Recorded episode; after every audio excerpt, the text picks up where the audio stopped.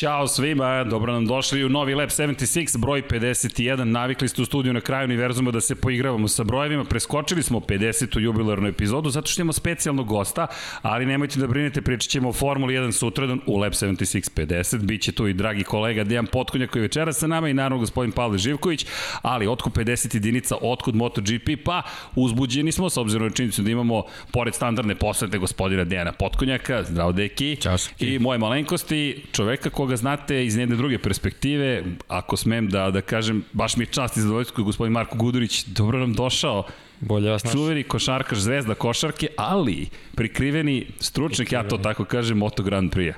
A dobro, ne bih baš rekao stručnjak, ali veliki ljubitelj i fan ovaj, MotoGP-a. Da, moram ti priznati da, da nisam znao. Jelena Trajković, zvezdica, naša koleginica, mi je rekla, znaš ko voli Moto Grand Prix? Rekao, nemam predstavu. Marko, koji Marko? Gudurić. Gudura? Rekao, da. I ako se ja dobro sećam, ti si bio na, u Brnu pre dve Brno, godine da. i Jelena je bila tamo i znam da su bile neki zanimljivi momenti u, u Ti Češkoj. nisi bio tada, da. Da. Da, ja sam baš ovaj... Da, 2018. Da, da, pre dve godine. Ovaj, bilo je, bilo je baš onako, to je moje prvo neko, prvo iskustvo ovaj, na, na, na, na stazi i onako baš je bio veliki doživljaj. Da, pričat ćemo još otkud ti, kako ti, šta to sve voliš u Moto Grand Prix-u, ali za sve one koji su pratili prethodnu trku, da obavimo onaj formalni deo posla, prvo da vam že poželim dobrodošlicu još jednom, nadam se da ste sa nama večeras. Druga stvar, dakle, Mol, Mol, Molembar, mada Molembar nam je tu, evo ga ovde, i Movember, dakle, pokret koji je osnovan u Australiji, to, brkovi su planski tu, evo, obećao sam da ću u stilu Jacka Millera ili Valterija Bottasa da se pojavim, pa nadam se da vam stil ovaj styling odgovara, ne znam, imamo ovde nekoliko dama, pa će one dati bolji sud, ali ne deluju baš da je ovaj, da je ovaj imidž u, u, na, u dobrom trendu, no kako god, point je da dižemo svest o raku testisa, raku prostate, dakle, momci, proverite se na vreme, devojke, u oktobru smo pozarali na rak dojke, dakle, ozbiljne su stvari u pitanju, moderna medicina je toliko napredala, možemo da, da, da nađemo rešenje ukoliko se rano detektuje, takođe, mentalno zdravlje, veoma važna stvar o kojoj se možda ne priča dovoljno, imate podršku iz ovog studija, dakle, svi, kogome god je potrebna neka vrsta podrške, tu je Lab 76, malo da širimo i pozitivnu energiju, pozitivne priče, Kada je reč o Molembru, pa mesec kada sipamo gorivo isključivo na mol pumpama, naš prvi sponsor i mnogo smo radosni zbog toga, deki hvala za taj Molembar. A kada čemu? pričamo... I drugi put. I drugi, to, to, i drugi put. Ali kada pričamo o MotoGP-u, uh, šta je iza nas? Ovo je onaj obavezni uvod i pozdrav svima koji slušaju podcast dakle, na, na audio platformama. Trudit ćemo se sve da, da ispričamo, da ne budemo fokusirani samo na, na video i na slike, ali ljudi, iza nas. Kraljevska pobjeda u kraljevskoj kategoriji u Portugaliji Miguel Oliveira. Dakle, Portugalac slavi drugu pobedu na domaćem terenu, prva trka posle 8 godina u Portugaliji, kakav moment. I za teh tri oproštena trka. Kada pričamo o oproštenim trkama, samo da spomenem pre toga, Enea Bastianini, šampion u Moto2 kategoriji, u Moto trojkama Albert Arenas i onda Andrea Dovizioso otišao u penziju, Karl Kračlov otišao u penziju, Valentino Rossi napustio fabričku ekipu Yamahe, Jack Miller koji je sa Pramakom bio na poziciji broj 2 odlazi u fabrički tim Ducatija. Ako neko ostaje, to ostaje treće plasirani. Ispraće da ispraće. ispraće do ispraće, jedina osoba koja ostaje čovjek koji je trenutno najbrži, dakle Franco Morbidelli, međutim, Kal, dobro, bit će možda naredne godine tu, Doviciozo pravi jednu sezonu pauze, Quartararo dolazi u fabričku Yamahu, oprašta se od Petronasa, s druge strane dolazi nova generacija vozača, Tito Rabat odlazi, pretpostavljam u penziju iz perspektive svetskog prvenstva, Zarko napušta Avintiju, Avintiju stižu momci Enea Bastianini šampion, Luka Marini, stiže nam Jorge Martin u Pramak iz Pramaka Francesco Banjaja odlazi u fabrički tim Ducatija, sam nešto zaboravio, da, iz Honda u Lučiće Kinelo Racing odlazi Alex Marquez, u Hondu nam stiže iz KTM-a fabričkog Pole Spargaro, gde dolazi Miguel Oliveira, koga će naredne godine da menja Danilo Petrući, koji je napustio fabrički tim Ducatija, u koji smo rekli dolaze dvojica iz Pramaka. U Pramak još pritom stiže Joan Zarko, I ja ne znam više da li neku rokadu Ko je nismo izvršili. Ko je čast. ispratio. Kako si ovo sve sad brzo da, onako ispričaš pa, zapamtio. to, to je zvanično uvod. Ali... Ja nisam siguran da li je dobro sve valjda. Dao sam, da, dao sam, ja nisam pohvatao sve. Vidi, a, a nismo se još ni dotakli Moto dvojki i Moto trojki. Ništa, a- morat ćemo po redu, po svakom vozaču da Ja, krenemo. ja mislim da ćemo morati to da obavimo večeras. Da, inače, sada šalu na stranu, ali Marko, ti zaista ovaj sport pratiš. Dakle, to nije na nivou usputnog praćenja. Ja koliko znam, ti šta sve gledaš A, nije. tokom vikenda? Pa da, gledam, gledam već nekih, ovaj, recimo, 12-13 godina. Ovaj, 12 godina. Da, mislim da je bila 2007. ili 8. sezona, ovaj, baš, baš, uh, mislim da, 2008. šampionska sezona Valentina Rosija da je bila. To je- ovaj, jest. I to je taj moment bio verovatno kad sam ovaj, da kažem zaljubio se u MotoGP i krenuo da pratim i stvarno stvarno volim i kad god mi to ovaj obaveze dozvoljavaju Uh, gledam i petak sve treninge i subotu kvalifikacije, treninge i trku tako da vidjet ćemo koliko, ovaj, koliko mogu da ispratim vaše, vaše znanje ovde večeras. Vidi, ali ljubav ja mislim da je podjednak. Jeste, jeste, jeste, jeste. Baš, baš volim, uživam, stvarno uživam. To je fenomenalno čuti. T- Ti sada, ti, ti uskoro putuješ, dakle, inače da pozdravim ekipu blok po blok, da se zahvalim gospodinu Aleksandru Đikiću, gospodi zapravo Srđan Radiću i Aleksandru Đikiću, malo smo te ukrali, dakle, sprema iznenađenje ko želi da čuje o košarci i onome što ima što si pričao i iz perspektive tvoje karijere i tvoji pogledi i naravno, radojeviće gospodina, to jest mog imenjaka, dragog gospodina Đikića, Sport klub YouTube kanal u nedelju u 11 časova, moćete da ispratite to, bit će naravno i tra- trajno na kanalu, blok po blok emisija, se zove Tu je šolja, blok po blok, rekli smo da ćemo promovisati zvali smo, pošto mi ovde volimo te pozitivne, lepe stvari, lepe priče, pitali ljudi, ili vam ne smeta da zovemo Marka, ma kaka, samo igrajte. Tako da i hvala i tebi, hvala njima za razumevanje, ali kako ti sada pratiš, čekaj, Moto Grand Prix, ti ideš za, za dva dana manje više. Da, pa moram da, da budem iskreno, ovaj, posljednju, po, ovaj vikend sad nisam, nisam, mislim, znam ko je pobedio i gledao sam ovaj trku, ali ne, ne, ne u live-u, morao sam da, da vratim ovaj, kad sam došao kući, pošto stvarno imam dosta obaveza, trebalo bi za 2-3 dana da putujem za Ameriku, tako da ovaj, treniram, spremam se, pakujem se, završavam nekih milion stvari, tako da malo je, malo je haos sada, ali, ali stižem, stižem. Ali to, to, to, to mi je zanimljivo, ti posvetiš da tvoj vikend uopšte nije jednostavan, tvoj radni dan, suštinski tvoj dan uopšte nije jednostavan, ali za ovo se nekako nađe vreme. Pa mora. Kad, kad voliš, kad voliš nešto, da, uvek, uvek ovaj, Možda nađeš, vremenska nađeš. razlika pravi problem kad si u Americi. Da, da, nije, nije lako, da. Da, da. Ta prošla sezona je bilo ovaj, onako, to jest, ne znam ni kad je tačno krenula sezona. Ja mislim da sam još uvek bio tamo, da ovaj i, i, i nije bilo nije bilo lako pratiti neke trke rano su ujutro, ja mislim Jeste. tamo, da. Ali dobro. A za koga navijaš, ako smem da te pitam? Mada mislim da tvoj kadar sve govori. Valentino Rossi, to. Valentino Rossi. Ne krijemo, da. Da, i naredne godine ode čovjek u Petronas, dakle kakva trka je iza njega teška, naporna, ali opet oprošto jer je trka 15 godina i bio zajedno u fabričkom timu Yamahe i to nije, to nije malo jednostavno. Ti kao sportista možeš da se poistovetiš sa time. To su ljudi koji te okružuju svaki dan. Mi to ne vidimo na televiziji, mi te Ne, vidimo samo da, na terenu. Da, da, to je stvarno da, ono, mislim, to je tim ljudi, ono, ne znam, 10, 15, 20 ljudi, dosta puta se ti ponovio, ponavljaju u, u prenosima, ovaj, Uh, 20 godina, mislim, uh, ne znam, kad su oni počeli da sarađuju, ja sam imao 5 godina, to je stvarno neverovatno i ne znam, sama, sama ovaj, sam taj njihov put, šta su sve prošli, recimo, ne znam, baš sam to hteo da, da pomenem i da pričam možda o tome koliko se razlikuje MotoGP od, ne znam, pre 20 godina motori u odnosu na sad i šta je on sve morao da, da prođe i oni da zajedno uče da, da ovaj, ja to sad gledam isto i sa strane da, da kažem s perspektive košarke. Recimo neki igrači koji traju 15-20 godina kako traju za, dobri su i najbolji su baš zato što mogu da se prilagode i da Promene da, pravila, da promene da sistemi stil takmičenja, vožnje da, da, da, da, to je to je stvarno neverovatno i zbog toga mislim da je da je da je ovaj jedan od najvećih mislim najveći. Pa, da. još uvek po, i po brojkama i, i ako ga prestigne Marquez ili bilo ko ovaj mislim da će on biti broj 1 a kad ode u penziju, za koga? A vidite Teške, pe- teške teme. pa, teške da, teme. da, da, da. Da, evo pitanje za navijače Valentina Rossi. Pozdrav svima inače koji su, inače koji su na četu, dakle vodit ćemo računa i o pitanjima, ali fokusirat ćemo se pre svega na ono što je deo Lab 76, neću reći obavezni, ovaj koji volimo da izanaliziramo trku i da prođemo kroz sve.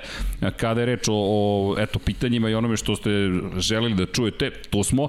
Posvetit ćemo i na kraju deo emisije, dakle svoji trojici možete da postavite pitanje. Ja vas molim za košarku, ta pitanja ćemo ostaviti za blok po blok, odgledajte blok po blok. Večeras se družimo kada je reč o, o Moto Grand Prix-u. Dakle, tu smo, još jednom veliki pozdrav svima na četu ili inače ko sluša ovo odloženom snimku ili kako god da sluša.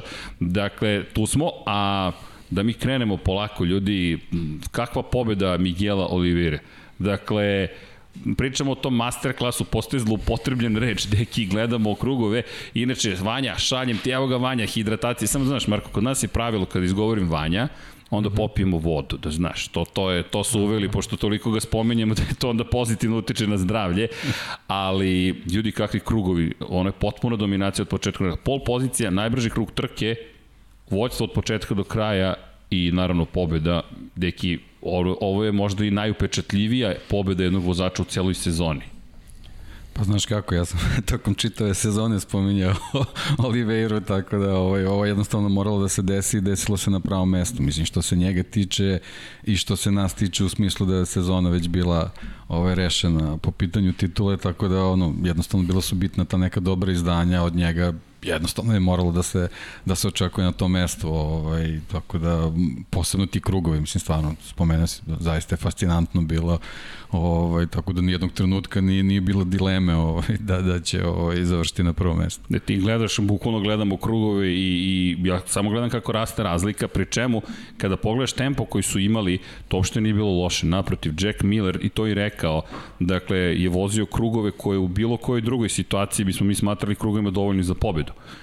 i ne samo Jack Miller, Franco Morbidelli takođe.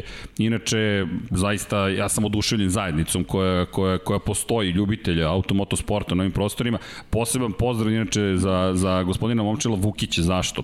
Pošto čitamo često, jel te, rezultate, odlučio je da nam pomogne kako, inače pozdrav za Minu koja se bavi podacima, spakovao podatke lepo Excel, napravio jedan grafikon koji ćemo kasnije pogledati.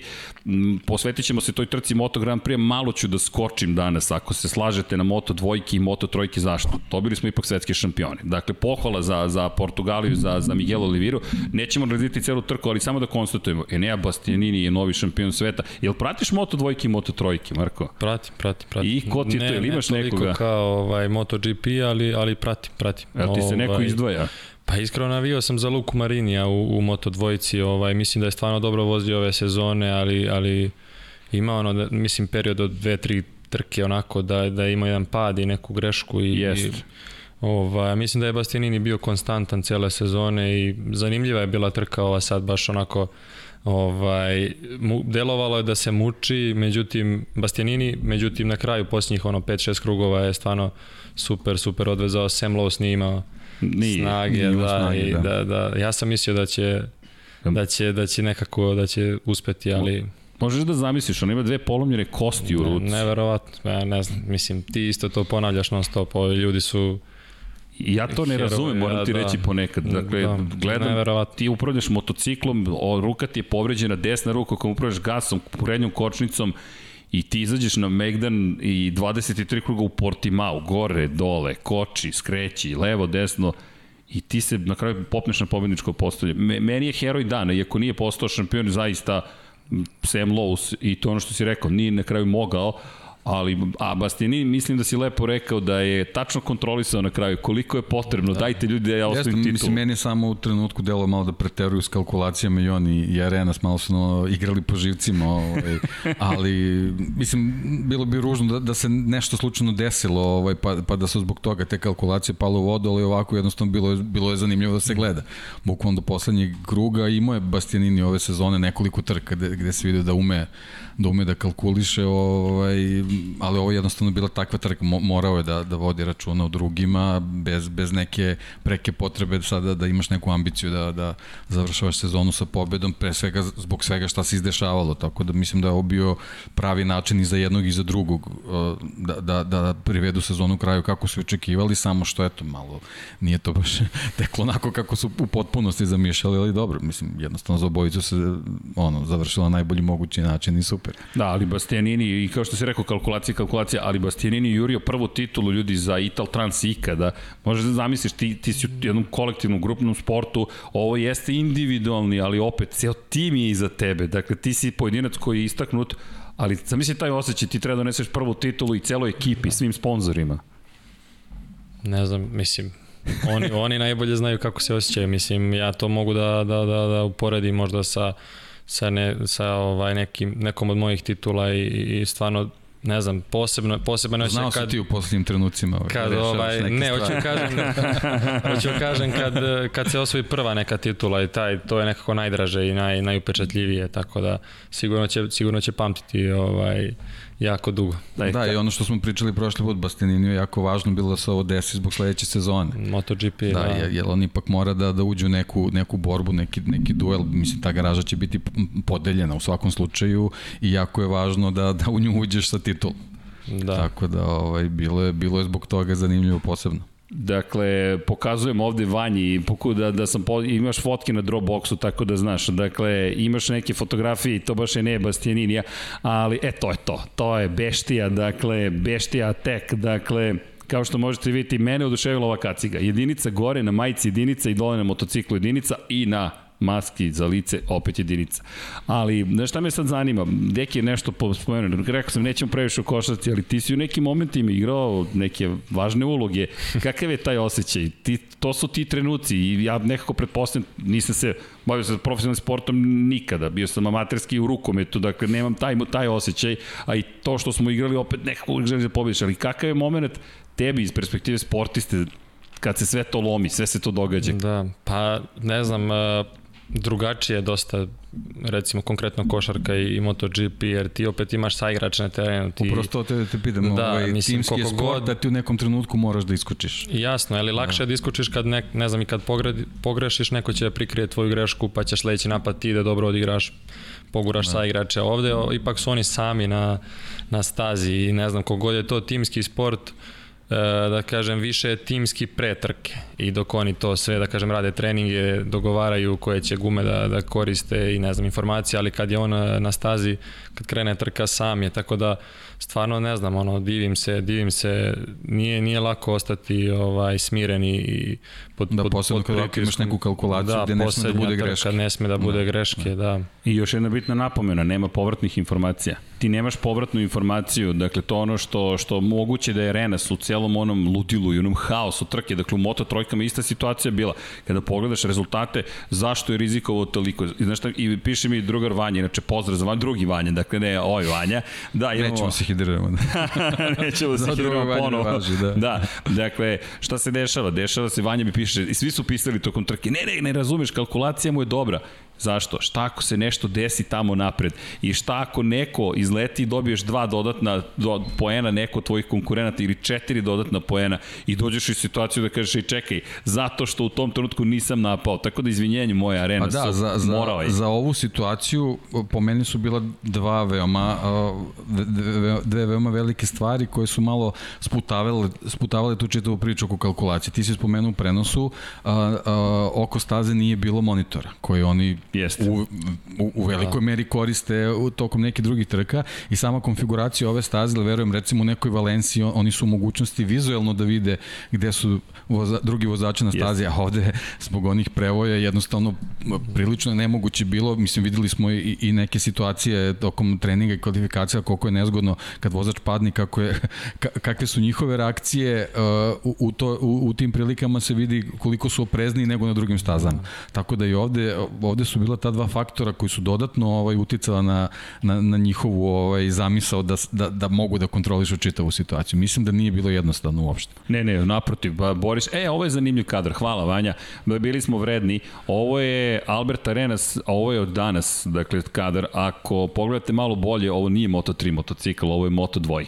Dakle, u bojama s kojima je osvojio titulu, već su krenuli testovi 2021. je uveliko počela, Dakle, seo na speed up šasiju i već su krenuli testovi. Dakle, nema spavanja, nema odmora, nova sezona kreće, tu će se, ajde, ovo je predivan kadar. Dakle, ovo je to zašto se radi sve to i zašto se trenira i, i baviš se sportom, da doživiš taj, a pazi koliko je trajao taj trenutak. On je osvojio titulu, kao i Bastianini. Bastianini će morati malo da sačeka više, ali završio si sezonu. Sve te snove si doživeo Ok, ali to je bilo u nedelju. Danas je ponedeljak, idemo dalje.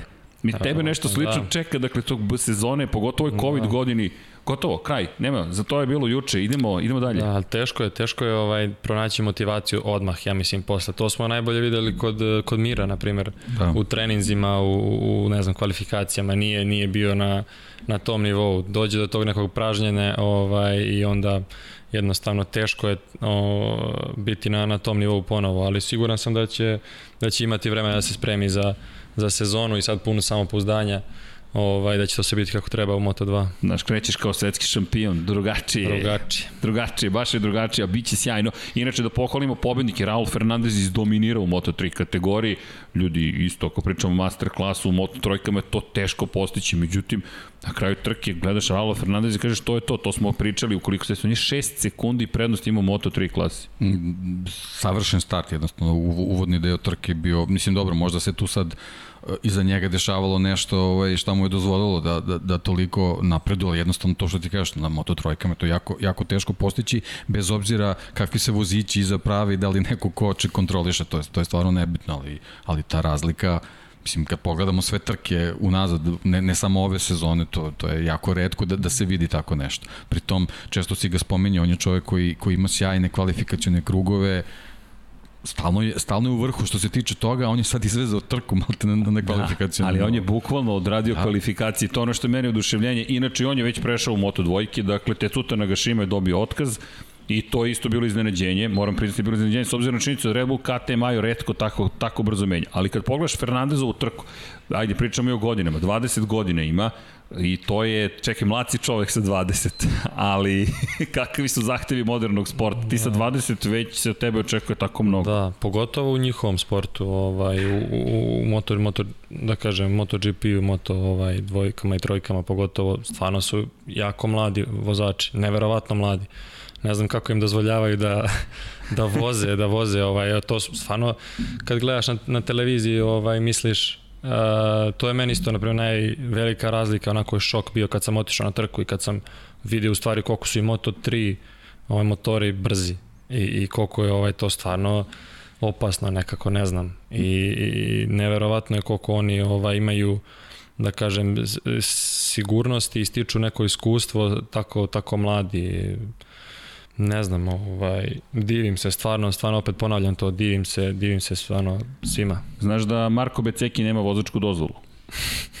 da, ozbiljno, Marko Beceki nema dozvolu da vozi motocikl, dakle on ne sme u saobraćaju da izađe, čovjek se bori za titulu šampiona sveta. Neverovatno. Ali da, to tako bizarno zvuči. Dakle, rekao je sad moram da odem da polažem za vozački. Moram vozački da polažem za... Da, to je njihovom svetu. Znaš da je u Formuli 1 isto da. vozači.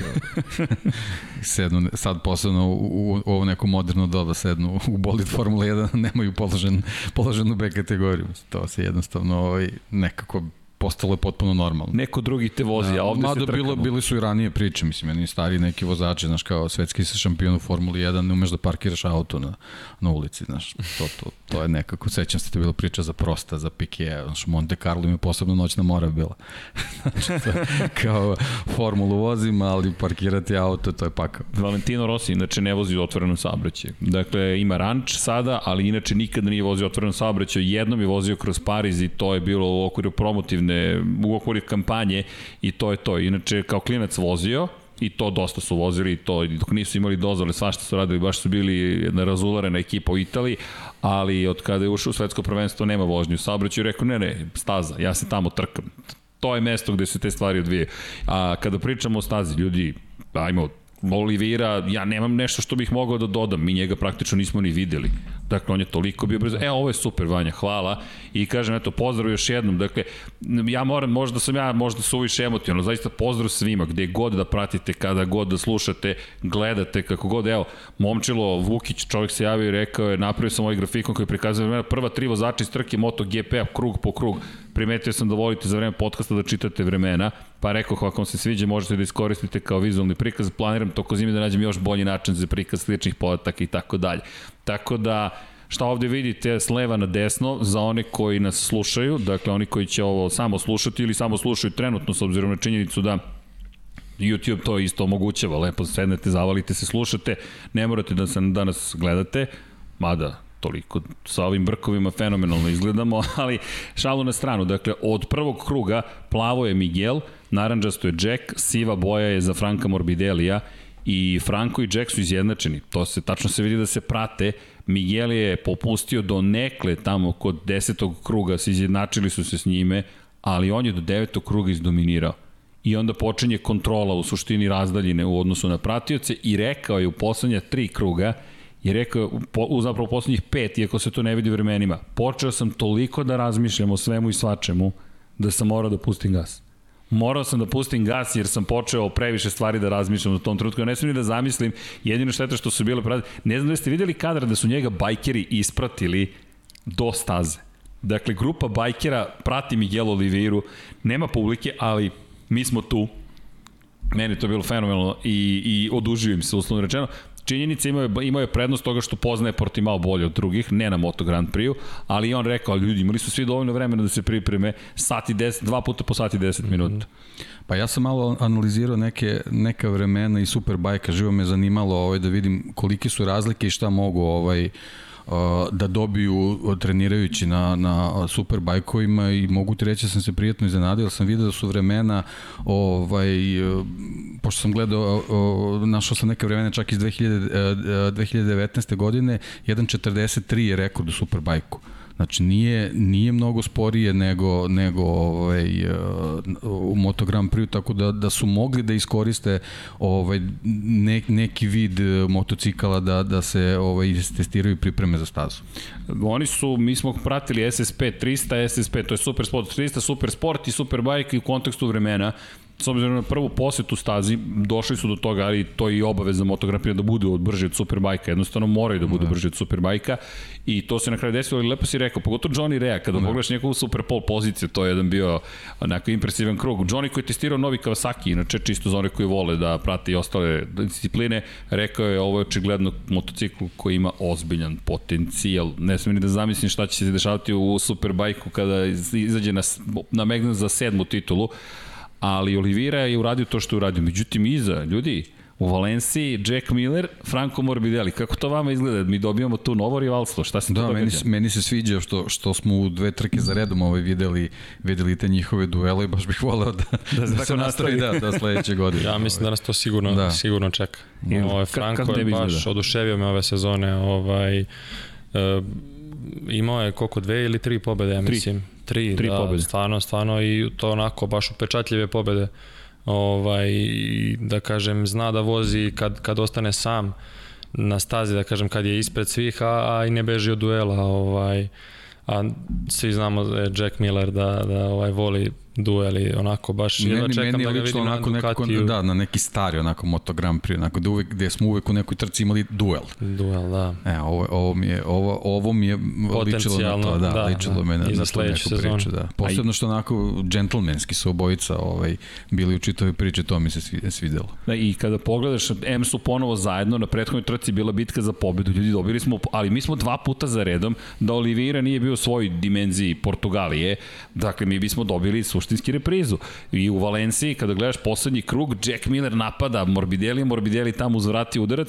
Ovde Jack, ali Jack je rekao, nisam imao gde da napadne, mislio sam da ću moći lakše, a Morbidelli je rekao, kurno je točak ispred mene, okej. Okay fair play i to je bilo fenomenalno. Ja, ja ne pamtim da smo dobili baš i to na različitim motociklima, različite vozače da trku za trkom to, to nam, to nam ponudi. Od 13. krivine poslednjeg kruga Jack je onako baš znao je šta mora da uradi. Samo je tako i mogli. Sjajno je ušao u 13. krivinu, preneo u brzinu i, i posle taj izlazak na startni pravac da se onako blago oduzima gas, ono i brzo i desno i to, to je u stvari bio, bio taj ključni trenutak i, i to je uradio sjajno. Zaista, zaista fenomenalno. Beksu, kako tebi izgleda Morbidelli iz te perspektive? Italija, Valentino Rossi, Akademija. Pitam te, prosto znamo da očigledno navijački, ali da. prosto me zanima zato što veliki broj ljudi počinje da gleda u Morbidelliju neku vrstu, da kažem, naslednika Valentina Rosija i ta kombinacija da je on brazilskog porekla takođe, pa veza indirektna sa Senom, nekako ga čini vrlo interesantnim iz perspektive, a s druge strane,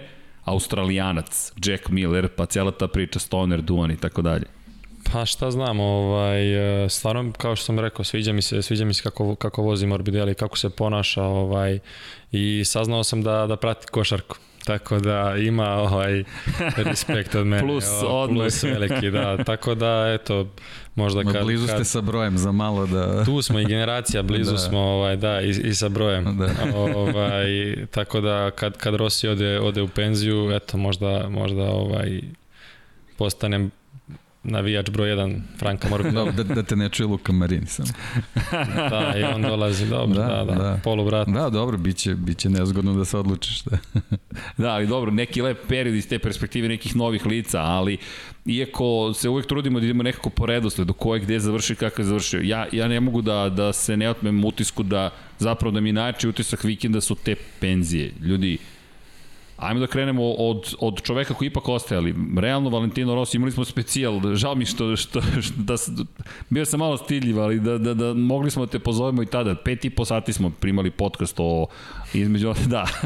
wow, vas dvojica. Da. Vanja nam se priključio u da. jednom momentu. Pet i po sati smo ovde sedeli i pričali Rosiju. Znaš kako, nije, plan, plan je bio ajmo šala, idemo, analiza trke, sve standardno obavimo i onda krenemo sa čime? Krenemo da pričamo o Rosiju i to će potrebati neko. Nema i 4 sata, 6 minuta, ajmo da, da guramo. I onda kreneš da analiziraš godinu po godinu i shvatiš u jednom trenutku, mi nećemo nikad završiti koliko je čovjek stvari obavi. To ono što si ti rekao, ti kada pogledaš odakle on krenuo, gde je sada, I ovo je veliki deo istorije. Dve stvari su meni fascinantne. Dakle, samo po sebi to što se dešavalo ovog vikenda je veliko. Dakle, Alex Briggs, evo čitam njegove tweetove, predivni su tweetovi, dakle, potražite Alexa Briggsa, njegovog glavnog mehaničara na Twitteru, kaže ja kada napustim sutra hotel, hotel zatvaraju, pošto je vanredno stanje, i ja sam poslednji koji će izaći iz ovoga hotela. On je prvi i poslednji čovek koji je radio sa Rosim u fabričkoj ekipi. Ne Yamahe, on je u Hondi krenuo, pa otišao s njim u Ducati, pa otišao u Yamahu i sad posle 20 godina, to su prijatelji, to su porodice. Dakle, oni su članovi porodice, ti provedeš s nekim čovekom još takvom legendom 20 godina. da, celu, celu godinu, mislim, svaki, 20 godina svaki, svaki, svake nedelje. Koliko oni imaju slobodno, da kažem, tri nedelje, ali tako, Ma prilike. Da, to je. Tako je. Ovaj, I na kraju sezone možda mesec dana, znači, koliko, mesec dana, dva i onda kreću već testiranja tako ono, u januaru, ne znam, februar. Tako je.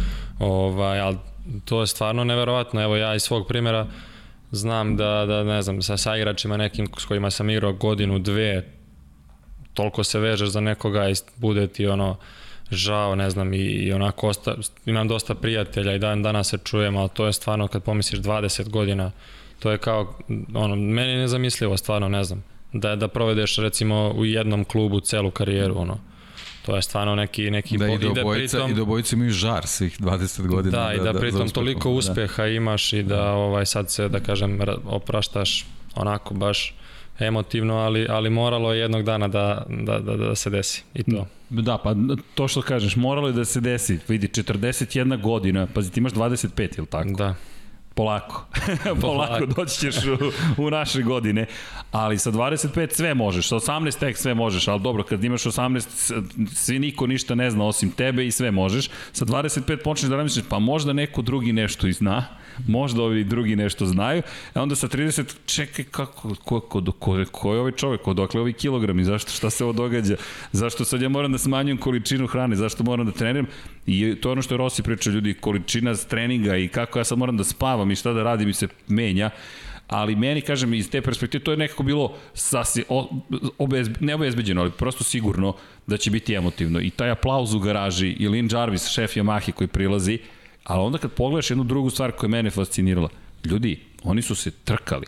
Ja ne znam, kakav je vaš utisak to? Rossi protiv Maverika Vinjalesa i Fabija Kvartarara, oni su se trkali i meni je to, nema veze, 15. 14. pozicija, meni je to bio utisak dana da smo mi imali pravo trkanje u sve tri kategorije, ma nema veze koja je pozicija i nema veze za šta se boriš, ti imaš nešto da kažeš i Rossi koji na kraju pobedio Kvartarara, što mislim da je izjava Dakle, ok, ti si mi uzeo mesto, ja dolazim na tvoje, evo da vidiš da mogu dalje da se trkam i jurcanje za Vinjales. Meni to da. je zaista snažan utisak kada je reč o trci Valentinosija. Ne, nije, nije, ne može da se poredi niko trenutno na Yamahi, na Yamahama sa Morbidelli, i tome ćemo pričati, ali taj utisak mi je bio, wow, ovi ljudi si dalje trkaju.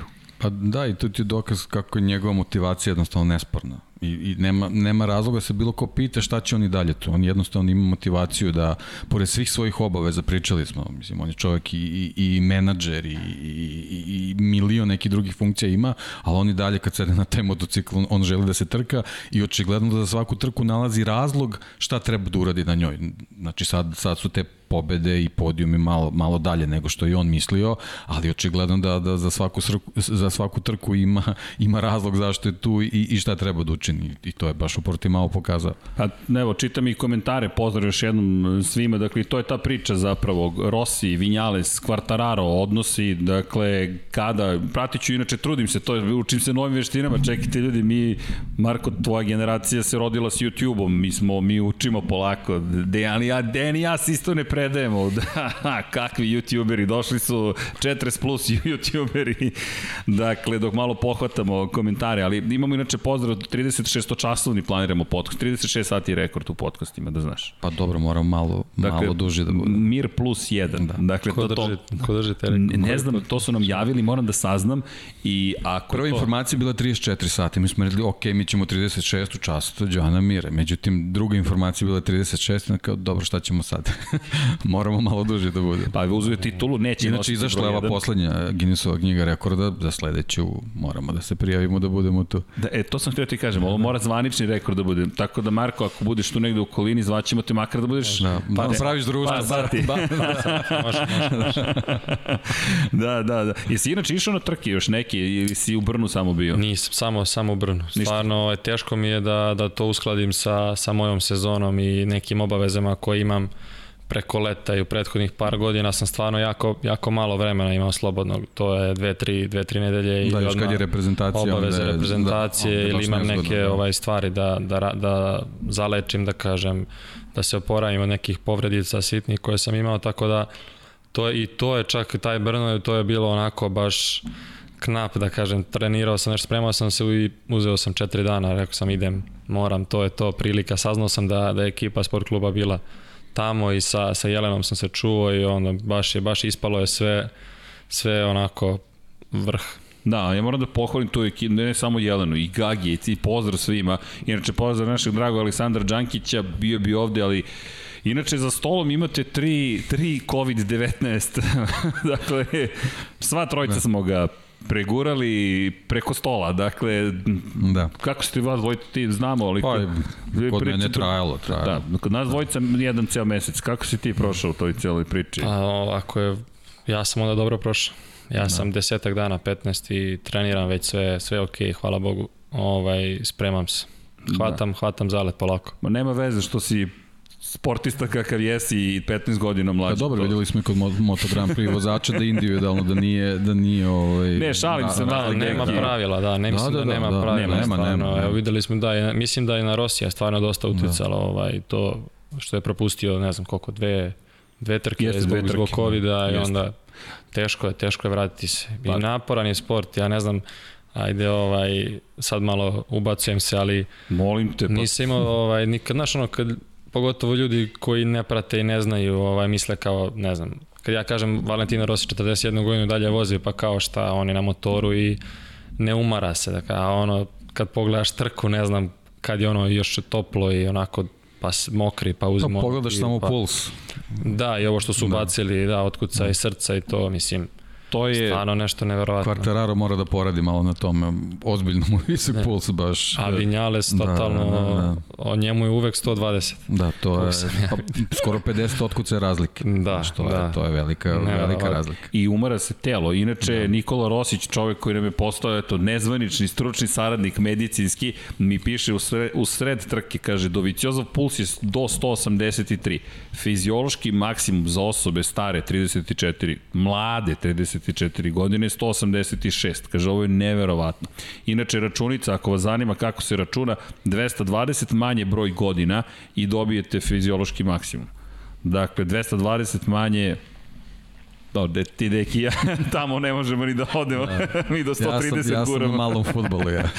da, ja sam sve batalio. Ali ovo je proračun, ali jeste, ljudi, to, to, to je zaista ozbiljno, ozbiljno umaranje u pitanju i, i to je ono što si ti pričao o Duanu. A, da. Inače, pozdrav za celu ekipu. Jedan od, imate Nagela, sto, eto da pozdravimo i našeg dragog prijatelja, dakle Galeba Nikačevića, pa ispratite na YouTube-u, imate vrlo zanimljiv, dakle, priču sa jednim od, od ljudi koji se bave ronjanjem profesionalno i, i, i rekorderi su, rekorder je zapravo, baš priča o tome kako se bavi srcem, ali to što ti kažeš, delo je tako jednostavno u Maleziji, na vlažnosti vazduha 91, 92 od 100 na 40 stepeni spoljne temperature.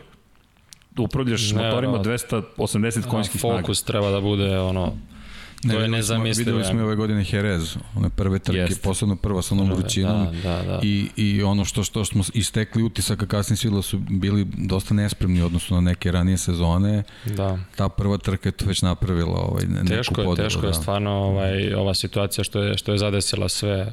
Teško je svima da, da, da ostanu fokusirani, da zadrže formu, da voziš, treniraš, ne treniraš, pa onda treba da budeš spreman za trku, to je baš Pa, Svaka im čas kako su izgurali, ipak sezona je stvarno bila, da, kad, pa, kad pogledaš, neverovatno, mislim, koliko različitih da. pobednika je da. bilo 8 9, je tako? 9 na kraju. 9 na kraju. 9 mislim. na kraju. U 14 trka. Da, manje trka, da. Stvarno je sezona bila onako možda zato što Mark Marquez nije vozio ovaj Jeste sigurno, pa je... sigurno, nema, nema možda. Da. Mislim, sad, sad, sad smo sa ovom sezonom u stvari videli te sve njegove kvalitete da. i, i talene. Da, da. Mark Marquez inače nema novih informacija zvaničnih, čekamo ga. Dakle, mi se nadamo da će biti sve ok, ali osnovski svetski da. šampion, da. da, još uvijek je pod znakom pitanja nekako, deki, ja smo tu malo zabrinuti. Ti si, pra svaki profesionalni sportista prosto je upućen i u medicinu, dakle i u telo. Kada vidiš da je imobilisana ruka, da je ne pomera, da ne vozi motor, svi odmahujemo manje više glavom. Tako da, veliki pozdrav odavde iz studija na kraju univerzuma i zaista mu želimo brzo poravak i, i kada govoriš o naporima u sezoni, svi inače i mehaničari, logistika, vozači kamiona, izdorni ljudi, Dakle, pošto si sa njima dopisujemo, ajde, postali smo i, i prijatelji sa određenim grupom ljudi, ne sa svima, to je ogromna kompanija, ali kažu, hvala da je, pre zahvalni su što je završena sezona. Više ne mogu da podnesu, ne mogu da izdrže više, a ne, nikad manje zapravo nisu imali obaveze iz perspektive pojedinačnih trka. Međutim, ta logistika, sve to organizovati i izdržati, pre čemu svako jutro vas proveravaju da li imate COVID ili ne. Svako jutro test, brzi test, ajmo, test, test, karantin i rekli su ovo je najteža sezona ikada koju su organizovali, iako je bilo mnogo manje trka. Ne ne znam ja ću, ja ću uskoro objaviti kod mene na sportsu jedan intervju sa Joanom Mirom. Ovaj, i jedno, jedno od, od pitanja je bilo vezano za, za, za te tenzije, naravno svi su mislili na onu trku u Valenciji, tenzija zbog titula i to sve, nego generalno bila priča kakva je postala tenzija ove sezone, on je izjavio da mu je najveći problem bio da se sačuva od korone. Ili je shvatio da propuštanje jedne trke ruši, ruši sve planove. Da, pa zamisli na kraju sad sezone, Tako je. ne znam, dve trke pred kraj. Pa Arbolino šta se desilo. Da. Pot, potpuno banalna stvar. Toni Arbolino, da, koji, koji je, Arenas imao druge probleme, Arbolino imao konkretno tu zabranu, za, italijanski zakon mu je zabranio, sedeo je u avionu pored čoveka koji se ispostavilo da ima COVID. I nije bio zaražen COVID-om, da. ali je morao u karantinu 10 dana. I propustiš da. trku, i na kraju ti poeni su bili kritični, ali, ali, ali Toni je imao svoje šanse. Dakle, ne bih da svedem samo na COVID. Ne, naravno, nego ali činjenica na stranu da to nego rekao. pričamo baš o koroni. Znači, Tako što je, se da. tiče Đujana Mira, njegov utisak ove sezone vezane za tenziju je čuvanje da, da. Se, da, da se ne bude pozitivan. Da. Jer jednostavno sav trut ti pada u vodu s tim. Da, a da. kada spomenjemo, inače, evo jedno samo pitanje da odgovorim na par pitanja zašto Rossi prelazi u Petronas, pa fabrički tim Yamaha je početkom godine rekao da je prosto je rešio da zadrži Fabio Quartarara.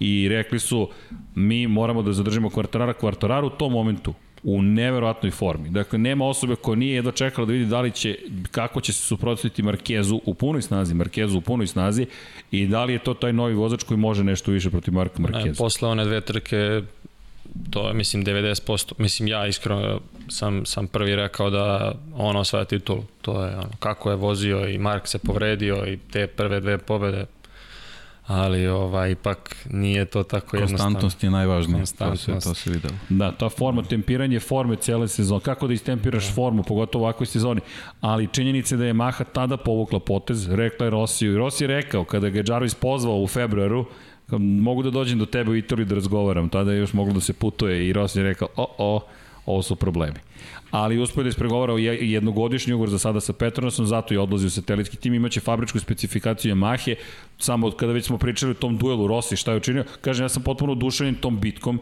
meni je to fasciniralo, imaš 41 godinu, smenjen si, napuštaš tim i za tu ekipu i za sve, e pa daću sve od sebe da vidite kako smo došli do tih 115 pobjeda, iako kada pogledaš, ne sme, ono je sramota za Yamahu da se bore za tako niske pozicije, međutim, opet, boriš se za neke pozicije i kažeš, nema odustajanja, ja ću voziti do kraja i na kraju prolaze kroz cilj Rossi je bio 12. Fabio Quartararo bio 14. i 11. Vinjales, ali razlika između Rossi i Vinjales je bila manja od 30 inki.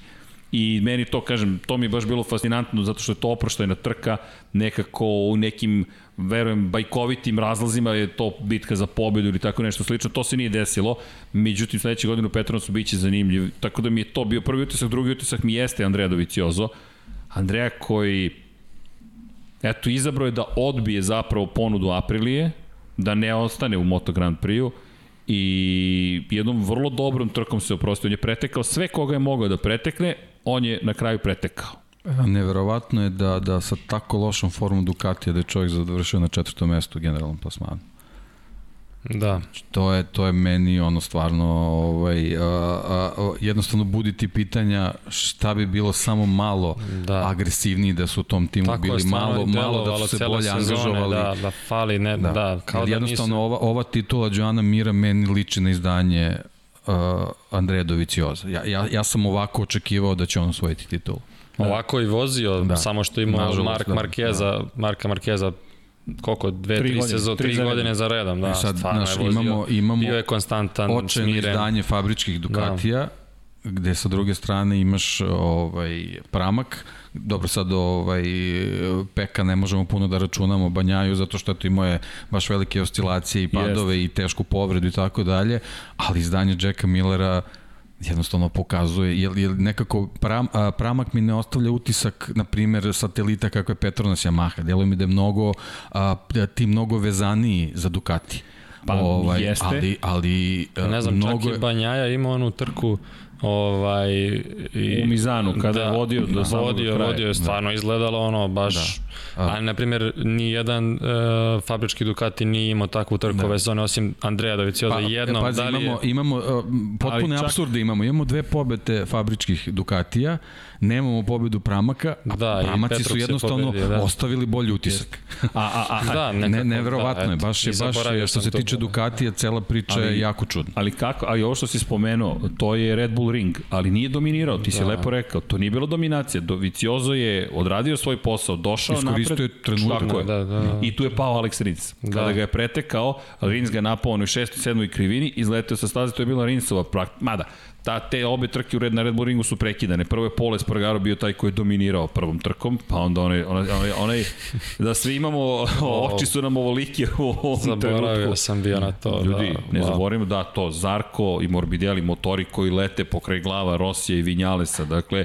a to se sve desilo isto ove sezone, toliko se desilo stvari umeđu vremenu da, da nam je to kao neka drevna istorija. Da. Pa imali smo to, imali smo Markeza, imali smo Kvartarara u, u Aragonu. Imali smo Vinjalesa koji skače s motora kome su otkazali Tako kočnice. Je, Rinsa koji izbegava Millera. Mnogo, mnogo ružnih stvari je bilo. Da, a Dovicioza, eto, to je tad je pobedio i to je bilo to. Nije bilo dominantne da. trke. Nije, nije, nije. Nije bio, nije bio onako konstantan. Pa čak i kad ima lošu trku, on, on bude četvrti, peti, sad je se, da kažem, bio onako da. Sedmo, osmo, deveti. Da. da. Jako loše Teško, kvalifikacije, da. baš onako da. poražavajući rezultati. Hoće vam nedostajati da, Andreja Dovicioza? Hoće. Meni, meni da, mislim, Sigurno. jednostavno njegov, njegovo iskustvo i taj, taj pod navodima da kažem ležeran stil vožnje koji je, koji je davao rezultate, to, to, to će sigurno nedostajati. Meni je baš veliko iznenađenje bilo da. ovaj, da, da nije, da, da kažem da ga niko nije potpisao, to jest da se on nije dogovorio sa Aprilijom, Ovaj, to je donekli razumem, ali očekivao sam da, da, da bude u Moto, MotoGP i dalje neko. Ne A znam. on je odbio KTM, to je meni zanimljivo. E, evo ti, ja sad, Ali sad u kom dilema. trenutku, Tako da, je. da. U trenutku kad KTM nema pobede, nema, ni, nema formu, ali to ne je to, to pitanje. pokazuje neki, da kažem, potencijal. Pa da. I, ali Realno. to je, evo, evo, iz tvoje perspektive, ne, ne pitam te da otkažeš bilo šta, ali sediš da. I nekad ekipa te pozove i kaže, "Ej, znaš šta, mi pravimo neki tim koji će možda biti šampionski i sad čekaj, ovde sam u fabričkoj ekipi Ducati, ja sam u nekom drugom Jeste, timu, vi mi ali- kažete biće, ali ko može to da poveruje? Ali on već ima 30, koliko 35 godina. Verovatno 30, su godine- Ja, ja mislim godine da je su to najveći, bile. tako je, tako, je, tako. je. Ali opet da. praviš jednu godinu pa, Pauze. mislim da. Mi imamo recimo Mira koji je a, nije morao, Mir je morao da odluči između Honda i Suzuki. Da, i Honda, on je imao tu On dilemu. je, on je odlučio odlučio da ide težim putem. Tako je, tako je delovao, međutim ispod da. je lakše. Pa, Polar, ne, Polar Spargaro, Da. mislim. To To je taj može sad trenutak, da da. potpiše, možda bi Da. i ostao na, Pa da. na KTM-u. Nije lako biti ovaj saigrač. Da, kad dođe taj trenutak odluke, Deliti jako je garaža teško. sa Mark da, Marquezom, da. da, ali on je to doneo pre, ja mislim, kad, kad je Pa potpisao ugovor. u maju je već bio potpisan ugovor. Da. Prič, šuškalo se, šuškalo potvrđenje u junu, ali oni su u maju već napravili dogovor, nego su čekali da se, da se zna kako će biti sezona, pa da saopšte da to iskoriste prosto da, da, da, da Ali nisu, ima nisu sačekali. Pa da, Kako se posle odvijelo, ovaj, pa na kraju su, da, na kraju su morali prosto, ali, ali činjenice da smo, da smo dobili ajde, jednu, jednu, jednu malo drugačiju situaciju. Da, dakle, dobili smo situaciju u kojoj kada, kada pogledaš, kažeš, ok, čekaj, šta se sad ovde događa? Dakle, ideš u Hondu, to je, to je nekako logičan potez iz perspektive istorije. KTM napuštaš, zašto napuštaš KTM? Pa nema pobeda. I onda dođe jun, dođe tvoj klubski kolega, zabeleži pobedu, čekaj sad, ovaj KTM funkcioniše, Olivira dođe, zabeleži pobedu, jednom smo sad tu i sad je lako to pričati, ali činjenica je da je mora da povuče potez. Nego nekako smo otišli to prosto na tu, na tu, tu priču zapravo o, o, o pregovorima. Mi se čak ni ne bavimo stazom. Doviciozo nije na stazi zato što je spor na stazi nego zato što se prosto su se zatvorila vrata, on neke nije hteo da, da otvori i meni će nedostajati, prosto mi nedostaje, ne mogu da verujem prosto da odjednom, ali to je smjena generacije, ljudi, Da. to je taj trenutak kada kažeš, ma ne, ne mogu da mislim košarku, na primjer, ili MotoGP bez nekoga, odjednom dolazi situacija u kojoj, čekaj, nema da, Andreje, zato, zato je teško ovaj, pomisliti i potvrditi da će to stvarno biti samo godinu dana pauze. Baš zbog tih generacija to. koje dolaze. To, to mi je onako, Teško je, da. da. mnogo mi je krivo zbog toga i nisam siguran. a Marko, kako da će to biti tebi kad izgleda? Prođe jedna sezona. Pa upravo to, da, upravo to. Ja sam to hteo baš da, da, da kažem. Ovaj, ne znam, mislim, ti si, mislim, i u prenosu to ovaj, pomenuo, Rossi je pokazao svima da može da se vozi sa, sa 40 godina, ali pitanje je ovaj, da li, da li Dovi ima tu ljubav i, i želju i I kako podnosi posvećenost. pritisak. Mislim, da. Jer ti kada pogledaš, I na primjer, da li će se otvoriti neka vrata sledeće sezone? Mislim, e, to sad, ko, da li će se otvoriti vrata? treba da se poklopi ovaj, mnogo stvari. Kako mislim. tebi to izgleda kao, kao neko, ti, vidi, ti si toliko ozbiljan sportista, kažem ti, meni je zaista čast i zadovoljstvo, ali imamo jednu perspektivu koju mi nemamo, znaš, lakše je sedeti i pričati, ja, evo, ovo, a, sjama, Vanja, hvala, pogledaj ovo. Stari divlji zapad. A fenomenalno je bilo ispratiti neke njegovih trka. Da, neke stvari nije učinio koje bismo možda želeli, možda više bitaka. Nije bitan ni konačni rezultat, toliko već načina koji si se borio i šta si Mislim prokazao. Da je Dovi jedan vozača kog, kog svi vole, nekako, ne znam. Ili je to barem moj utisak. I pa jeste. Nikad nije ulazio, Pa da, nije uvek je korektan, ličnost, da, da, da, uvek je da. korektan Ali to je očigledno čestita. njemu možda naj, najviše štetilo, što je, što je tako. Jer meni deluje iz svih ovih njegovih priča da je naravno on i dalje korektan. On nije, nije jednostavno otkrio šta sve nije funkcionisalo Da. u Ducati. Meni samo delo da jednostavno nije imao Da, dovoljno nema podršku ti ekipe. kom, da, ne, ali nikad nije da komentarisao da, Ne, i ne, znaš, ne treba zaboraviti, on je trostruki vice šampion sveta. Znaš, to, to nije, Samo nije ni to pogrešno- malo dostignuće. pogrešno vreme Tako vozio. Pa, dobro, pa znaš kako, to se dešavalo i u VRC-u, zamisli u vreme Sebastiana Leba voziš VRC ili posle ti dođe Ožije. Kako je ovaj otišao, tako je došao drugi. Pa čekaj, u košarci. Da. Dođeš To to, u da. eru neke dominantne Michael ekipe. Jordana i Da. ne osvojiš ništa. Da. Mislim, A nisi je, bio loš. A, da. Barkley nema ni jednu titulu. Teško da Barkley, su Carmelon. Carmelon. John Stockton, mislim, ono, Nixi igrači. takođe. Da. Ti Patrick Da. Ewing nema. Igraš celu sezonu i znaš da imaš jednu prepreku. Imaš jednog koji ti je pre. Samo jednu prepreku da, imaš, da. To su te, ovaj, stvarno, ne znam, ne znam, Mark Marquez je i, i stvarno šta su, šta su Čeka, ovo je uh, Austrija. Austrija, posljednji, da, 2017. jeste.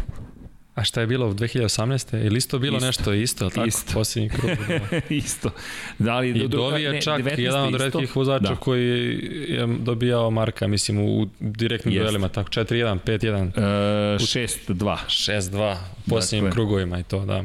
Dakle, Baš i to, mada, dobre kad je poslednja krivina, jednu pobedu ima Marquez u poslednjoj krivini, I, ali ali da, 2018. inače nije bilo isto, bio je Lorenzo tada pobedio u poslednjem krugu Markeza, 2019. je bila identična situacija. Pa Japan se dešavao. I ne samo Japan, na Tajlandu su isto vodili ne, neverovatne bitke, tamo je, mada je na Tajlandu Marquez vodio žestoku bitku i protiv Kvartarara, ali da. Ne, sad je dužnik i Rins, tako? On, Rins, od da. Ovih aktualnih, da. Rins, Rins je dužnik da, jedini, Marquez, da. Marquez. Ali to je bilo ozbiljno, stvarno. Da, onaj pogled. Da, na Silverstone. Sećaš onog u Silverstone? Da. Dakle, kada, ga je, kada je Rins pretekao sa spoljne strane, da ovako uz pogled prolazi 2000 tinke ispred Markeza i ovako ga gleda. I to je, kakva je to poruka. Ja, Dužnik par excellence. Ja, ja, ja se zaista nadam da će se Marquez vratiti u punoj formi, jer to, to želim te duelo da vidim. Ali lepo si rekao, ali to je meni sad zanimljivo.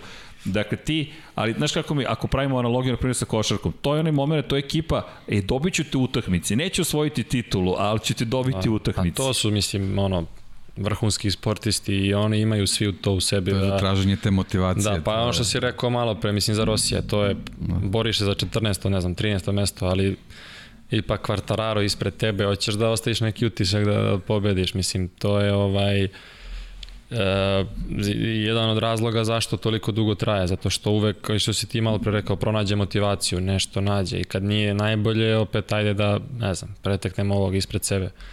Ovaj, tako da, to je to. Da ima jedno pitanje za tebe, Marko, ma, malo da iskoristimo. Kada si, da li se sećaš, ko, to je koja ti je prva trka koju si gledao, ali ne uživo nego na TV-u, da li možeš da se setiš? Pa ne mogu da se setim, baš je bilo davno. Znam da si ti komentarisao, prenosio i misli da je Eurosport bio tako Jest, nešto da. davno, da. davno to, pred 12-13 godina i ovaj, ali ne mogu da se setim koja je tačno trka bila, znam samo da nisam pratio kao što sam kasnije pratio redom, znači ovaj, od neke, da kažem, 2012. 13. sam onako krenuo baš. Od kad je recimo Mark Marquez, mislim, došao u šampionat. To je da, 2013. Ovaj, da, to, to je bilo, kad sam tek prvi put gledao trku, to je bilo pre 12-13 godina, ne sjećam stačno koja je, koja je trka bila. Da, ali... Jesi imao društvo ovaj, tad u tom periodu? Ne. Ili si usamljen? Ne, bio? sam. Jel vidiš to kako se to svima ovaj, dešava? da, jel? Svi te gledaju ono da, kao... Ali polako... Znaš, igraš ovaj... napolju, znaš ono, igraš s drugarima futbol, kao ja sad idem gledam trke. Oni kao, da, da, Moguće. da, to, to, isto sve, da, ali polako ih ovaj, nagovaram i, i učim, da kažem, ko je ko je Dobro, onako... sad su odrasli ljudi, sad da, da nije da zanimljivo je, njima kad, da, da. kad ne znaju vozača, kad ne znaju priču koja stoji za to, ali kad znaš, kad uđeš malo u to, već ovaj, da. kad slušaš da. Srkija kad, kad Još ih odvedeš uživo da, da, da čuju, onda si... On, da, na primjer, taj jedan drugar, kupljeni, drugar nema, jedan je bio, greške, bio je da. sa mnom u, u Brnu, ovaj, on nikad u životu nije pogledao trku. Ovaj, I onda kad je došao, došao tamo i proš, prolazili smo kroz garaže, kroz padok dole i ovaj, imali smo priliku da se slikamo i sa, sa sliko, slikali smo se sa Dovijem i sa Lorencom. Ha, fantazija. I, I mislim da su oni tada bili prvi i drugi, ne znam ko je tačno pobedio. Jeste Ducati. Da, ali ne znam da li je, mislim Lorenzo. da je Lorenzo pobedio, Lorenzo, Lorenzo. Dovi je bio drugi i ovaj drugar kad se slikao s njima, kad sam ja ispričao, ne znam ko je ovaj Dovi, ko je Lorenzo, koliko ima titula, on je onako bio. I posle toga je on svaki put mi ovaj šalje kada je trka. A kakva ti tu ovaj, razlika? Možeš to možda da proceniš ono, o, o, to druženje s navijačima, recimo u, u, recimo, u MB ligi, koja ono, ono top vezano da. za košarku i generalno za sport i, i u, na primjer, u Moto Grand Prix, taj neki utisak to, to, te kombinacije sa, sa tim, tim ličnostima koje gledaš na TV-u. Da, pa ne znam, meni je to stvarno, opet kažem, bio veliki onako baš doživlja i utisak onako i još uvek je tada ovaj bila doz, bilo dozvoljeno prisustvo publike i stvarno u Brnu je bilo, ne znam, 100.000 da, ljudi da, dođe da, da, da, bilo je, bilo je, da, onako. Da, 100.000 ljudi dođe. Neverovatan da, prizor, a, pogotovo ova tribina gde se sve žuti, gde su baklje, majice. ovaj, Ali, ali, Pa dobro, ali vi na ligi isto imate fan klubove, mislim, oni su onako... Ima, ali dosta se razlikuje, da. ne znam, onako, ovo e, je baš navijanje bilo, mislim, to se na TV-u ne, ne, ne čuje. Čak se ni ne vidi dovoljno, Da, da. dovoljno, kao što je uživo, da. Nema, ovaj, pogotovo one tribine koje, koje su velike i koje mogu da, da pokriju više krivina, onako, tu najviše ljudi ima i taj neki, taj neki doživljaj ceo, ne znam, oni kampuju tu, dođu par dana ranije, pa onako, baš je, baš je, više me to podsjeća na, na neku, da kažem, evropsko navijanje u košarci. Gde onako da. strastve, strastveni su svi, da, ti si stvarno bio su, u Turskoj. Da, i u Turskoj i kod nas ovde izgleda, i mislim, da. da. Vi tamo u Americi je malo, malo drugačije. Dok ne krene play-off. pa Da, ne znam kako je na MotoGP u Americi. E, nema, to- pa da, to ja je mislim to. da moramo nema, da se nema, Ti ćeš nam reći. Ja, ja mislim Pa, da moramo nadam se nađemo. E, ne znam, Da, ili- ili da, to je za, čak u stvari kalendar za najbolje, sledeću, da. Za da sledeću ovaj sezonu. A, April mislim, bi trebalo da bude. Da, mislim da, Teško. da neću moći da. Vidi, iskreno, a, Taj. a, ovako, nadam se da, da se nećemo vidjeti na stazi, već da ćemo te pratiti na TV-u, da će to sve biti... Dobro, ali može samo. Mizano ili Mugello To sam kada ti predložim, Pa, Evropa može. na leto. Jun, jul. O, pa dobro, onda. Pa ja mislim da, da ja mislim da, to, pa to Pre pada pauze taman, da, da, to je to. Vidim. Volao bi Italija da bude sad. Italija Ovaj- po kalendaru za 2021. mislim da smo tu negde, dakle, Jun. da, ali mi, septembar je tradicionalno za Mizano. Mizano, da, Mugello je Mugello. Mugello se, ali to je zanimljivo, Mugello su, su organizovali i u julu, i u maju, i u junu, dakle da. Mugello pomeraju levo desno, Mugello je uvijek popunjen trenutno kako stoje stvari, dakle Italija 30. maj. Dakle, kraj maja, Mugello, Onda Barcelona, mislim da ide šesti. jeste, Katalonija e, je 6. Znam jun. da sam gledao sam kalendar, već sam Da, pravio sam da uklopiš, planove, da, da. to, to. Zavisi ovaj, koliko daleko odemo ove sezone. Da, Portugalija nažalost neće ne biti da ne zaboravimo, da se vratimo samo i trci. Dakle, što se tiče Dovicioza, ne možemo da pomenuti toga. Hva, Vanja, hvala ti za ove kadrove. Podsjetnik prosto, Andrea Doviciozo, posvetit ćemo mu jednu emisiju tokom međusezone. Dakle, sada se bavimo i tom poslednjom trkom, ali zaista je snažan utisak iza njega. On je 8 godina proveo u Ducatiju. Ti si 8 godina u jednoj ekipi. Ljudi, to je cela decenija. Malo pre kad si rekao 12, pre 12-13 godina si, si, si, si, me slušao I feel old. dakle, osjećam se staro odjednom. I čekaj, to je bilo pre 12 godina. Da, ali dobro. Dakle, činjenica je da je 8 godina Doviciozo proveo u Ducatiju. Oni su svaki dan delili sudbinu, mehaničari, inženjeri, kuvari, cijela logistika, on napušta, napušta sport, bio je svetski šampion 2004. Nemoj zaboraviti, 2004. on bio svetski šampion u 125 kubika. Ljudi, oni ne poznaju drugi život osim život Grand Prix vozača. Ti si svaki dan posvećen Grand Prix-u. Ili letiš, ili si u kamionu, ili si u motorhomeu, ili si u nekom drugom vozilu, ideš na trke, baviš se trkanjem, trkanjem, trkanjem. To ti je sve, da. Da, I to je, to, to, je, to je život. da ne znam, ono, to je opet da ne kažemo penzija, mislim ne bi voleo, voleo, voleli bi svi da ga vidimo ponovo, ali sigurno da i on u glavi ima to možda mi je ovo bila, bila posljednja Da, ono kao daj samo malo da se odmorimo, u stvari, A u stvari, da. možda je to Da. to, da. Imamo jedno malo iznenađenje. Va, Vanja je vredan bio, mada i zvezdica. Pa imaš poljubce od zvezdice, ali zbog COVID-19 ti ih neću preneti, tako da... da Veliki mi- pozdrav opet Da. za, za ekipu, malo pre sam Hvala. Da, pa da, ce- ceo tim zapravo. Ali imamo malo iznenađenje, da, spremamo ga u pozadini. To je to. Evo sa Andreom Doviciozom i sa Jorgeom Lorencom. Da. Lepe uspomene, Lepe, cenim. da. Da, ovo je sa Instagrama tvog, dakle, Da, da. tako da nadam se da ne zameraš što smo ubacili u emisiju, ali eto na Instagramu Ne je. zameram, ne zameram. Hvala. Ti si viši od ovog medija vola, dakle, za tebe moraju da, Da, prave to novi. mi je neverovatno bilo isto. Stvarno su, stvarno su ovaj niski, niski konstitucija je onako dosta, ali Kao ne znam, džokeji, da. ko je ovaj, ko je trenutno najviši vozač? Uh, je Rossi ti je na Rossi, da, on je, ne znam, 100, 181. 80, da. Da, 181, možda 2 i Loris Baz je viši. Loris Baz je skoro 1,90 Da. Jelena mi organizovala košarku sa Bazom. Ta, a to bi bilo lepo da se Baz, pričalo se će Loris Baz da potpiše za apriliju, a Baz nosi broj 76 i rekao, još imamo dogovorenu košarku, ako se vrati u Moto Grand Prix, to bi bilo zabavno. I znaš da mi je jedan od ciljeva bio da, da, da, da, da, da nekako gospodina Jordana nahvatamo, pošto je bio 2006 u Valenciji, imao je tim u Superbike šampionatu Amerike, da, voli da vozi Superbike i vozio je Valenciju na Superbajku. Rossi ga je vozio u safety caru, dakle vozilo bezbednosti. Michael tako, Jordan. Michael Jordan. Nisam to znao. Da znaš. Dakle, Da, bio je, ja mislim da ga i Mamola vozio na, Jeste. na dvosedu, Na na, dvosedu. Da. E da, a sledeći put kad budeš na trci, hoćeš da pitamo Ducati za dvosed. Ne šalim se. Stvar, stvarno te Može. pitam. ok, Naravno. E, evo. to je važno da dakle, kažeš, da. vidi, Samo ja da ne vozim. ne, ne, ne, vozite, vozite To, to, to. legenda. Da, da, da, ali da, da, tako da znaš, pitaćemo Ducati, dakle, vidi, to, to, to toliko, to je najmanje što možemo da uradimo, ali da nam prepričaš kako je bilo biti na Moto Grand Prix motoru, pošto su to baš Moto Grand Prix motocikli. Da, da, da. Imaš specijalno pripremljen dvosed i ručkire za koje se držiš i napred i pozadi, pa kad te Randi mamalo podigne prednji točak da ne mu ne odletiš preko, čisto da znaš. Ali, eto, to je. Da. Tako da se spremamo. U svakom slučaju, Dovi nam odlazi, ali odlazi nam i Karl Kračlov, to je treći veliki utisak i posvećujem im više pažnje s obzirom na činjenicu da nekako titula bila odlučena kada je reč o šampionatu vozača, zaboravih važnu stvar, Jack Miller donao je titulu šampionatu konstruktora Ducatiju, to je zaista velika, velika stvar. Dakle, mi govorimo... Posebno zbog izdanja drugih Ducatija. I, I to, i još jedna bitna napomena, to je druga titula za nejapanski tim od 1976. godine. Dakle, drugi put od 1976. da Japanci nisu osvojili titulu u šampionatu konstruktora i ponovo je to Ducati. Dakle, sa žaljem konstatujemo 44 godine, dakle dva puta žaljem, inače sad znate i Lab 76 zašto je 76, ali činjenica je dakle da zbog Berija Šina, da, da, smo, da smo i to videli. Međutim, eto, pričat ćemo o tome još. Kala Kračlov da ispoštujemo. Kala Kračlov ljudi ode. Nije ostavio tako dubog trag možda rezultatima, ali nekako po, sastavni deo je postao te priče. Kala Kračlov, ličnošću rekao bih.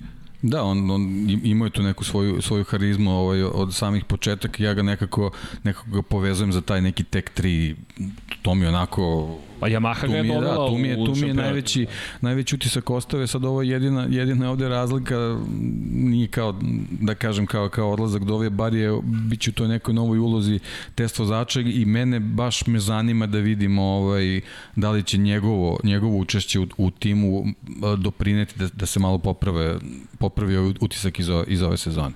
Nadam se. Sa druge strane, ovaj, žao mi je što Lorenzo u stvari uopšte nismo videli da, da li bi nešto ovaj, dobro radio kao, kao te, test vozač kao što je recimo Pedrosa doprino KTM-u. Mislim, ne znam, da. čovjek je zaslužio po spomenik da mu Ali podignu. stvarno, No. da, Yama, ali pored toga svega Yamaha opet najviše pobeda, mislim, Jest. ali svi ovi problemi, ne znam, što se izdešavali sa motorom Vinjalesa i, i, ne, i Vinjales mi, aj sad pomenuo si Karl Krač, ali Ne, malo pre sam molim da pitam, ovaj, baš me velika enigma, ovaj, Maverick. Pa, znaš ka, evo, Onako nas dvojica jedno- smo, da, se mnogo smo ga gledamo, spominjali, da. da, da, da. Pa znaš kako, Šta ajde, je vaše malo mišljenje? iza kulisa. Šta je naše mišljenje? Ovaj, da, ja ne znam, ovaj, stvarno, stvarno jako, jako čudno, čudno vozi, i pogotovo taj start trke, početak trke, pa onda E, posljednjih dopada? 6-7 krugova krene da da ovaj postavlja Probudi se.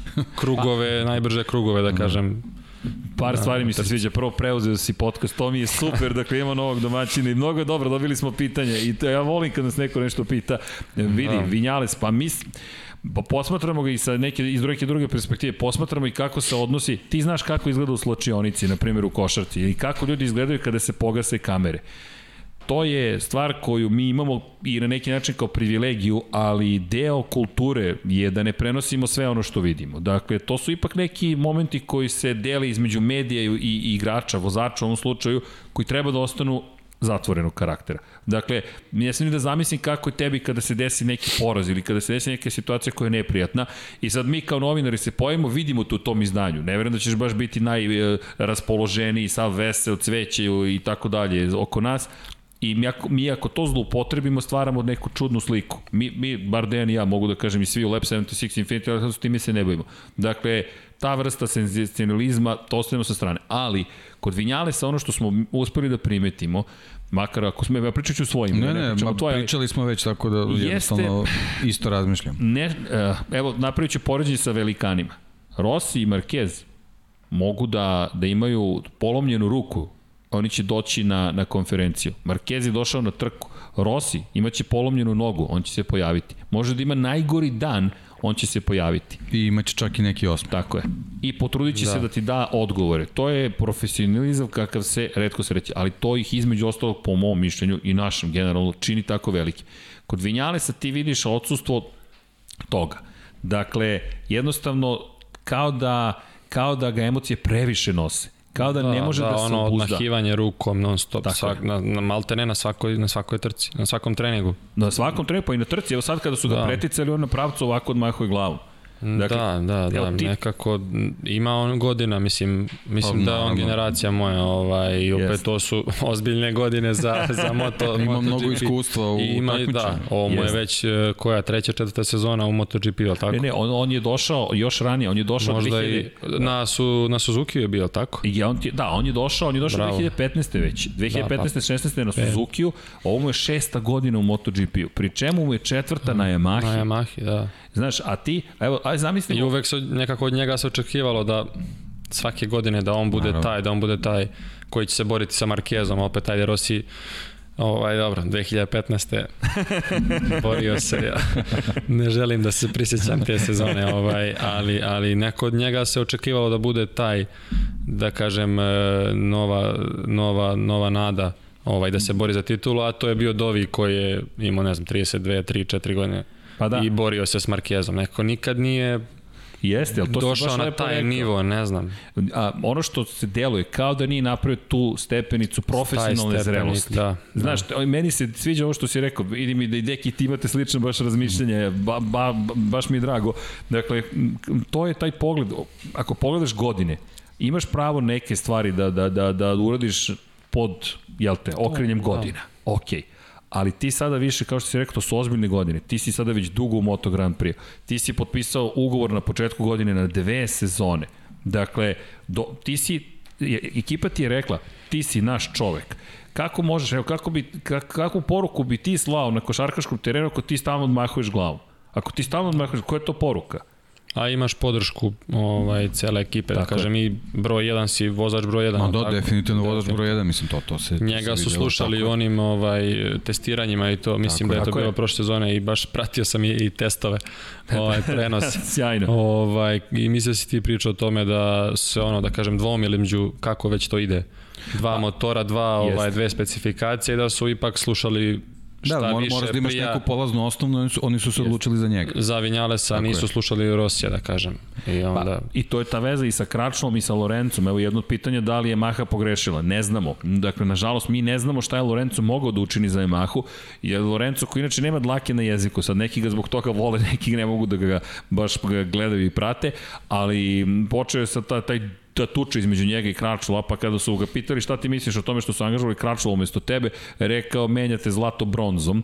Pa je onda Kračul odgovorio šta misliš o Jorge Lorenzu, to je čovek koji često voli da ponavlja da je petostruki šampion sveta. Da, ali to jeste petostruki šampion sveta, pa onda Lorenzo svašta odgovarao i između ostalog je rekao da kada je on bio probni vozač, pošto su ga prozivali da je loš bio probni vozač, probni vozač, to jest vozač čiji su smer slušali, Ducati je najviše pobjeda imao u godinama kada je Lorenzo bio te ekipe razvojni deo te ekipe. To je činjenica. Zajedno sa Doviciozom, ne umanjujem znači da je Andreja Dovicioza i istovremeno Yamaha do ove godine je imala najviše uspeha sa Lorencom, pri čemu ono što je zanimljivo i Joan Zarko i nova zvezda Fabio Quartararo su gledali podatke i stil vožnje Jorge Lorenza da bi postigli rezultate na Yamahi dosta toga govori u prilog tome da bi Lorenzo radio sjajan posao, ali Yamaha je pogrešila. Jednom ga izvela na stazu i to u momentu kada čovjek više nije u treningu.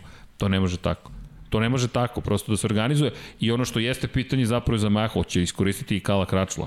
Uh, činjenica je moj utisak da, da sam ja Kračula nekako vezao za tek 3 Yamahu.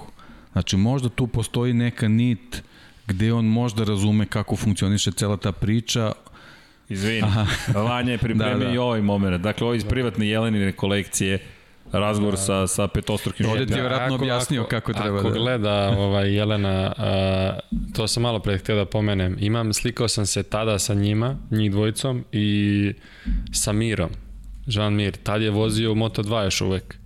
I, da. ovaj, I skoro sam tražio sliku, ali mislim da mi je ostala na, na ovom starom telefonu koji mi nije pri ruci, tako da nisam mogao da nađem sliku tu, ali je, Jeca je tada baš ovaj, e, da li je radila neki intervju s njim ili tako Jeste, nešto je bilo i onda smo prolazili kao će da slikaš, ja hoću, ono, da mislim, da. To je budući šampion sad je šampion, da, da. ali fenomenalno. Ali, ali to je lepota tog dolaska isto na stazu i onda kada upoznaš neke ljude, pričam ono što je meni fascinantno, ljudi, ovo je fotografija od pre dve godine. Jorge Lorenzo u tom Samo momentu u punoj snazi. Pobeda, da, pobedio. Pobe, pobeđuje tog dana, imao je još jednu pobedu, pobedio u Muđelu, dakle imaš tri pobede na Ducatiju, to je samo, samo, dakle dve godine kasnije, mi pričamo o Lorencu koji je ispovređivan, otišao u penziju i koji je dobio sada i otkaz na Ali poziciji to je slična priča i Kračlo, naravno nema, nema takve rezultate. Pa da, neke taj krajnje, ali isto je priča, pro, povrede su ga mnogo sputavale, ali nešto što može da bude veza sa Lorencom i Kračlom je isto ovoj situacija da si, da si Kračlo u, u, u jednoj fazi, nažalost, koji isto kratko trajala opet zbog neke politike Ducatija, jako dobro snašao na, na Ducati On- i on je jedan od vozača koji je razumeo Ducati. Samo što jednostavno nije imao dovoljno vremena Ovaj, on je već u trenutku kad je počeo da beleži neke dobre rezultate već bio otpušten. već je znao da, da više nije deo priče. Tako da to ih, je, to ih nešto povezuje, tako da baš me zanima ovaj, da vidim kako će Kračlo ovaj, da se snađe u toj novoj ulozi, koliko mi je krivo što nismo videli u stvari šta Lorenzo može. Ali dobro, Lorenzo, ko zna, možda će se negdje pojaviti neka uloga, mada Aprilia je Pa ja mislim da bi stvarno bilo neverovatno da ga neko ne iskoristi u ovom trenutku. Honda ne može, to je jedina da. Opcija koja, Da. koja ne, ali svi ostali mislim da, da mogu i tekako da, da, da ga iskoriste. I pri čemu se postavlja pitanje šta će Honda, Štefana Bradla zadržava, ali gubi Kala Kračula, Alex Marquez još nije na tom nivou da može da bude razvojni vozač, Marka Markeza još uvek nema, Takaki Nakagami tek stiže, ali okej. Korak po korak. Dakle, Honda ima, ima dosta toga da rešava. Mislim da Honda će ima mnogo, mnogo posla. Da. Da, 2022. mislim da će biti tek Hondina godina. Mislim da će 2021. biti, naravno, ukoliko Marquez se vrati u punoj formi, to je nešto sasvim to je druga to priča. je druga priča. To preko Marquez- noći će se promeniti sve. Pa, tako je. Inače, samo za one koji, koji su i tu zbog Formule 1, jeste danas dan za Formulu 1. Međutim, Marko sutra nije mogao da nam dođe u goste. Marko putuje, dakle, uskoro, tako da smo malo okrenuli. Danas je Lep 7651, sutra nam je Lep 7650. Znate da u ovom studiju tako znaju da se stvari obrne, obrnu i okrenu, ali najavili smo jubilarni 50. podcast, bit će o Formuli 1 i pripreme naravno za trku koja nam dolazi, međutim to će biti i Paja i Deki i ja, nažalost Aleksandar ne može još uvek, nadamo se da će uskoro moći da, da izađe iz karantina i da će biti dobro, ali napravit ćemo i eto, obećali smo da ćemo svirati metaliku, dakle, ve, vežbamo, Enter Sandman je bio zahtev, tako da Marko ovde ponekad tako uzemo instrumente, pa Momci sa, sa raznim talentima. Ja. Pa re, pa recimo. recimo da je to taj neki talent. Da, ali u svakom slučaju, za Kračla, ok, trka, oproštajna trka i to isto bilo lepo videti kako ga je dočekala ekipa. E, To su oni najveći utisci. Zašto se, kažem, ne bavim toliko rezultatima. Ljudi, ono je bila klasična karting trka, dakle, trka moto trojki, svako Kvalifikacije hoće. su bile odlične. Jesu, kvalifikacije koliko je bilo neizvesno i Olivira koji je u poslednjem trenutku uspeo da ugrabi tu pol poziciju. Nije to baš bilo tako izvesno da će biti na prvom startnom mestu. Da, male su razlike bile. Da, i od, ali odvezu se jedan krug. Pa kada pričaš o malim razlikama, dakle, govorimo o, u jednom momentu, ja imam s njim sačuvanu fotografiju, Vanja, poslaću ti to, izvini što već nisam, ali sad si mi deki dao ideju, zapravo ja to volim da čuvam tokom prenosa, sačuvam te momente, Četiri vozača u... Da. Jel tri ili četiri vozača? četiri vozača u, U čet- u, u, u, u 6000 tinke, ako se dobro sećam, da, i imali smo tri vozača u jednoj hiljadi tinke. Meni je to, meni to, ja, ja, Na onakvoj stazi. Tako je, ja pamtim mnogo toga ljudi, ali da zapamtim moment u kojem mi imamo četiri vozača, tri vozača u jednoj hiljadi tinki, to, to, to, to, se red, to zaista redko smo viđali i, i, i moram priznati da, da, da, da je iz te perspektive Portugalija opet pokazala koliko su stvari izjednačene. Hvala deki što si me vratio malo na to. Vanja, poslao sam na Slacku je da znaš. Dakle, Zarko Marquez i Joan Mir uh, u hiljaditom delu sekunde, a njih četvorica u 66.000 tinki. Ljudi, to je hiljaditi deo sekunde. Podsjetilo me na Formulu 1, to sam i rekao, velika nagrada Evrope 1997. Jacques Villeneuve, Michael Schumacher i Heinz Harald Frentzen u hiljaditom delu sekunde. Sva trojica su imali isto vreme. Priča se, inače, to je urbana legenda da neko u Formuli 1 zna i da su navodno merili u deseti hiljaditi deo sekunde, ali da to nikad nisu saopštili ko je imao za deseti hiljaditi deo I sekunde. koje je pravilo ovaj, kad, kad i vozači imaju isto Ko vreme? prvi, ko prvi zabeleži? Aha. Da, ko prvi Da. zabeleži, on je taj koji, kome pripada pol pozicija. Pol pozicija, da. Da, i to, to je isto pravilo kod br, najbržeg kruga u trci, ako je identičan najbrži krug, ko je prvi napravio od najbrži mm -hmm. krug, ta tome pripada. U svakom slučaju, Kračlov na kraju kažem, u to jednom, jednom fantastičnom duelu je uspio da dođe do, do nisu čak ni pitanju poeni, ali završio. Ne, videla se želja da Tako. stvarno hteo da se oprosti s nekim dobrim rezultatom. I to protiv Rosija. Pazi, to je oproštajna runda Karl Kračel protiv Rosija za 13. mesto. Znam da zvuči tako nekako Ma dobro, Rossi, Rossi nam se ne oprašta, mislim, to je ono što je najvažnije, jednostavno Dorna i dalje može ono stvarno da slavi što je ne dalje tu. Ja, ja se samo nadam da će normalna sezona biti, samo mogu da zamislim medijsko praćenje prvih zimskih testova. Da se vrate navijači, da. Znači to, to ja, ja ne znam, mislim da će biti puni tribine. To, pa to, to, to je najvažnije, da bude, da bude tribine. Da, da, I posebno što je... Vedi, Marko, to smo se dogovorili. Da, dakle, da ima puno napravi. ljudi pitalo, da, izađemo za Muđelo. Inače, mi ćemo pripremiti informacije i za kupovinu ulaznica i za put u Muđelo, i u Mizano, i u Brno, i na druga mesta, čak i za Holandiju Holandiju, ko hoće na put, ko hoće put Asena, nemojte da brinete. Ta, ta, to je katedrala motosporta. Dakle, nije Italija iz perspektive blizine duplo više kilometara, 2000 km, pa i malo više do Asena, ali kad se dođe na stazu, to je, to je strast. Asen. Asen, da. veruj mi, to je fascinantna staza. Čekaj, jel uh, u Asenu posljednje dve krivine su ovaj ona ona kao šikana, je li tako? Jeste. Da. Tu je tu je da, tu je Rossi mislim to mu je jedna od, od uspešnih staza, mislim. Jeste. Je tako? Jeste, jeste. Holandija tu je zabeležila poslednju pobedu za sada. 2000 2016. Nije valjda toliko prošlo. jeste. A dobro. Vidi, ali i to je deo nečije karijere. To poradili smo, kažete, da. taj specijal. 46. izdanje bilo posvećeno broju 46. Ako bude, evo, prilikom leta, ako ti baš bude dosadno, Mislim da ćeš stići do Amerike dok odslušaš da. podcast. da otprilike toliko traje. Ali, ali, eto, bilo je zanimljivo nama da prođemo kroz sve to. Ali Kračlov sa Rosijem se bori za oprošta i pobeđuje Kvartarara i to između ostalog čeka i malo starija ekipa da se pokaže Vinjales koji je tu bio na 11. poziciji najbolje je Maha kao što smo rekli Franco Morbidelli moram da istaknem Franco Morbidelli je na toj A specifikaciji dosta smo pričali tokom prenosa za one koji ne znaju A specifikacija ti ja smo pokušali da dešifrujemo i Lin Jarvis je u petak odgovorio, mislim na pitanje cele planete koja voli MotoGP, šta koristi Franco Morbidelli. To moj laptop ne, se čuje. Ne, to, to, je, van, to, to je Vanja. da, ali to niko ne čuje osim nas, da znaš. Da, da, dobro, dobro. ali je činjenica da imamo situaciju u kojoj ne znamo šta vozi Morbidelli i onda Lin Jarvis kaže to je motocikl za 2020 jeste zasnovan na motoru iz 2019. ali je takozvana A specifikacija, može se po usisniku, dakle po, po otvoru može da se prepozna, inače izbacio je na Instagram, e ovo je taj moment, dakle obratite pažnju na ovaj kadar. A Vanja je kulturno isekao sve moje tabove, 48.000 tabova, hvala ti, da se ne vidi obsesivno kompulsivni poremećaj ne gašenja tabova, ali Zarko Marquez Mir, hiljadici deo sekunde. Ovo je 12,5 minuta pre kraja trening, jutarnjeg treninga, jutarnjeg zagrevanja i mi dobijemo na stazi dugi 4,5 km ovakve rezultate. Fantazija. Dakle... Da, ovde delo kao da je Binder mnogo daleko od njih. da, Binder kao to četvrti, to, to je sporo. I opet Ducati, Honda, Suzuki, KTM. Četiri protiv, da, da, ali fantazija. I, I eto, kada pričamo o tome šta koristi Morbidelli, koristi motor koji je zapravo zasnovan na modelu iz 2019. Ono što zabrinjava, ono što smo već pričali, kratko ćemo samo ponoviti, a to je da fabrički budući vozači Quartararo i Vinales ne sviđa im se fabrička verzija Yamahe, to je problem, ozbiljan potencijalni problem za Yamahu a da Morbidelli i Rossi kažu ne, to je put napred, to, to je motor koji treba razvijati. Da, u svakom slučaju, Franco ostaje na tom motoru, Pole Spargaro, četvrto mesto ljudi na kraju. Uh, tolike godine i to, takva bitka i na kraju opraštaš se, nemaš tu pobedu na KTM-u. Moje veliko pitanje je da li će uopšte doći do pobede na Hondi. Da li može da ovlada Honda? Pa mislim da, da ovaj, zavisi od Markeza dosta, ako se on vrati.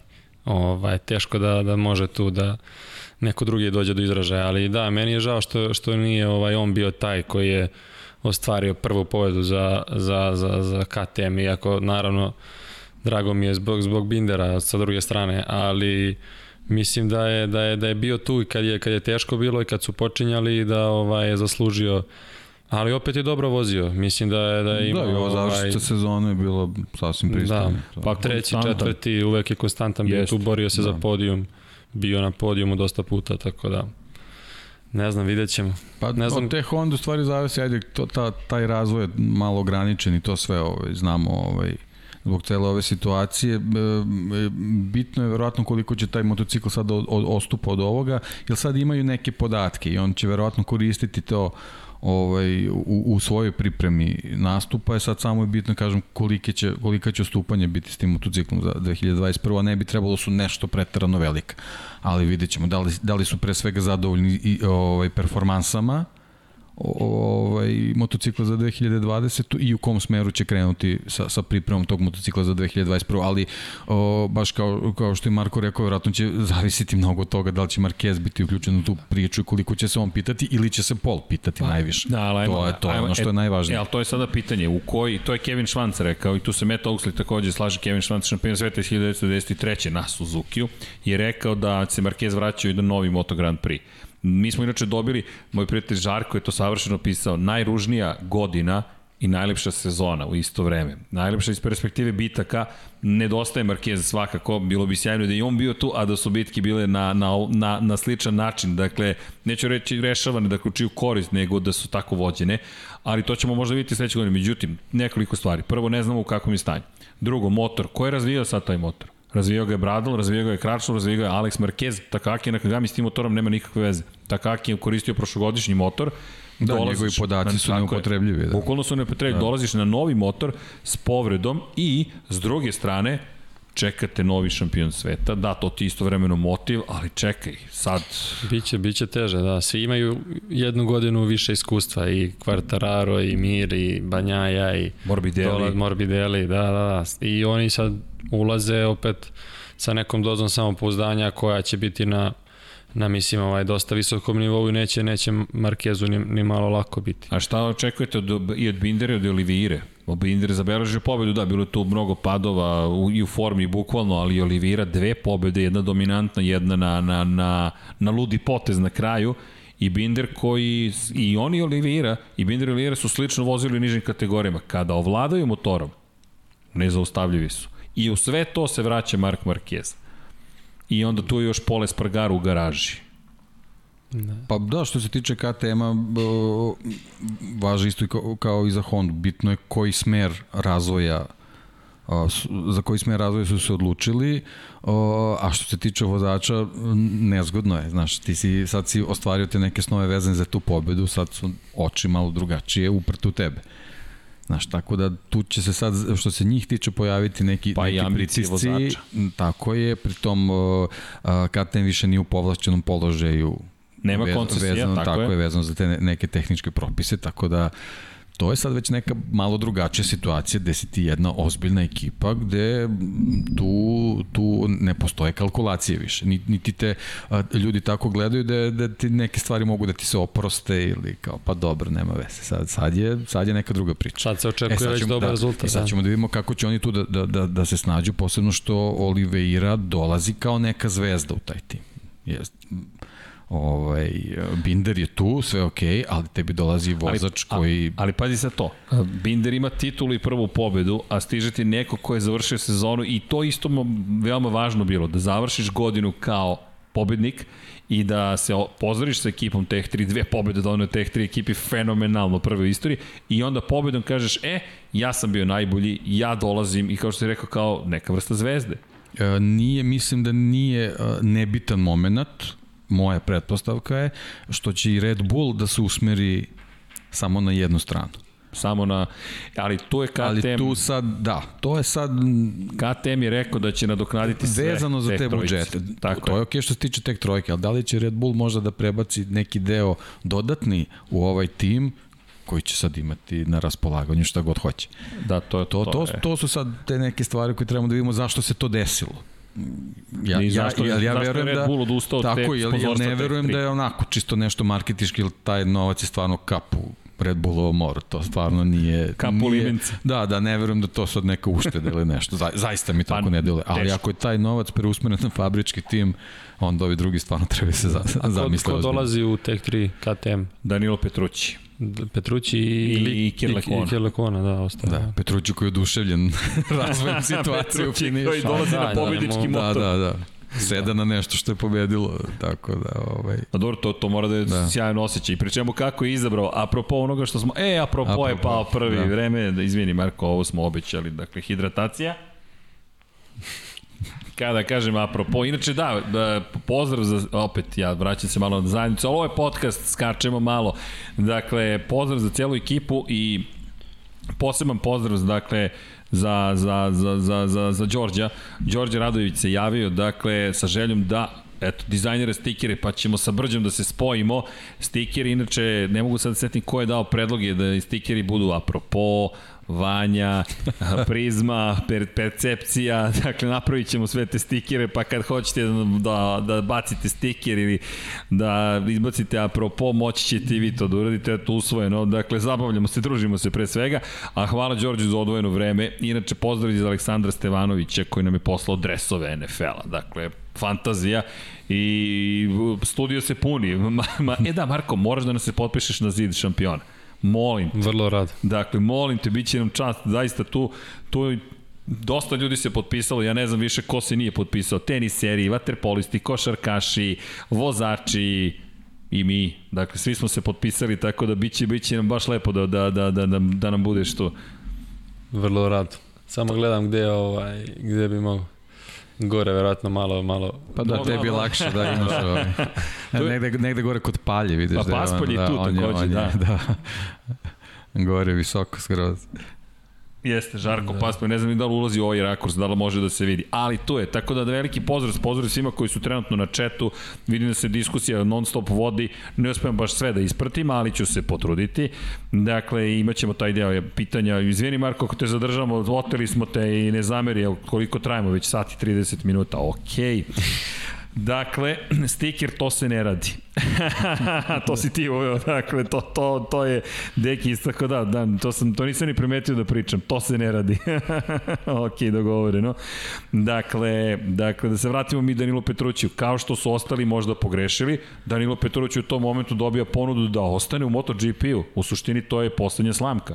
Teh 3 KTM. Nije baš da je bio na spisku najvišem kada se pre sezone, pre početka sezone... Pa ja mislim da je jednim okom već bio u Superbajku, da je već yes. odmeravao tamo šta se dešava, gde je Chas Davis i šta će biti s njim. Da, pregovaraju. Chas da, Davis da, da, dobio da, otkaz, na kraju da, nije dobio čak da. ni sedište u MotoGP-u. Lorenzo da. Savadori i Bradley Smith će voditi bitku za, za drugo mesto u Apriliji. Da.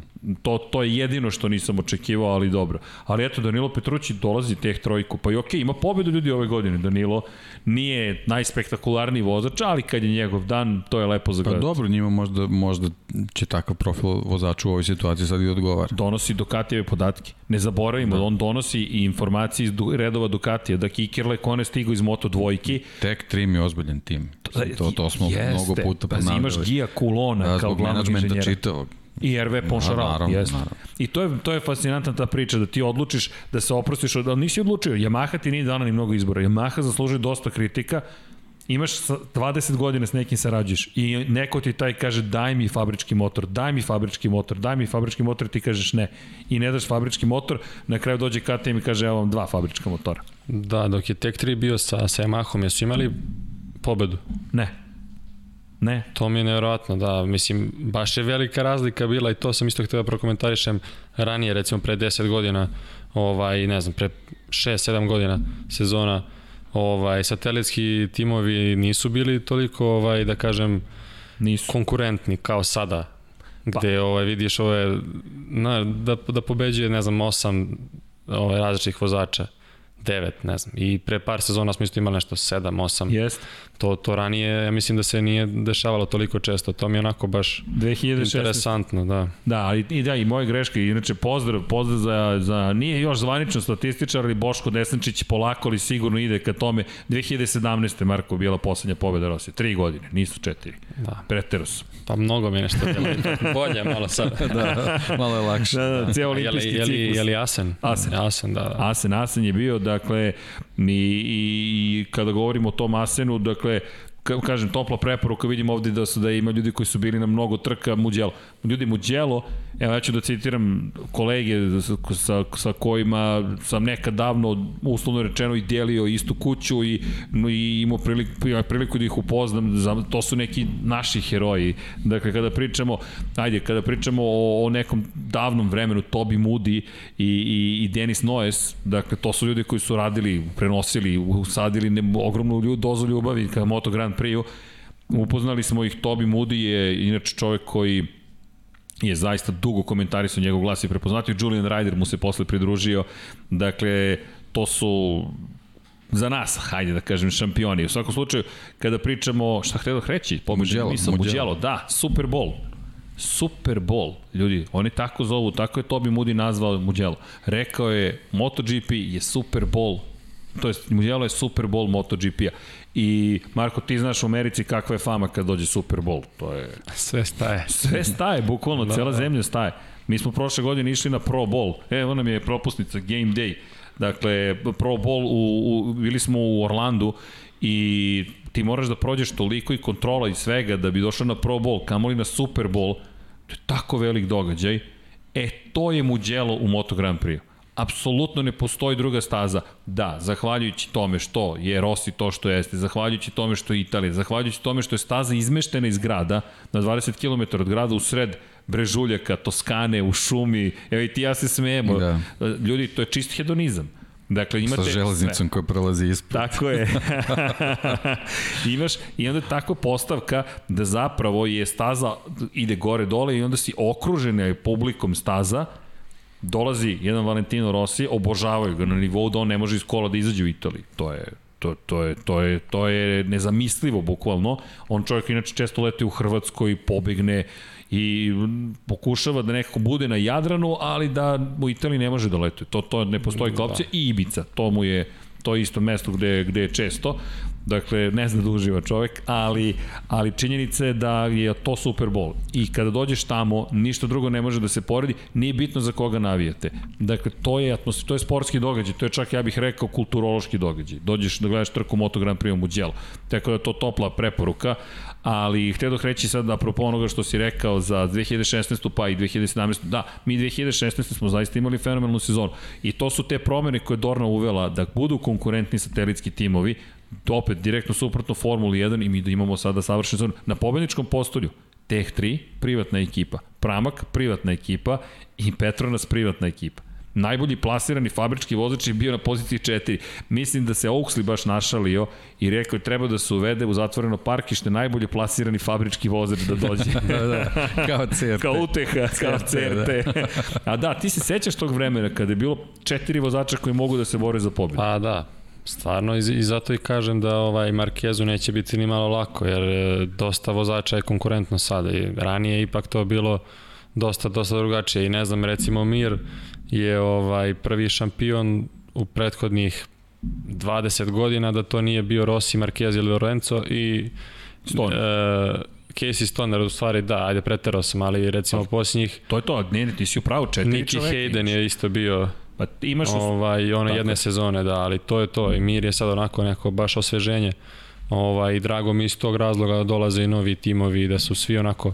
Jedva, jedva čekam sledeću sezonu, baš, baš mi je veliko onako i voleo bi da se da se vrati Marka. Ali lepo si rekao, u pet vozača u 20 godina. Nije da. da smo imali 10 šampiona. Pa da, i znalo se, da, znalo se Honda, Yamaha, ovaj Ducati ovim godinama, ali Uh, ipak su to bili, ja mislim, Honda i Yamaha uglavnom.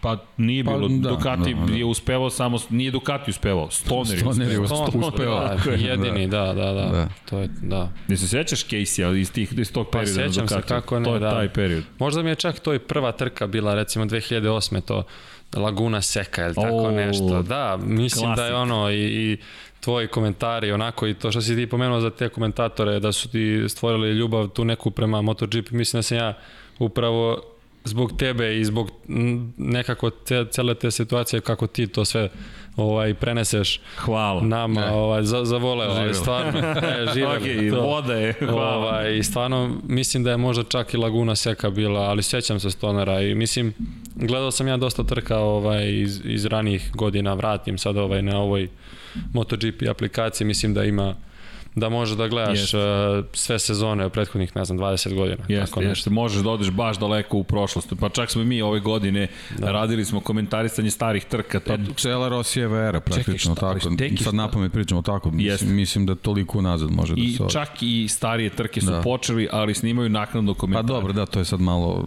da, sad već neka produkcija. To, a to, to, a to da, sam htio da, ti da, kažem, da, ove godine smo i to da. doživjeli, ljudi, kakva godina iza nas. Dakle, ovo čak nije ni analiza cele godine, ovo je trka velike nagrade Portugale, ne možeš da se ne setiš. Mi smo u maju i junu komentarisali trke stare 20 godina kao da se dešavaju sada. I to je isto, to je isto bilo neverovatno ove sezone. Meni su stvari san, pošto su, ja sam te trke nisam komentarisao. Da. 2000, to 2001, 2000, ne znam, četvrta, peta, ja sam počeo 2007. da komentarišem I onda ti neko kaže, i čak su nekih snimci bili izgubljeni, i, ili prosto nisam mogu da ih koristim, na nekom drugom mestu sam radio, i kao, ok, šta ćemo da radimo? Pa ništa, radimo kao da je dan trke, kako ne, ne razumijem u čemu je problem, i to je baš bilo zabavno, ali, ali da, to, to i, i hvala ti iskreno na ljudskom nivou, pošto meni to malo nevratno zvuči kad si mi to rekao, i pre nego što, kad smo pre dva, tri dana pričali, razmišljam, čekaj, da, kako to zvuči čudno, da, kako to bizarno zvuči, ali sam naravno srećen kao malo dete, tako da hvala. Da. Ali, ali, ali lepo se sećaš tih stvari, sećam se tih sezona kad ti znaš da će pobediti ili ili, pričamo o vanzemaljcima, pri čemu ka šta se desilo. Ne samo da kategorija nije konkurentna, već ti dobiješ takve vozače u isto vreme. Rossi, Stoner, Lorenzo, Stoner se nažalost penzionisao kada je došao Marquez, tako da nismo ih imali Dani Pedrosa. Dani da. Pedrosa, I to je tako to, je. njih četvorica. To je to. Jel tako? Tako je, četiri originalna Ko je vozio, da, Lorenzo i Rossi su vozili ovaj, Yamahu. E, Dovi je vozio Hondu tada, tako? Dovi je jeste došao na Hondi i bio na Hondi na početku da, karijere, na, tako je. Da, da, da. Tako je. Ali da, znalo se 4 4 5. Tako je. Vanzemaljac, da. da. da. I, I samo da odgovorim, Ma, Mateo Lovrić pita kada će Formula 1. Formula 1 nam je sutra, dakle ne zamerite, ali Marko Gudurić, naš pa, prijatelj, dakle, prijatelj, ja, ja ti tako posmatram. Prijatelj motosporta. To je to. Pa, ej, a podelili smo kabinu 2018. za veliku nagradu Velike Britanije. Ćemo da se podsjećamo, ili... da, to je baš trajalo. To je da. 4 sata prenos, padanja kiše. Prenos kiše, da. Da. Da, znam da si, da, da si bio u kabini i da smo, da smo pričali hoćemo, nećemo, šta ćemo, da. kako ćemo. Tako da, definitivno ne dolazim više ovaj, na, na sport klub da komentarišemo trku. ne, ne, ne. Da ne bi pala kiša. Do, na stazi, na jutarnjem e, zagrevanju. To može. Može tako. To može. A ja mislim da je to dobra akcija. Dakle, kad smo na stazi, pa onda se nađemo, pa kao kak, analize, šta smo sve gledali. Ali, tako da sutra ćemo imati Lab 76 broj 50, danas je 51, studija na kraju univerzuma, evo ga, tu je vodič kroz galaksiju za autostopere, dakle, Douglas Adamsa, koji nam je, koji nas je inspirisao. U svakom slučaju, da se vratimo opet na Pola Espargara. I Pola Espargaro, kao što, na primjer, Danilo Petrući u, u KTM nosi podatke iz Ducatija. Meni je to zanimljiva priča. Pola Espargaro nosi podatke o KTM-u u Hondu.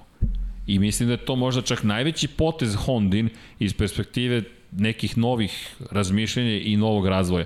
I ne bi me čudilo da jedan od motiva takođe bio dobijaju Špancar, apsolutno to važno, dobijaju talentovanog vozača, pri čemu starog rivala Marka Markeza, to je meni indikativno s početka sezone, da ti dovodiš direktno jednog starog rivala Marka Markezu u tim. To će biti zanimljivo baš, da. Da. A doveo si pre toga Jorge Lorenza, takođe rivala. Meni pa, da, očigledno da je to ta politika neka. Da, da, da se uspostavi balans u kontekstu korporacije. Hondine trkačke korporacije. Ne Marka Markeza, iako im je on najveća zvezda. Ali, da imaju... Ali vidiš, to je očigledno nešto što Yamaha ne radi. Da, Yamaha to ne radi. Da. A to je, ali, Yamaha je to jednom uradila. Da. Yamaha je to jednom uradila. Zašto je Rossi otišao iz Yamahe? Zato što je dovela direktnog konkurenta i rivala kakav je Jorge Lorenzo. E, ono što je sad pitanje da li je to bio dobar ili loš potez, ne znam, osvojili su dosta titula pa, to, zajedno. Pa to kažem, tu se nešto isplatilo sad, da je dugoročno to bilo ovaj, baš najbolji potez, Vidjet ali verovatno i on doneo nešto sa sobom. Ali Pola Espargaro u Hondi, jedva čekam, jedva čekam da, dakle, da Dakle, da... Znači, Suzuki je bilo važno da zadrži ovu dvojicu, da, da oni ne idu negde. To je, to je za njih bilo najvažnije u ovom trenutku. Da, da. I, ali to je isto važno, dakle, da, da, pa, da, da, da, da, da, da, bila jedna teorija da su Jorge Lorenza zaangažovali, iako su znali da se neće snaći na Hondi samo da ne bi vozio negde drugde. da ga spreče da vozi negde drugo. Ne kažem da su to uradili, kažem. To je meni isto fascinantno bilo ovaj, to za, za Hondu. Recimo, kako nijedan vozač nije mogao da se snađe, ni, ni približno dobre rezultate niko nije pravio kao što je Marquez pravio.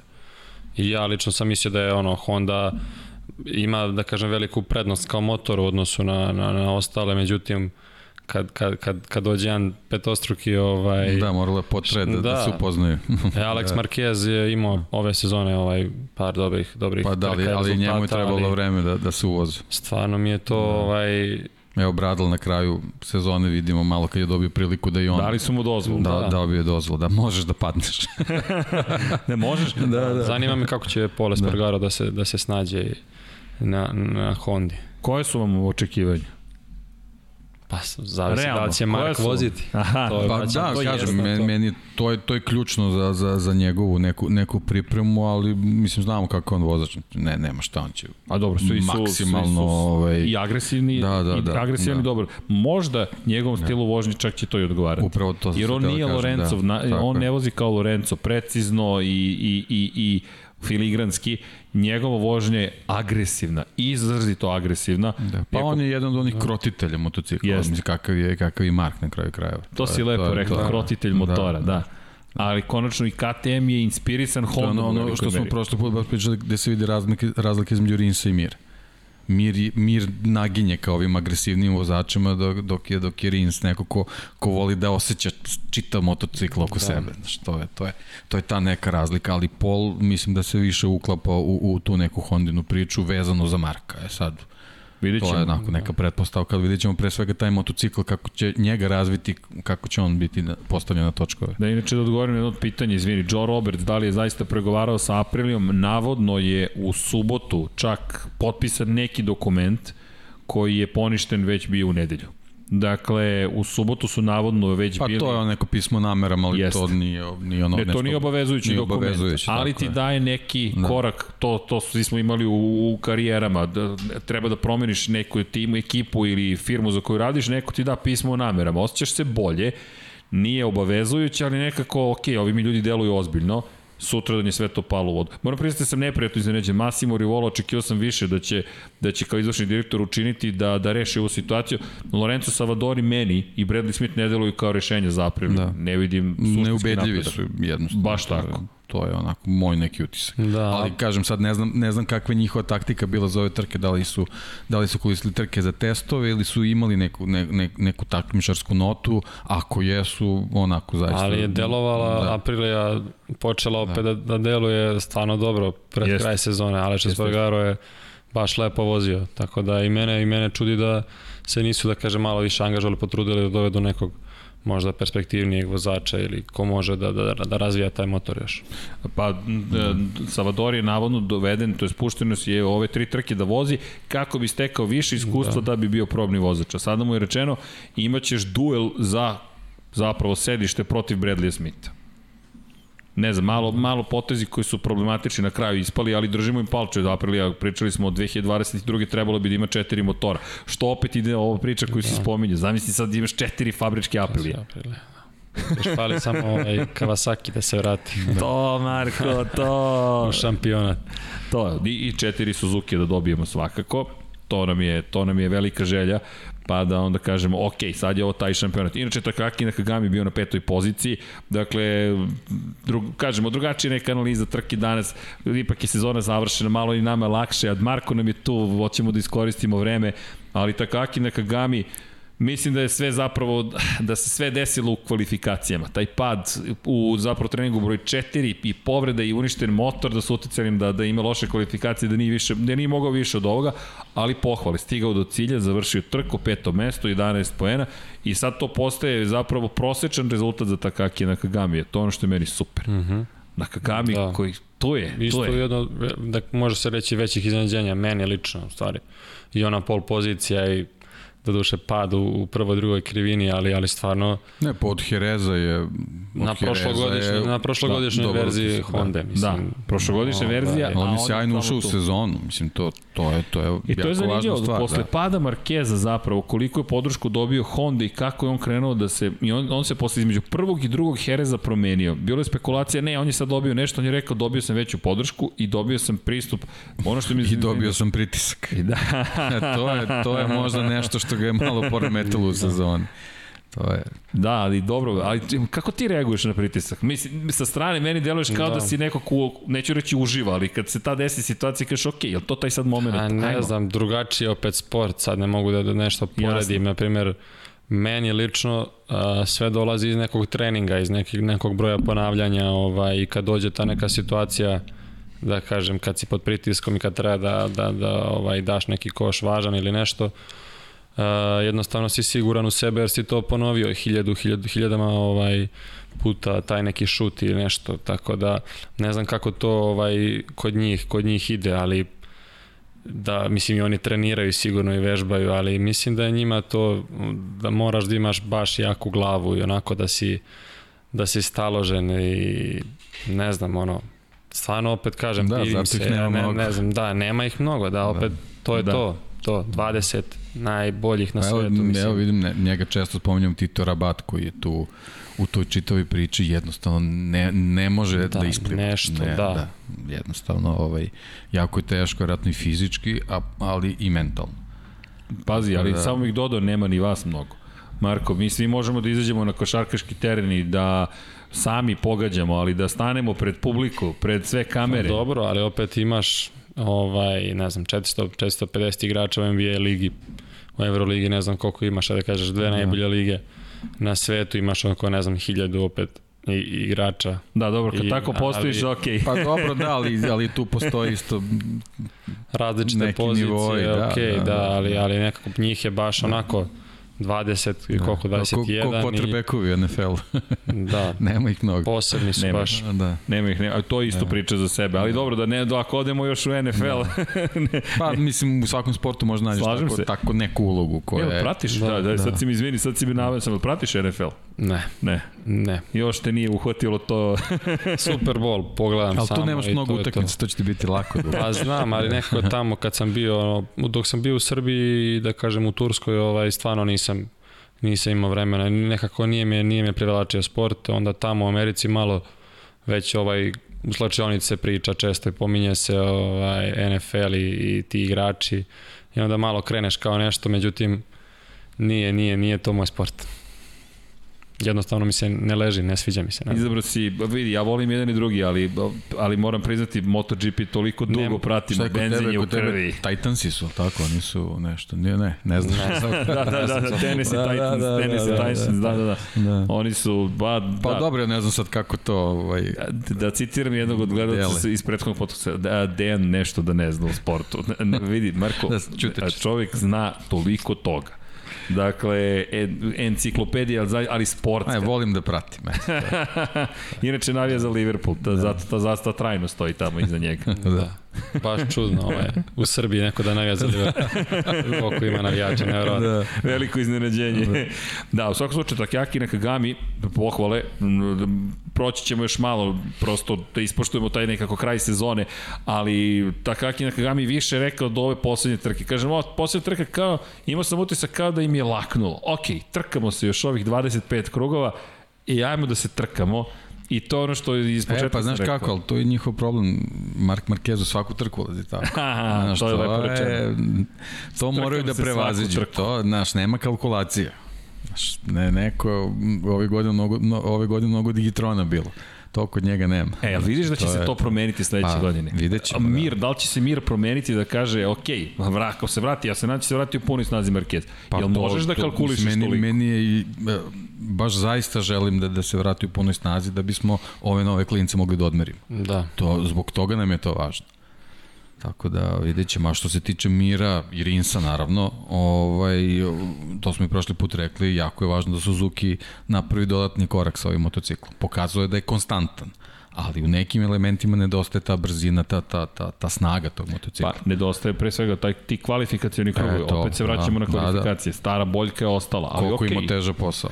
Motore neće moći da menjaju, motore su unutrašnje da. ne mogu da menjaju, mogu da menjaju šasiju, ram, mogu da rade na opređenju motora, imaju neke stvari koje mogu da Dobro, ali videli smo recimo gibljenje koliko je promenu Mnogo. donelo to, to zadnje. Suzuki je Da, prvi to da, primenio. Da. Suzuki je prvi primenio Tolinsovo gibljenje i došao do, do ozbiljnog iskoraka. I još nismo saznali onaj čunak Krapovića Ka- Krapovića. na Yamahama, šta je ono bilo. Šta je ono da, bilo i da. kada će se ponovo Saznaćemo, pojaviti. Saznaćemo, da, da, da, to je, to je čuvena scena. Ali u svakom slučaju, Honda, samo bih dodao na to šta Štefana Bradla i Aleksa Markeza, dobre trke. Sedmi i deveti su bili na kraju. Neko sam možda više malo očekivao od Aleksa, ali opet nova staza. Ovo je inače staza koja nije korišćena. Poslednji put smo u Portugali imali 2012. godine, tad smo bili na Esturilu, sada smo bili u Portimao prvi put. Staza, ljudi, Ja ne znam za vas, ja sam oduševljen. Ono što smo hteli, to smo i dobili. I videli smo u Formulu 1, dobili, znamo i u Superbajku, ali malo su čak kadrovi bili čudni, eksperimentisale dosta dorno, ali kolika staza i kojom brzinom se tamo krećeš. Jeste, pogotovo na posljednja krivina, onako, baš Da. lep, lep prizor, lep kadar. Ne znam zašto je, zašto je nema sledeće, sledeće sezone. Mislim da su čak stavili tamo da je pod znakom pitanja. Jeste. Jel tako? Rezervno je Da, trka. jedna od rezervnih trka. Da, rezervna da, trka, Da. da. Pa to da, sam video. odgovorim, da, da, izvini. Da, za, za Brno. E, na primjer, Brno ti ima direktne veze sa time. Brno, ako renoviraju i ako ga Da, srede, da, da, ostaje u kalendaru. Ako ga ne srede, vrlo je A verovatno znaš kako veliki je problem, jer to, to sređivanje je ogromna investicija, a ti ne znaš sledeće godine kakva će biti. Sad, to je sad baš igranka velika vezano, ili vezano za organizatore koji trebaju da daju neku garanciju, a to može ozbiljan problem da im bude. I sad to je, znaš, ja ne verujem da će sad Dornan baš da pravi neke ustupke, pa da, pa da tu može neki kompromis da se napravi. Ja verujem da to što je striktno dato da mora da se revidira, da će morati, ja se plašim da, da tu ovaj, neće biti mnogo mesta za kalkulacije. Ili ili će da bude. Da, ili, ili, ali može da. da se desi da ostane u kalendaru. Možda će biti i Gora Drive, Rusija, tako da to, to ćemo pratiti. I Gora Drive je relativno blizu Kimi Ringa u Finskoj, koji čeka homologaciju, ali cenim da će biti A taj prazan termin je u sred evropskih trka, tako da je logično da to bude neka evropska trka. Da, to je E Carmelo Espeleta rekao, šef Da. Dorne rekao je, ako budemo, ako ne bude Brna, i jedna od evropske dve runde će biti. Portimao je rekao da je prvi izbor, ali postoji jedna olakšavajuća okolnost za Igora Drive, Jedna je što je na 250 km od Kimi Ringa, dakle možeš direktno iz Finske, odvezeš kamione desno i kažeš ok, tu smo i što će biti interesantno sponsorima što verujem da će ruski sponzori to iskoristiti kao priliku za promociju, što opet novac i tekako igra važnu ulogu. Portugalija je trenutno opet u problemu, svi su, cela planeta je u problemima, ali Portugalija se tamani izvukla, opet je malo problematična situacija. Rusija iz te perspektive više će investirati u kontekstu, ima mogućnosti veće da investira u okviru prosto promocije. Ali Portimao je plus ovo sve što se dešava sa Oliveirom, naravno, Da. zato što Kuća vidimo i da je taj Oliveira. Miguelova ovaj, kuća. naslovni sponsor trke je i sponsor samog Oliveire. Ovaj, e sad ja jedino ne znam, nisam siguran vezano za Portimao kakva je infrastruktura tamo. Pošto oni se još nisu susretali sa trkama sa 100.000 gledalaca i Formula 1 je bila ne znam koliko popunjena, ovaj, to možda može da, da, da bude mali problem, gledajući one, one snimke iz vazduha, meni ne deluje da tamo ima nešto mnogo prilaznih puteva. Srđan to najbolje zna kad je neka trka sa 100-150 hiljada ljudi, koliki je to problem. Za motocikle možda manje, ili ne znam, 70-80% gledalaca dolazi motociklima. Za, za recimo trke Formula 1 da, da ljudi uglavnom automobilima dolaze, to je katastrofa. Mislim, i, i veliki Silverstone pa imao probleme i pretnje da će da ga izbaci šampionata. Da, Mugello, Tako da, da, da, kada da. pričamo na primjer Da. o Mugello koji smo spominjali, tamo zaista napisat ćemo posebno uputstvo, ispričat ćemo vam naše iskustva. Ne, ne možete da, ako na dan trke krenete u, u, u 9 ujutro, Ma nećete stići. pitanje je da li stižeš na MotoGP. Veliko je pitanje da li stižeš na MotoGP, bukvalno to su kilometri pešačenja. Jer ne samo što nema pristup puteva, već i sama kultura organizacije je sporna. Ajmo tako da, da. da se tako izrazim. U Holandiji, nemojte da brinete, u Holandiji dolazite vrlo brzo, odlazite vrlo brzo. Ka, kada kažem brzo, znaju se pravila igre. To mi je bilo fascinantno. Dakle, autoput, u Nemačkoj nema ograničenja, u Holandiji ima ograničenja. Na dan trke tačno se zna. Ograničenje na tom prilasku Asenu je toliko i toliko. Ljudi, svaki sportski da, automobil koji bi mogao da razvije jedno 300-350 je išao 60. Dakle, svi da. su vozili 60, da, da. zna se tačno kako da, voziš. Recimo, u Portugalu je na VRC-u velikih problema bilo za organizaciju, ovaj, gomile specijalnih ispita su otkazivani, zato što jednostavno organizator nije mogao da, nije, da vodi računa u publici, a recimo prošle godine kad sam bio u Finskoj na VRC-u, uh, krenuli smo nekim šatlovima i došli smo u nekom trenutku, ti gledaš na, na, na, na, mapi, ti nikad nećeš stići na specijalni ispit koja je kolona. Mi smo stigli za 15 minuta, upravo to što on kaže tamo, svi poštuju sve. I da, mi da. smo bili u nekom Toyotinom šatlu, nama su se ljudi bukvalno ovako sklanjali ispod. Ja, ja to nigde nisam vidio, ali to je, to je ta sad stvar i organizacija tog nekog mentaliteta, što, što je južnije tamo, naravno, ljudi su... Zabavniji. Zabavniji, ljudi jednostavno gore, gore za tim, strasni su za tim sportom i, i to je možda, po, Portugal će morati s tim da se susretne, u stvari uh, čitava Dorna mora to da predvidi, ako sledeće godine uh, bude normalna situacija i, i normalna trka sa Oliveirom koji tu dolazi tamo, 150.000 ljudi je, već, je, već mogu da računaju. E sad, da li, da li, da li to može da primi to, to, to okruženje tamo, je to je sad Ništa brodovima i čamcima. Ma da, ne, neće njima biti problem, kažem, ako, ako mogu na VRC da idu pešaka da. kroz, kroz, kroz šume i, i, i kroz taj pesak, naravno da će moći na ovu trku. To nije problem. Da, Portimao ima taj financijski, kažem, najveći problem, ali mislim da neće biti problema kada Oliveira ovako pobedu zabeleži da se prikup, da, da ljudi ako, dođu. Ako u početku sezone bude dobar. Ljudi, nema greške. A, samo bih još dve stvari prokomentarisao, Marko, gledat ćemo da ti ne zadržamo više već smo dva sata ovde, ali dve, dve osobe koje nismo toliko spomenuli. Fabio Quartararo i Alex Rins. 14. su i 15. bili na kraju ove trke. To nije, bez obzira kakve su im bile šanse za titulu ili ne, poražavajuće da završe sezonu na takav način. Dakle, pričao si o Marku Markezu, ti spominješ isto šta će biti s Markezom. Da li možete da zamislite da Markez u momentu kada nema titulu, na primjer na poslednjoj trci sezone, ne da sve od sebe, da, da bude na poziciji broj 1.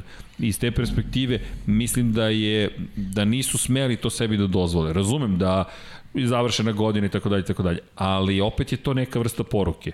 Pa i Mirovo opuštanje je neka vrsta poruke, jer na kraju pokazuješ da si da si neko ko će se opustiti u određenim trenucima. Meni, ali držat ću se Kvartarara i, i Rinsa, mislim da, su, da nisu sebi pomogli u pripremu za 2021. Pogotovo Kvartararo, koji onako nekako s pognutih ramena završio sezonu. Da, u non stop, pognutih ramena, pognute glave, ovaj, mislim da, da, da to ne sme sebi da dozvoli. Ovaj, imao je opet, eh, tek mu je druga sezona, on ima 20 jednu godinu, tako, tako da ovaj ima već pobede e, i, pol pozicije i stvarno je talentovan i, i dobro vozi. Mislim da treba da, da samo bude pozitivan, naravno da, da, da se što bolje spremi za ovu sledeću sezonu, ali kad si pomenuo Markeza i sad poradiš to, moram se vratim na, na 2015. kad se nije borio za titulu, kako je vozio ovaj da. onu čuvenu trku, mislim, i to je to, po, poslao je poruku, mislim. Jeste, ali to je poruka, to, to je i Rosiju, i, Rosiju, i, svima, i svima, i to je ovaj to je veliki šampion. To je to je mislim ono jedan poseban poseban vozač i poseban onako mentalni sklop i mislim da da da ne znam. Ne možeš to ni na silu da radiš, mislim svi smo svi smo različiti, svi su oni različiti, svako ima svoje neko viđenje, ovaj, neko više rizikuje, neko manje rizikuje, ali ne znam, očekivao sam i ja iskreno, kao što sam malo pre rekao, više, više od kvartarara. Da, meni isto, on je u prvi, prvi deo sezoni isto bio prošaran usponima i padovima da. pobede ubedljive, pa ne znam, onda se desio onaj pad u Mizanu. To je sve nekako išlo u rok službe. Međutim, od onog pada u Aragonu i one povrede, on posle toga nije bio isti. Desio mu se onda onaj problem sa onim lošim izborom pritiska Guma, gumama, jest. katastrofalna trka čitav Aragon mu je bio katastrofalan, ali to se nekako nastavilo i dalje. Znači nije uspeo to da prevaziđe po meni Ali i dalje je bio da, u borbi za... Da, je bio da, u borbi, naravno. E, to, je, naravno. to je, nije, Evo, nije, nije dao taj odgovor. Podoviciozu koji je bio katastrofa i na kraju bio četvrti u, u, u šampionatu ispred. I u trci je pretekao da, sve koje je mogao da, da pretekao. Znaš, to, to, znači ti si na nekom motociklu koji su svi odavno otpisali, potpuni si outsider i ti opet do kraja sezone guraš i radiš nešto, a, opet, a, a s druge strane Fabija nigde nije bilo to, to su neke stvari, znaš, i kad ti, kad ti motocikl ne funkcioniše, ti moraš nekako da daš od sebe pa, pa da pokušaš dve, tri pozicije da nadoknadiš. On da. jednostavno nekako, ovaj, ne, Mislim ne, da, nemoguće ono što smo pričali da, da Rossi ima veću motivaciju. U svakom sportu je ovaj, bitno jako samopouzdanje da, i jest, možda jest, ključna stvar, da. ali mislim da pogotovo njima na tim da. motorima, da imaju sigurnost i da, da ovaj, e, tu, tu, je, tu je možda ta uloga tima što smo pričali. O, da. Ovo jeste individualni sport, ali tim mora da bude taj koji će te, da te uznese u tim nekim Kad, da. teškim da. situacijama, da, ne znam, angažuješ i psihologa ako treba, da, da Jasne. mislim, to nije ništa, ovaj, evo vidimo, mislim, u, u Formuli 1, još od, od Mihajla Šumahera je, nije, nije već strano da imaš nekog svog personalnog trenera za razne segmente. Tako da i ovo je već sad neki nivo Moto Grand Prix, ozbiljan nivo sporta, tako da moraju da počne oni očigledno da razmišljaju o tome.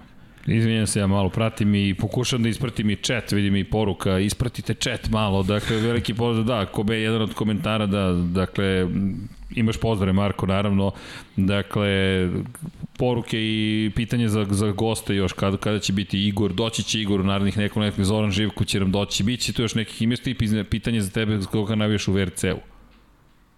Nema navijanja. da, dakle, da, da, ako imate neka pitanje, da iskoristimo još samo malo dok nam je Marko, to puštamo te Marko, kao što smo rekli, dakle, nekako pobegne dva sata, znaš, brzo, ne, ne, nekako proleti sve, jednostavno, mak, makar nama dvojici, mi zaista uživamo u ovome, ja ni, zaista ne znam kad je prošlo dva sata, iskreno, i sve mislim da smo nešto propustili, ali... Pa propustili su Moto dvojke. Moto dvojke, Moto trojke, standardno.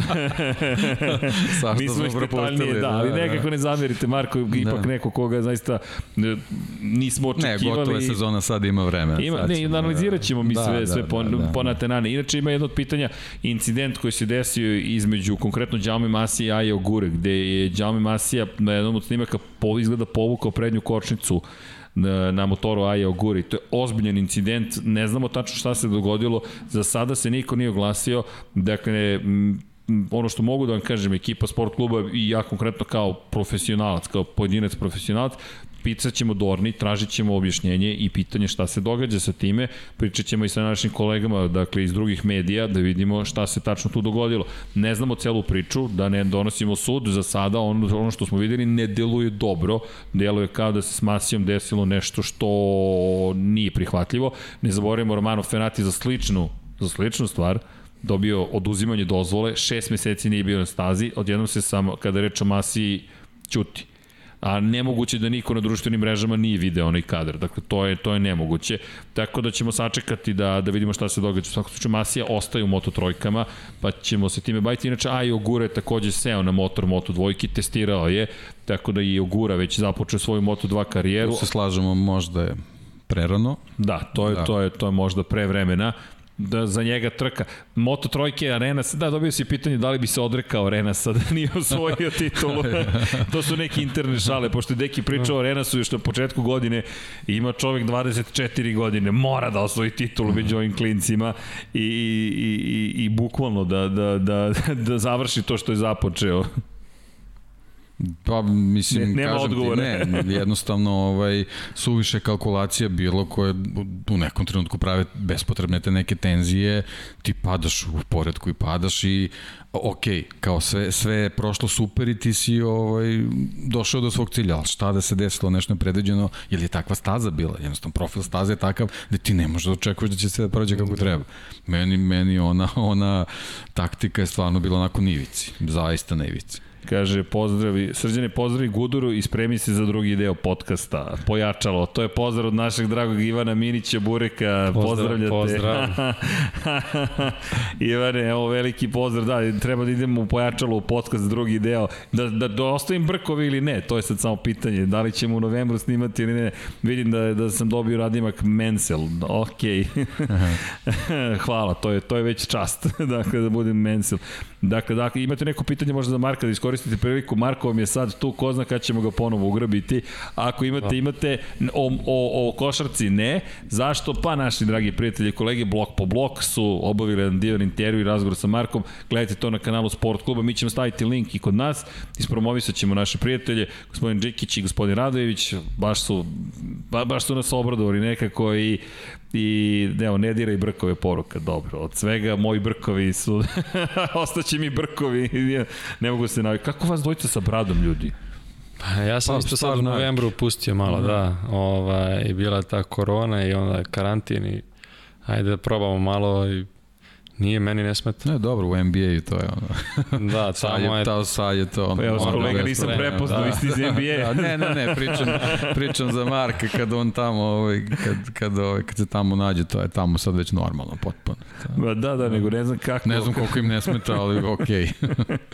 da. da, evo, pitanje kada si počeo da pratiš MotoGP, kako si zapravo počeo da pratiš? Ne kada, kada 2008, ali kako, šta te navelo uopšte? Kako, da? pa ne znam, slučajno, listao sam verovatno kanale i Eurosport i malo pre sam rekao, ti nekako kad, kad komentarišeš stvarno ovaj, vidi se da voliš to što radiš i da, da, da znaš šta radiš, tako da mislim da, da Evo, sam... Vrtiš uz... kanal i naletiš na drugu boju glasa, na, na, na, na, da, na visinu neku, da.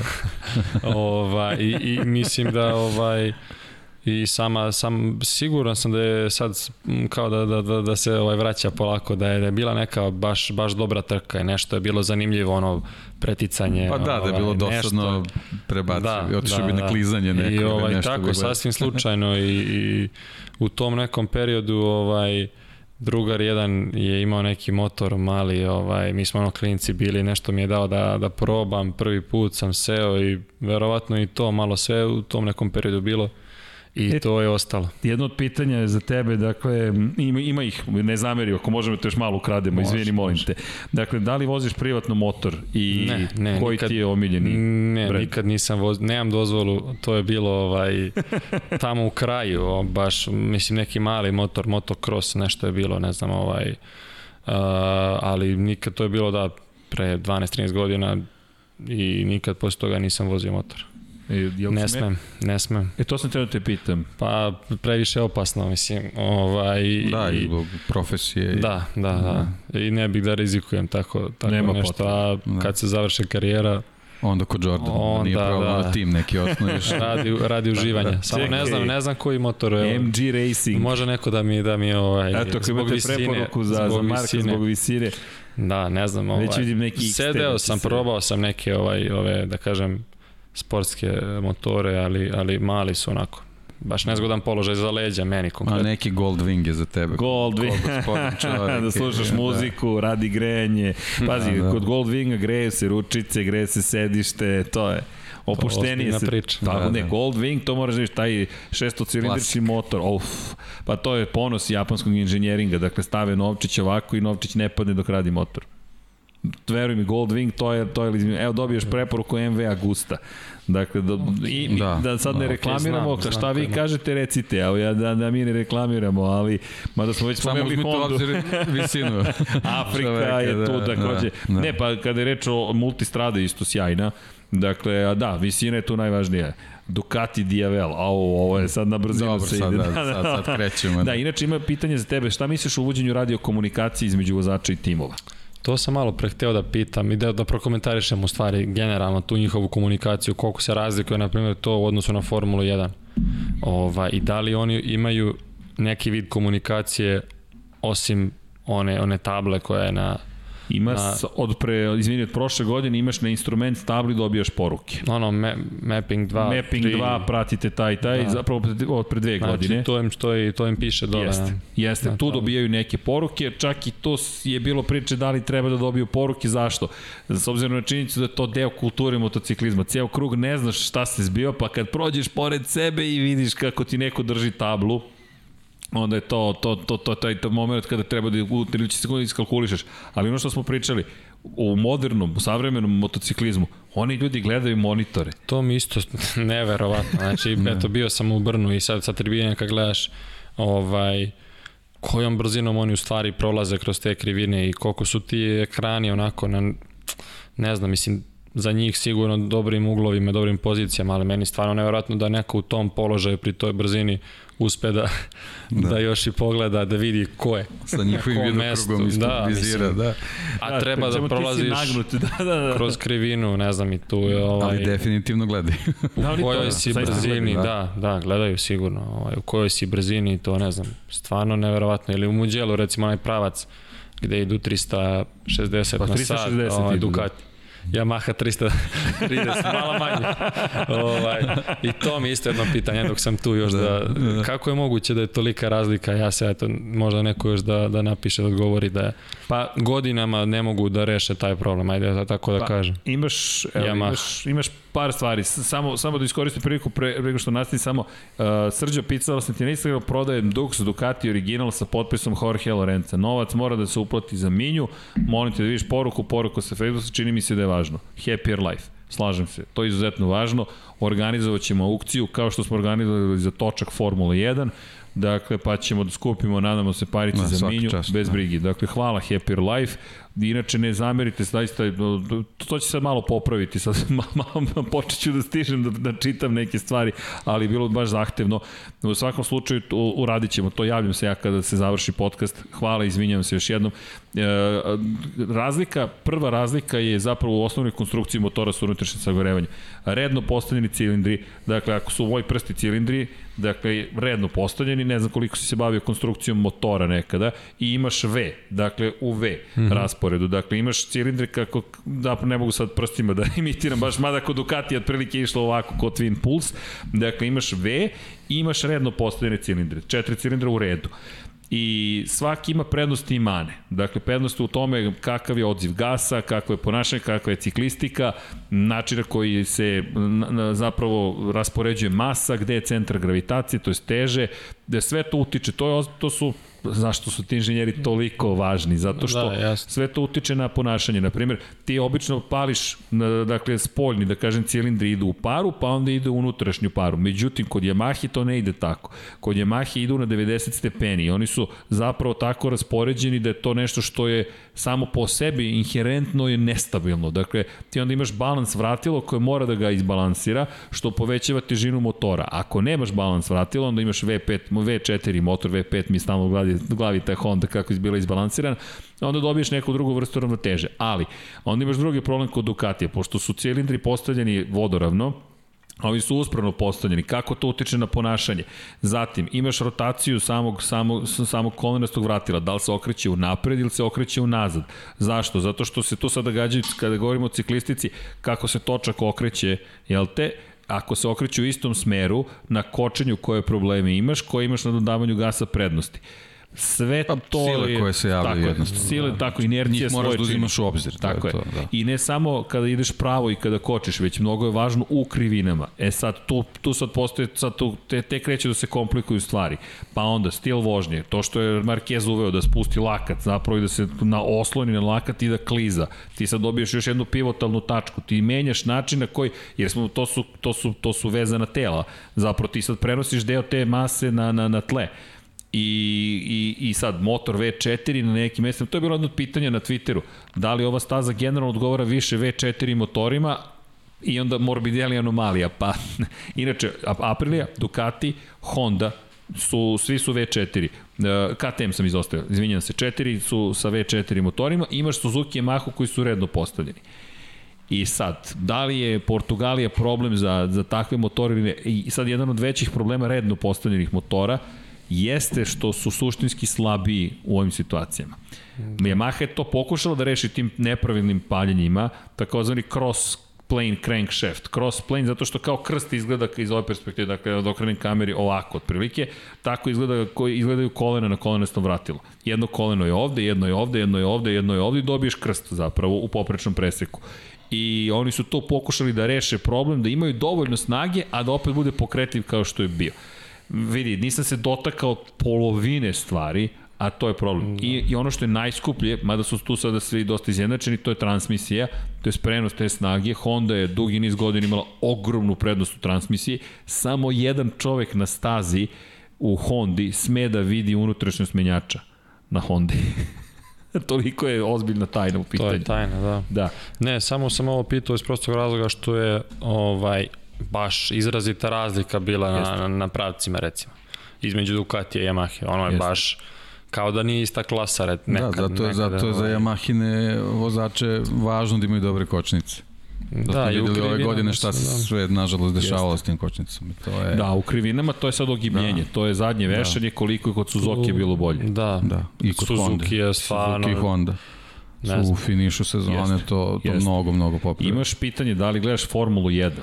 A, gledao sam, gledam i sad ponekad, gledao sam baš skoro ovaj, a, kako se zove, na Netflixu ovaj a, Drive to Survive. Drive to Survive, da, i jako mi se sviđa, ali a, moram da kažem da sam prestao ovaj, da, da, da gledam predno deseta godina kad sam krenuo MotoGP da pratim iz prostog razloga što mi je jako mnogo zanimljivije ovaj, da gledam MotoGP i ne znam, nekako Mercedes je učinio ne, nekako sve nezanimljiv, nezanimljivim, ne znam.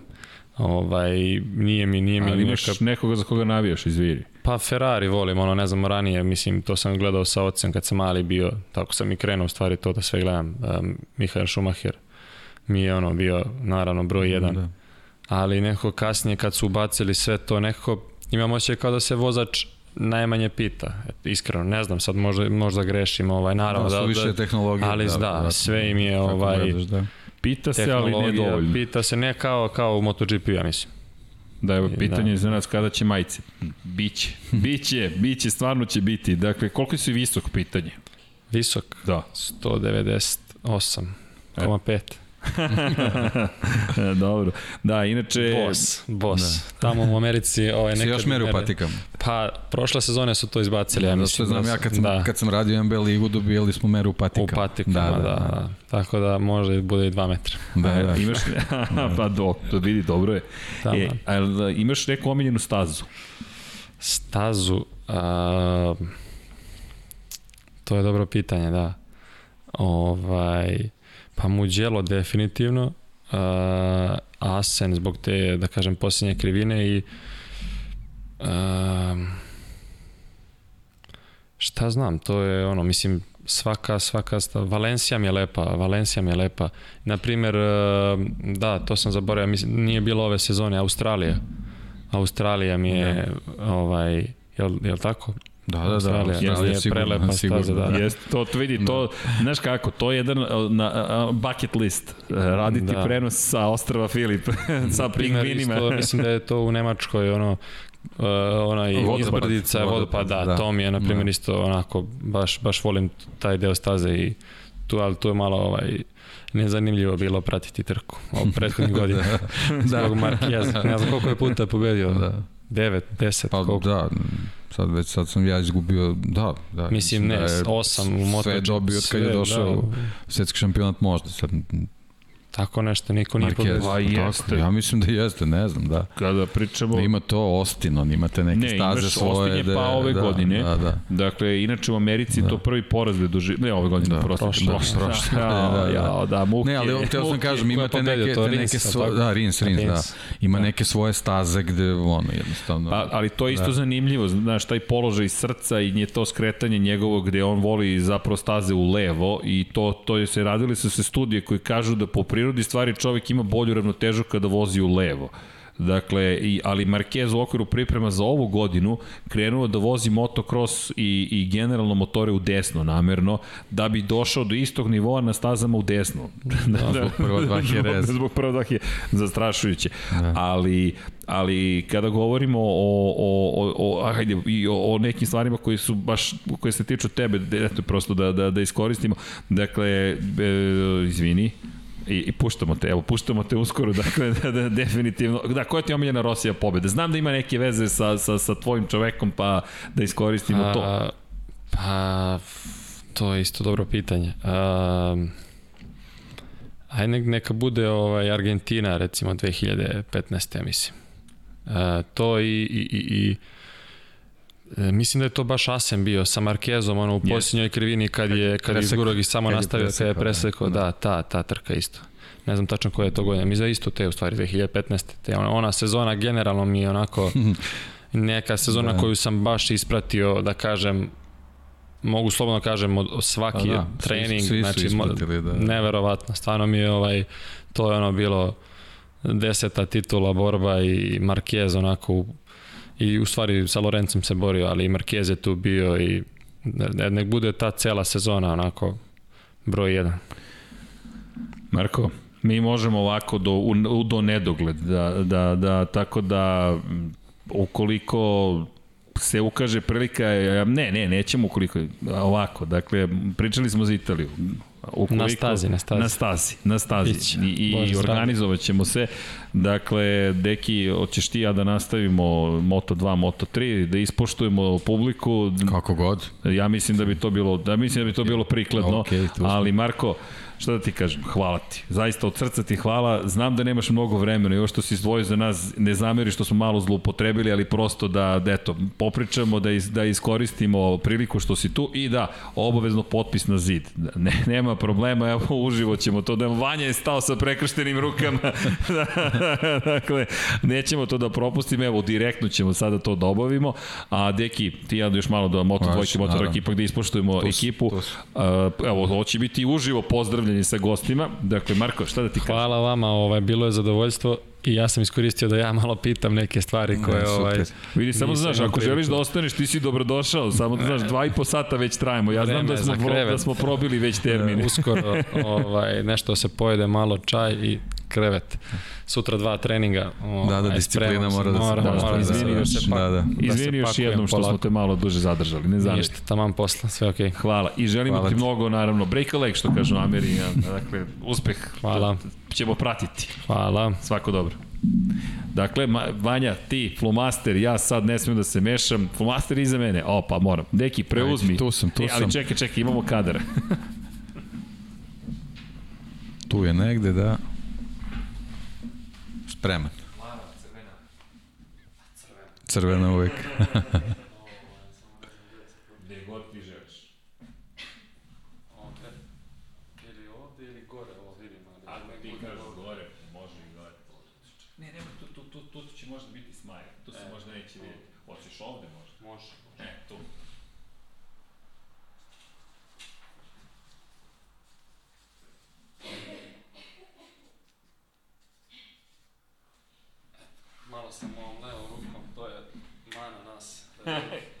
Izbrišem kad pišem ovo svoje, ali dobro vidi se. Ali vidi se. Marko, hoćemo ovako. Ajde, kacigu. Ne, ne, dobro, živa. Kaciga je, kaciga je, tako da sve okej. Okay. Hvala ti puno. Hvala ti, izvini još jednom. Hvala vam. Svako dobro. Izvinite malo dok smo se organizovali, ali Marko, kao što ste čuli, ima baš veliki broj obaveza i, i hvala mu još jednom za ovo. Dakle, pravo zadovoljstvo i čas. Deki, nemamo baš često priliku da, da, da nam dođe sportista iz nekog drugog sporta da toliko zna. I znam zašto kažem da je stručnik, zato što znam i koliko zna. Povremeno se mi tako dopisujemo kad je neka trka dobra i, i kad se dešavaju neke uzbudljive stvari, ali ovo je baš bilo, baš je bilo zadovoljstvo. Tako da, zato smo i malo promenili za one koji pitaju za Formulu 1 Ja, ne, super je pre svega zato što Marko ima jako puno obaveza, mislim, košarka je onako sport ovaj, koji stvarno ovaj, zahtevan. zahtevan je ovaj, i, i, i ono, to se i sezonu sezonu ovaj, kako se napreduje i, i povećavaju obaveze, tako da je super što ima toliko vremena da prati druge sportove, posebno na, na tom nivou kako on prati ovaj, Moto Grand Prix, tako da je bilo sjajno, baš, baš zanimljivo druženje, baš, baš mi je bilo interesantno. Ovo je baš bilo, baš bilo lepo. Dakle, a mi se vraćamo malo onim redovnim našim Moto dvojke, Moto trojke nismo, da ne, da ne zaboravimo prosto, da, da, da ispoštujemo tu priču. Bastianini je postao šampion sveta, bilo je, bilo je tvrdo, napeto.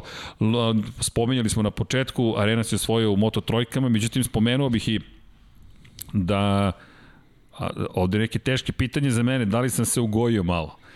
Pa ljudi, pa imate li milosti? to je zbog COVID-a, došla je zima. Ali dobro, u svakom slučaju da. Moto dvojke i Moto trojke su tema. Trenutno ovde ste nasmejali dakle, celu ekipu. Dakle, u Moto dvojkama Marini, Beceki, Martin, svi odlaze, Beceki ne, oprostite, ne odlazi, ali odlaze Marini i Martin, s druge strane Sam Lowe's ne odlazi, ali Da li misliš, eh, teško je pitanje eh, za Sema Lousa, bio jednu godinu u aprili, vratio se, da li misliš da će uopšte se naći mesto više za Sema Lousa? Imam osjećaj kao da je prosto u vakumu negde između generacija i da on jednostavno da je ta prilika koju imao, ne mogu da kažem propuštena, ali da je, da je to bila jedina prilika za Sema Lousa. Pa, uh, njemu na ruku mogu da idu neka izdanja iz ove sezone, gde je zaista bio sjajan, Ovaj, I ono što smo pričali, a, može da veliku ulogu igra to što je Britanac. Jel znamo koliko, koliko Moto Grand Prix ovaj, nedostaje britanski vozač, međutim vidite, videli smo ovaj, kako je uh, Charles Davis prošao, međutim dobro, on je možda malo stariji pa, pa, je, pa je to možda bila, bila ovaj, ključna stvar, ali što se tiče uh, Losa, on je pokazao uh, da, da poseduje kvalitet da, da bude u, u, u, ovaj Moto Grand Prix, međutim, evo, dešavaju se te povrede, desi se tako neka, neka nepredviđena situacija koja ga poremeti da bi, da bi uh, uz njega mogla da stoji reč konstantnost. Tako da možda, možda to može da, da bude problem, ali jednostavno Moto, Moto dvojke sad na ovom nivou, ja mislim da je to sasvim pristojan ovaj, pristojan nivo i sad je možda za njega i važnija stvar da, da u nekom trenutku proba da se saberi da, da, da dođe do te titule koja možda može da otvori neka vrata. Mislim, jednostavno Zašto da ne? Pa da, jednostavno, titula jednostavno pravu, zašto da ne? Mislim da si upravo da. da je titula pritom, tako je pritom, kritična za njega. Uh, jako je važan element. Uh, Britanci uh, ne idu po svaku cenu u Moto Grand Prix. To, to, je, to je moj utisak. Mislim, to jesu, verovatno postoje neki planovi u karijeri. Da, jako je važno da dođeš do Moto Grand Prix, ali oni jednostavno a, a, su u zemlji ko, gde je motociklizam toliko popularan na različitim nivoima, da ti uvek možeš da nađeš sebe u nekoj drugoj kategoriji. Tako da, ja to jednostavno gledam tako da on nema, nema potrebu da se po svaku cenu vrati tamo. Eto, to, to, to je neki, neki moj utisak. Da, ne znam, u svakom slučaju nadam se da, da, da, da, da će on biti prosečne, prosečne vožnje u, u smislu da, da nisi konkurent za titulu ga neće odvesti niko. Ali, ali osvajanje titule može, može da promeni. Znaš kako sad ja posmatram ovu sezonu, ovo što sam da kažem, na, na jednom ličnom nivou, da, da on bude zadovoljan. Šta god da ga, da ga čini zadovoljan, prosto nekako i može samo jedan će biti pobednik. I Tako Bastianini je, pa, naravno, je zaslužio, naravno, i Martin naravno. je zaslužio, i Lowe's je zaslužio. Svi su zaslužili, ako go pričamo da nema tu nezasluženih. Kako, kako recimo Lowe's da je svoju titulu onako povređen, kako je neko mogao da, mogao da, da, da, da mu uopšte zameri na tome da kaže je nezaslužen. Ali kako herojska vožnja u jednom momentu, ja gledam da, poene i ja ne mogu da verujem da je ona četiri poene i posmatram šta radi Bastianini. Ba, radi Bastianini koji sve vreme u nekoj grupi gde, gde, gde jedno proklizavanje, jedno zatvaranje kraj točka kraj za četvoricu ja, igrača kao kao na kuglanju je moglo da bude. U sedmoj krivini. Bukvalno. Izlazi sedme krivine. Gledaš ga i gledaš kako prednji točak se javlja i i i Da, ne, nije čak moralo nekom drugom, mogo samo ne. njemu da se javi i kraj sve. Nije ono jednostavna staza. Da, ono da. je vrlo zahtevna staza i ti se boriš i, i trkaš se. Ne možeš da budeš samo ti samo uveren da je, da je, da je sve ok. Hvala Vanja. Eto, pogledajte tu sedmu krivinu, dakle, sedma ta krivina u, u desno, govorimo o, ne može da se vidi, u tri dimenzije mora da se prikaže, vi ste na izbrdici, spremate se zapravo da uđete jednu vrlo zahtevnu osmu krivinu.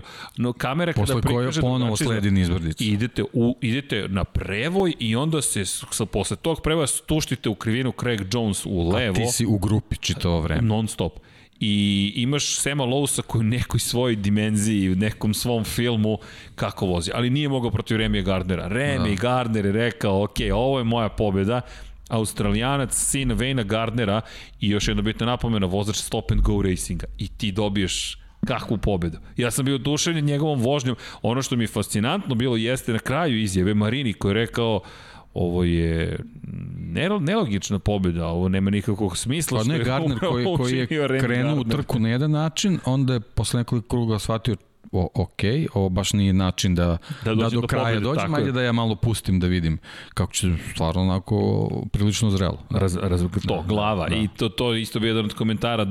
A Marinija, opet s druge strane, mislim da ga vuklo to što je ovo bila prva trka gde je bio full spreman posle Le Mans i prilika da se on je, on je, on je imao, imao želju da preuzme voćstvo. Mislim, to je... Ali njegova zbunjenost, da, da, da, da, da, Ja mislim da on u jednom trenutku bio uveren da će pobediti. Da, mislim, ja, iskreno, i ja sam tako mislim. Pa, de delovalo zaista, je. Zaista, Gardner zaista. do sada nije pokazao ovo, da. ali Gardner odlazi u Red Bull KTM, i odlazi da. jedan ozbiljan tim, taj potpis verujem da je važan.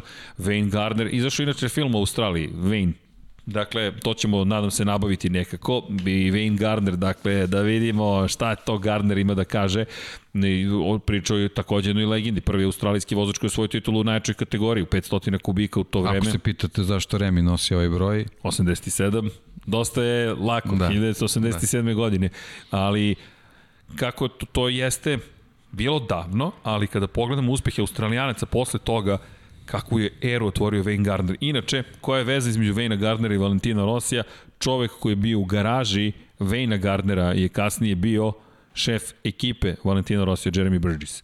Jeremy Burgess je radio sa Wayneom Gardnerom još, pa je radio sa Michaelom Duanom, pa sa Valentinom Rosijom. E, to je isto jedna impresivna da. karijera. A ne treba zavoriti Briggsa, koga smo spomenjali na početku. Alex Briggs je sa Darylom Bitijem stigao u svetsko prvenstvo. Daryl Beatty, to su bili, veliki su rivali bili u jednom momentu, Michael Duan i Daryl Beatty, tu par situacija da je biti uspeo da, da reši neke stvari. Da nije on je tako... bio jedno vreme komentator za australijsku jeste, televiziju. Jeste, jeste, jeste, da. jeste, jeste. Da. U svakom slučaju, da, sad, da, to, australijanci su mnogo, to, mnogo toga uradili. Tako da je jedno novo australijsko ime, nemoj se boriti. Miller stoji na pobedničkom postolju u Moto Grand Prix, Remy Gardner stoji na najvišem stepeniku pobedničkog postolja. Nema da, ih to je, mnogo. To je boost za australijanci. Ali su priličan, da, upečatljivi. Da, jer oni u principu podržavaju svoje vozače. Da. A ovo sad, sad u jednom trenutku imaš u, u dve kategorije Remija za sledeću godinu moramo ozbiljno da uzmemo u razmatranje. Ja mi to navijamo opet da će da. se pojaviti, da. da ćemo se pojaviti na stazi naredne godine i da ćemo dobiti to što želimo, a to su naravno trke pred publikom. Da. I zamislimo da Ostravo Filip. Da. Oh. To je to je, to je dodatni boost za, za, za čitav šampionat. To je posebna znači, staza. Znači imamo, imamo Portugal sa Oliveirom i sad dobijamo neku Australiju gde u nekim dobrim izdanjima njih dvojice kad dođe trka do, do Philip Islanda stvarno može da bude ozbiljan spektakl. E, nekoliko pitanja, dakle, da, pitanje da nisam možda upisao fakultet za inženjer, da se zaboravim, kažeš da, e, da, pa da, ja sam bio mašinac zapravo, ja sam završio, ja, to, to gospodin Ivan Minić znam, ja sam tehničar za robotiku i fleksibilne proizvodne sisteme po jed, poslednjoj vokaciji koju sam završio, pa sam upisao mašinstvo, pa sam upisao tehnologiju E, onda sam otišao na japanski jezik. Tako da, zašto ne pitajte, ali novine su me otele od te. Inače sam planirao da idem na aerodinamiku, jer sam hteo da budem aerodinamičar u Formuli 1. Pa ali, to su svi hteli. Ta, to je, i to je 95. sam upisao fakultet i onda je, jel te, dobio sam posao u sportskom žurnalu i tata je rekao, o ne, nikad neće diplomirati. I nisam. Ali da, dakle, da li je najstrašnije ono što smo videli sa Kaneom, što se desilo kada, kada malo nisu pregazili? Apsolutno. Ja, ja ne, ne sećam se s izuzetkom, nažalost, stvari koje smo prenosili, koje su bile tragičnih posledica, ne sjećam se da se toliko zaista uplašio za čoveka i ne znam šta me više uplašilo, način na koji oni nikad ne paniče, nikad ne reaguju u strahu, način na koji on bežao sa staze mene zapravo to me prestravilo više čak i od toga što lete pored njega. Setimo se, setimo se Gardnera kako sedi u, na Red Bull ringu prošle godine kada su ga oborili s motora na izlasku iz prve krivine i, i maše ovako dok prolaze pored njega sa 150 na sat. Ali ovo sa Kaneom, ne znam za tebe. Pa da, imali smo ove godine, smo imali Red Bull Ring, mislim, stvarno je, stvarno je veliki problem sa tim prevojima. To je, to je nešto što u Moto Grand Prix-u u, u, u klasama u svetskom šampionatu stvarno možda predstavlja veliki problem jer oni su prilično nisko dole i zaista, zaista ne vide. Još, još, još ovi prevoji ovde, ovde prilično velika visinska razlika da ti u trenutku pada nastaviš da proklizavaš jednostavno ne, nemaš kontrolu ne možeš, ne možeš da ustaneš ne možeš da se, da se premestiš prebaciš zaista je nezgodno i to je ono što smo pričali, evo baš i Marko kad je spomenuo ova komunikacija vezana za vozače, ja mislim da je to jako, jako važna stvar koja mora, mora nekako se reči, reši da se nekako u tim, u tim kritičnim situacijama vozači koji, koji nailaze na, na mesto incidenta nekako obaveste da uspore, da ne znam nija šta. Znači ne, nešto, nešto mora po tom pitanju da se reši. Jer ovo je stvarno izgledalo jezivo. Pa, komentar koji smo koji si dao posle Red Bull ringa upravo to kako tablu kako da ja mislim da za ovo ne postoji rešenje ko može toliko brzo da odreaguje da upozori vozače koji dolaze preko prevoja. Molim, ne, pa to, to je par sekundi, zaista. To, zaista ne, je. Nemoguće, ali ja, evo, ja za saobraćaj to hoću da kažem. Nama se desila situacija da smo mi tako prelazili preko prevoja, čovek je obilazio, dakle preticao je iz suprotnog smera, mi samo se ovako pomaljamo i vidimo automobil ispred sebe. Dakle, da, to već nije više stvari da li neko poštovao propise ili nije, ne. nego jednostavno to su situacije gde, gde ti ne, ne možeš, ne možeš da percepiraš šta će se desiti, to je stvarno, stvarno nezgodno i, i zbog toga, eto, to je, taj port je malo koliko je lepa staza, sad vidimo za, za ovaj, motocikliste koji jednostavno nemaju, automobili su neka druga priča, oni su u kokpitu, u svojim ćelijama za preživljavanje. Tako je. Ovde jednostavno takva situacija ne postoji i stvarno izgledalo ovaj strašno. Srećom prošlo je dobro zaista je prošlo dobro. Dakle, imamo još, još par stvari, dakle, šta mislite da ćemo braća Onđu uraditi u svetskom prvenstvu? Pa Deniz je ostao u svetskom prvenstvu. Džan pitanje kada će se, ja mislim, vratiti. Mislim da će se pitanje vratiti kako će se vratiti, on je, mislim, generalno dobre utiske ostavlja, tako da, ovaj... Pa više njegova disciplina u garaži da, bila problem da. nego što njegova vožnje jest, na stazi. Jest. Jer John nije na vreme shvatio da su se, da se okruženje u kojem se nalazi promenilo.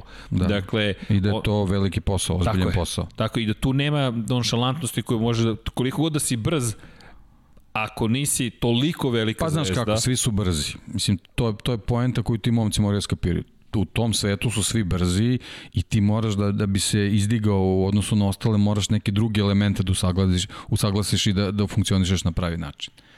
Tako da, ovaj, ne znam, ali on je stvarno ostavljao dobre utiske, tako da što se tiče ovaj, situacije na stazi, da, mislimo da, da bi ostali dobre utiske, ali to što si ti rekao, tu postoji još mnogo nekih drugih elementa koji moraju se uklopiti. Da, i evo, pozdrav za Boška, ko, je najstrašnije bilo zapravo ono što se desilo na Red Bull ringu, sa Šarinom koji leti i sa Rosim i Vinjalesom motori koji proliću.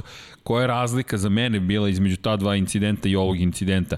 To su delići sekunde, tu oni nisu ni svesni šta se događa. Dakle, to se desilo. Pored njih su prote, proleteli motocikli, nivo horora je, mislim, podjednak, ali po, ono što je meni bilo strašnije kod ovoga je svest Arona Kanea da je on u tom momentu životno ugrožen. To nije delić sekunde naleteo si na motocikl i odleteo. Ili voziš i nešto je proletelo pored tebe. Ne, ne, ti si nasred trkačke staze i svestan si da... da I imaš da, par sekundi koji traju kao večnost. Kao večnost. Jel, jel, on ne zna preko prevoja koja je putanja kojom će oni doći, dakle, on ne zna gde da ide. De, I još su mu proklizale čizme. Da. Njemu da, su proklizale da. čizme, on je pokušao da istrči, njemu su počeli da klizaju da, čizme. Da, on samo htio da se da kopa ovaj, I onda linije da, da, da, bi, da bi pobegao izvan staze, jer, jer je očekivanje će momci dozgo ići, ići putanjom po stazi, ali ni to nije bilo iz... I još neka... je naišla grupa. Tako je. Još je naišla tako. grupa. Zato, zato mi je taj incident najstrašniji koji sam video, jer tu čovek bukvalno je na kolenima, ne može ni da trči, nego pokušava nešto da izbigne, baš grozno. Ono, ali da, metar, stvarno je bilo strašno.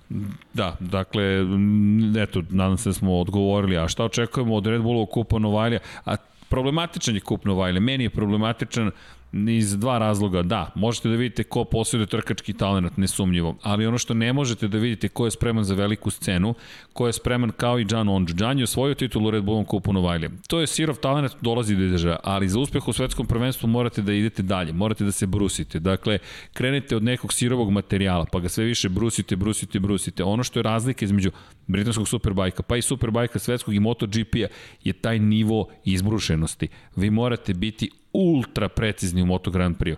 E to je ono što mi ne dobijemo u, u Red Bullom kupu Novajlija. Nema ekipa, nema načina da saznamo, tu su uglavnom očevi, rođaci, porodični prijatelji koji pomažu tim momcima i sve to su. Da, u, u principu taj, taj uh, kup njima pomaže da se oni lakše uh, porodično nose sa, sa takmičenjem, jer, jer jednostavno da je kao u nekim drugim sportovima da, da moraju sami to da iznose, to bi jednostavno za polovinu bilo nemoguće, pretpostavljam. Tako da jednostavno taj kup, kup je zbog toga imate neke dobre strane, ali opet uh, sa druge strane kao što mu ime kaže, to je kup. Znači, jako je teško tu razlučiti uh, u nekim kasnijim segmentima ko će na koji način da se snađe. Dok, dok ne dođe u taj viši segment, jednostavno ne znaš kako će neko da funkcioniš. Pa, I sad mi tu imamo momke, naravno, koji su prošli dalje, ovaj, tako da pratit ćemo ih, naravno, da već smo ih spominjali, Izan Guevara i Pedro Costa. Jeste, Izan Givara meni je veoma zanimljiv. Pratili smo trke, to ste mogli da pratiti na sport klubu. Dakle, Izan Givara je momak koji je u završnici sezone zapravo Čavio Artigasu oteo na neki način titulu.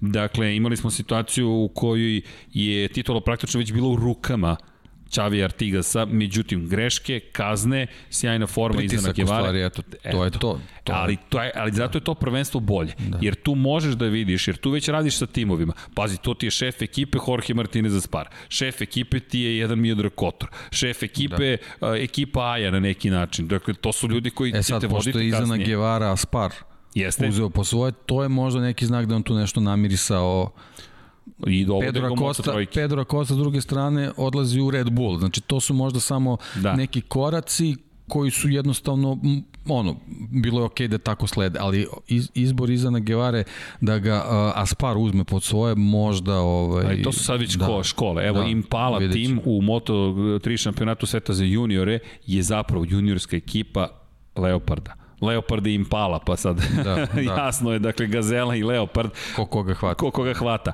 Ali činjenica je da odatle dolaze i do, obično završavaju tim timima s kojima su i, i oformili neku vrstu osnovne karijere.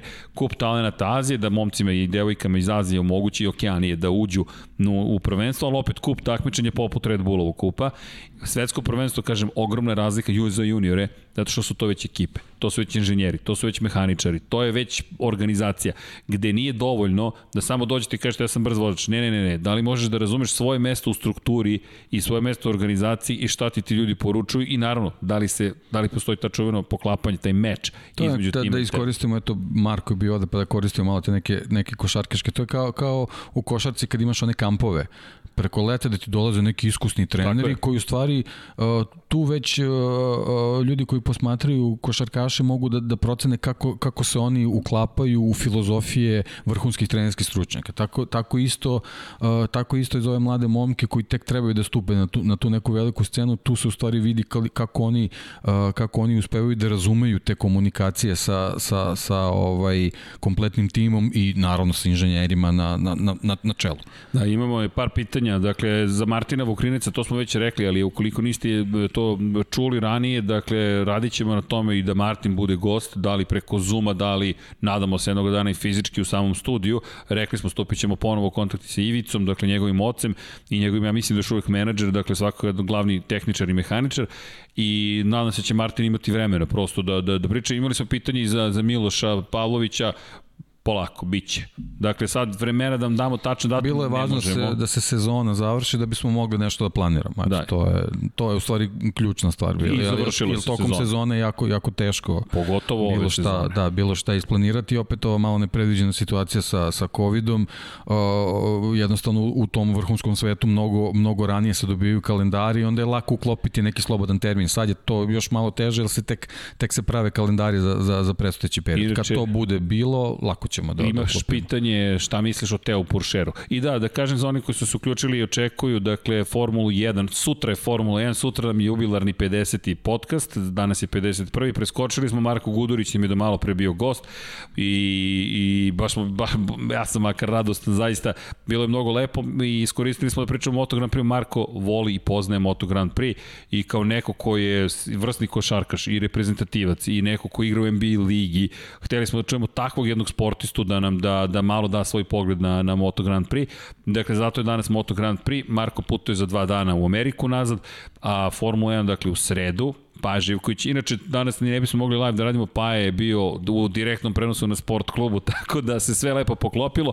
Sutra ćemo zato da, da organizujemo podcast, biće i Deki tu, biće Paja, biću ja, Aleksandru Đankiću šaljamo ponovo pozdrav, porodljeno se od COVID-19, držimo mu palčeve, ali eto, 50. i svirat ćemo metaliku, to smo sve obećali i pitanje, Teo Puršer, kako je tvoje mišljenje o Teo Puršeru? Pa, znaš kako, vidi se da je generalno ovaj veliki talenat koji, koji ono, o, o, uspešno prolazi kroz razne kategorije, pritom ima, ima ovaj, o, zaleđinu i nekako se pojavi u pravom trenutku, o, vidimo, to je taj neki ponovni procvat tog francuskog ovaj, generalno auto motosporta. Ovaj tako da mislim da da, da ima ima ima ovaj pre svega verovatno i medijsku pažnju ovaj pošto ga svi ga veličamo. Tako je kad da, se priča o Gasliju, kad se priča o Kvartararu i on je tu ovaj kao kao A još kao mlad vozač tako ništa je, od toga. Ali ovaj samim tim što je u, u, u ovaj u kombinaciji sa Art Grand Prixem gde, gde, gde se porodica to nalazi, tako mislim jednostavno njemu se otvaraju neka vrata i sad je samo samo eto na njemu da izbrusi taj talenat i da ovaj e, nastavi dalje. Sad naravno to je to je jako važno ovaj e, sad već imamo i, i u, u, u tim jednosedima te te akademije, znaš ono da li je da li je Ferrari, da li je uz Red Bull, zavisi kako krene ta priča i naravno tu tu je ovaj sreća pre svega ovaj presudan faktor kad već uđeš u neke kategorije iznad Formule 3, znači sad pretpostavljam da će da će ono ostati možda u Formuli 3 sledeće sezone, nadam se, mislim, mislim da bi bilo prebrzo da, da, da, da ovaj napreduje korak dalje. korak. Tako je, ali već u Formuli 2 tu, tu ono nema, tu, tu su momci koji, koji svi imaju istu želju ovaj, i tu je najvažnije kakva, kakva zaleđa imaš, ali generalno, mislim, koliko sam uspeo da, da pratim, a stvarno smo ove godine imali mnogo trka, mislim, vidi se, vidi se da, da, da, da posjeduje kvalitet. Ima neku harizmu oko sebe. Ima još pitanja za tebe. Dakle, koji sport ne pratiš? Boćanje ili karling? pa da, recimo da ne pratim. Da, da ne ali znao sad je da, dobar. Pa ja, ne, ja volim, volim da gledam ovaj, generalno ne bi sad mogao da, da navedem ovaj, neki igrače, ali volim to da gledam kad stignem. Da, inače, da li će postojati neko takmičenje preko kojeg momci, što ne i devike sa Balkana, moći da dođu do Moto3? Da, postoji, pričat ćemo o tome. Kup, no, kup talenata Severa se zove, Northern Talent Cup, Dakle, inače imamo neki dogovor i sa Dornom, pokušat ćemo da, da dodatno promovišemo celo takmičenje. Trenutno su okolnosti specifične i zbog, pre svega zbog COVID-a, jedan od naših planova za one koji ne znaju, mi kao ekipa, kao Infinity Lighthouse, dakle, sanjamo tu ekipu u Moto3 kategorije. Dakle, i počeli smo već da počnemo neki korak u tom cilju. Nemojte me sad držati za reč kada će se to desiti, pogotovo sa COVID-om, svi planovi su nam pali u vodu, jer ova godina je trebalo da bude jedna od važnijih. Dakle, trebalo da idemo na šest trka, trebalo da pričamo s ljudima, trebalo da vidimo kako ćemo to da organizujemo. Malo se promenilo, ali tu je Lab 76 od ove godine, dakle i u formi koju nismo baš predvideli početkom godine, nismo znali da ćemo baš biti non stop tu, ali smo se zaljubili u sve to porovo što radimo, tako da biće i pričat ćemo još o tome, A da, evo, pitanje zašto je Leopard svake neparne godine uspešan, parne nije. Odlično pitanje, ja bih ga postavio Miodragu Kotoru, tako da eto... No, da mi ne nagađamo. da, da, da, da, da, dakle, postavio bih ga Miodragu Kotoru, tako da eto, radit ćemo na tome da, eto, pričamo i sa gospodinom Koturom, ne samo da vam obećamo, ali kažemo, najveće ograničenje su zapravo COVID nam je najveće ograničenje, sve ostalo da, je... Da, pa vezano za, za te titule, mislim, to naravno može da bude i slučajno se sve, ali generalno tim šampionatima, svi vrlo dobro znamo, dolazi do velikih promena vozači se ne zadržavaju, menjuju ekipe, tako da možda može i to da bude ne, neki razlog. Ne. Pa, Teško je u, uklapati se svake godine neku novu priču. Pa, tako da, do, dolaze ti novi momci. Tako je, ne pa poklopiš da, se da. sa svakim. Ja mislim da je trenutno više, mada sad, da li je slučajnost, nije slučajnost, ne znam. Ono što je meni fascinantno je da pohvale za Jorge Martinez za Spar i Alberta Arenas, nadovezuje se na ovu priču o Leopardu. Arenas je svake druge godine osvajao titule, svake druge godine osvajao Aki Ajo. Kako je to funkcionisalo? Alvaro Bautista 2016. se pojavio, osvoje titulu. 2006. Izvinjam se. Desetogodišnji lapsus, to je bilo 2006. Alvaro Bautista ne 2016. To je prva titula za ekipu Jorge Martinez Spara. 2017. nisu uspeli da, da odbrane titulu, Aki Ajo je uspeo 2007. Ne se da opet ja. Izvinjam se. Ne, 2007. su uspeli. Izvinjam se, sa, sa Gaborom Talmačijem. E onda je 2008. došao Mike Dimelio. Dimeglio, kako kaže sam, dakle Mike Dimeglio, moram to da, da ispravim, izvinjavam se gospodin Dimegliju, 2009. se Spar vratio na vrh sa Julianom Simonom, 2010. Marquez za Kjaja osvojio titul, 2011. je došao Nikola Sterol za, za Aspara, 2012. je Red Bull KTM Ajo ponovo bio i onda se tu prekida niz, a Spar od 2011 do sada nikada nije, ne, ne samo da nikada, ima jedno nikada, nije osvojio titulu 9 godina, ali nikada u Moto3 kategoriji do Alberta Arenasa. Uspeh koji su stvarili iz perspektive ekipe i ličnih, ličnog va, lične važnosti za Gina Borso, menadžera ekipe i za, za vlasnika tima Jorge Martineza je ogroman. Ogroman. I uz sve to dodajte uspehe u nižim kategorijama, Martinez za Spar ove godine je imao jednu najuspešnijih sezona. Tako da Zašto svaka druga godina, eto to ne znam, možda tu postoji neka pravilo.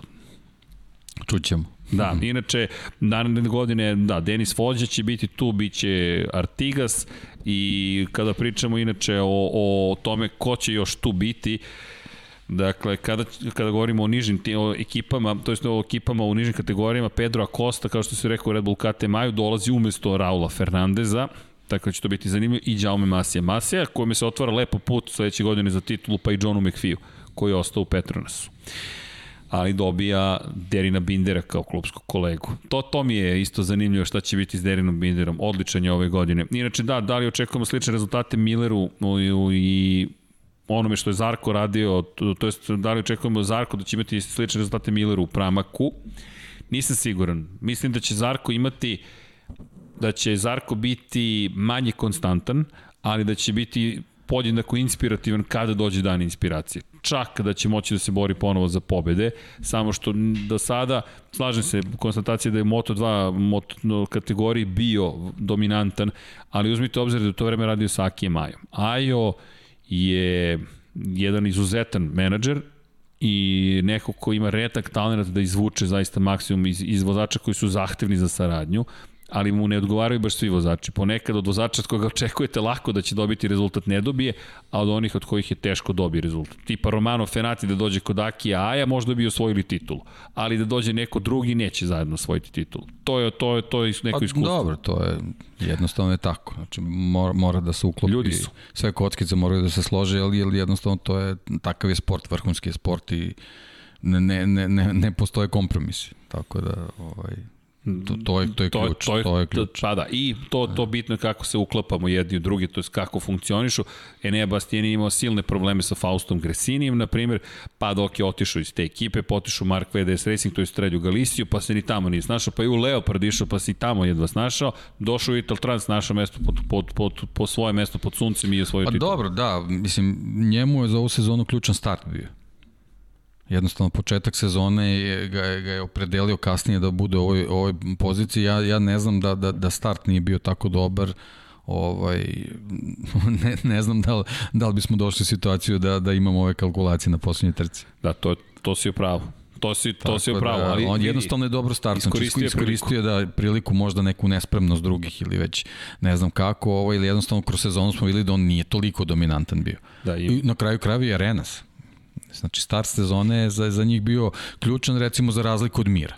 Da, inače imamo pitanje baš za Renesa, ko je stariji, da li je stariji McPhee ili Renes. Stariji je McPhee, 26 godina ima John McPhee. On je Da, a granica, ne, neverovatno granica 94, 27. 27, 27 je granica da, za... Da, moraš da, da završiš da. karijeru u Moto3 kategoriji, ne možeš da ostaneš previše. dakle, inače, da li može Lab, Lab 76, 72 da bude u Casey Stoneru? Može. Može. Dakle, nismo još bili ušli u formu sa 27. Dakle, da posvećujemo neke brojeve, a tek u samo ovih prvih 100 možemo suštinski da uradimo neke stvari, tako da eto, potrudit Pa dobro, možemo i 111. Može, može. Će, aha, za, za, za šefa Vintije. da, da, da. Da, da. obeležimo možda nešto, možda Gospodin će biti neki... Ruben Zaus. Možda će neki rezultat da, ovaj, da bude, ovaj, pošto postava obećava, pa ćemo videti. da, inače, kada pričamo već o, o Avinti, ima pitanje i za Skyver 46. Možda je Beceki dakle, zbog... Beceki zbog, zbog 72-ke. Jedan, jedan, ne, nego, ovaj, uh, izvini, Bastianini. Možda zato ima 1-1-1. 1-1-1, dobro. Veza 3-3, 1-1-1. Ruben Jaus. Da, dobro.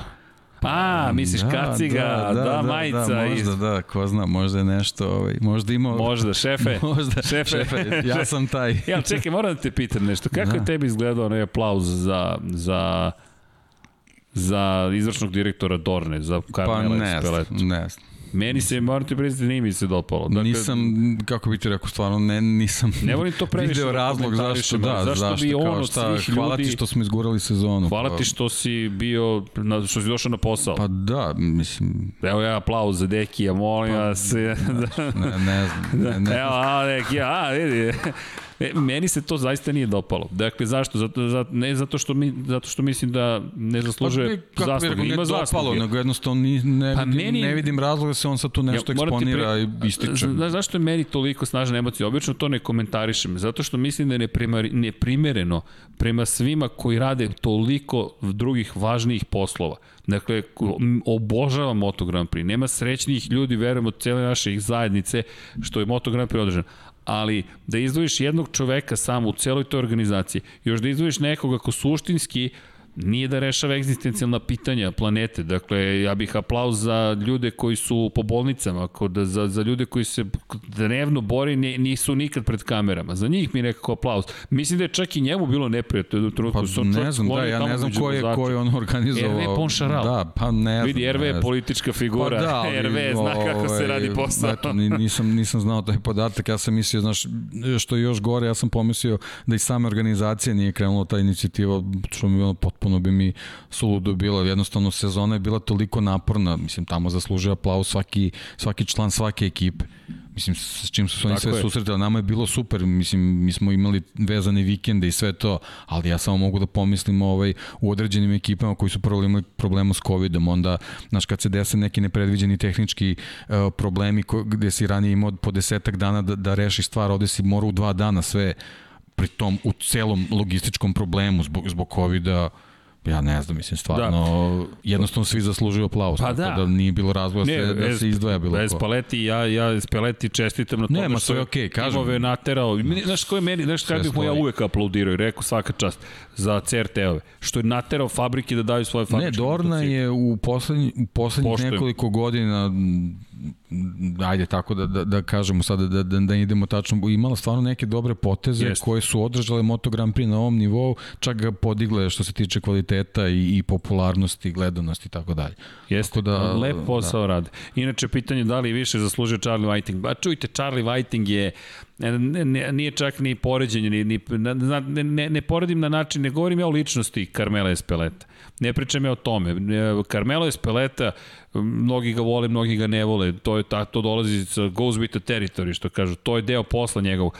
Ali Carmelo Espeleta povlačio i dobre i loše poteze, kao i svi ljudi. Samo što su njegovi mnogo uticajni i mnogo vidljivi. Da, evo, što se mene tiče, aplauz bi išao ovaj, i ići će u trenutku kad se malo više poradi na nekim elementima bezbednosti na samim stazama. Da. Eto, To, je, to je jedna od važnijih stvari. Što se meni tiče je. ima aplauz, da. nikakav problem. Ne, ja kažem, meni se ono što je mene oduševlja to što je naterao fabrike da daju svoje motore. Svoje najče motore. Mi zato imamo ovako takmičenje, jer to je direktno posledice espeletine, espeletine šaha sa fabrikama. Fabrike su rekle 2011. 10. Ne, mi nama ovakav šampionat odgovara. Kako vam odgovara kad imam tri vozača koji se bore za pobedu? Ne, nama ovo odgovara. Okej, okay Ja uvodim Sa CRT 20 timove. sekundi prednosti na kraju trke. U odnosu na četvrto plasirano. Da. Ne, ne, ja uvodim nešto novo, uveo i evo nas u 2020. i pobeđuje na pobedničkom postoju su tri privatna vozača, to je vozači privatne ekipe.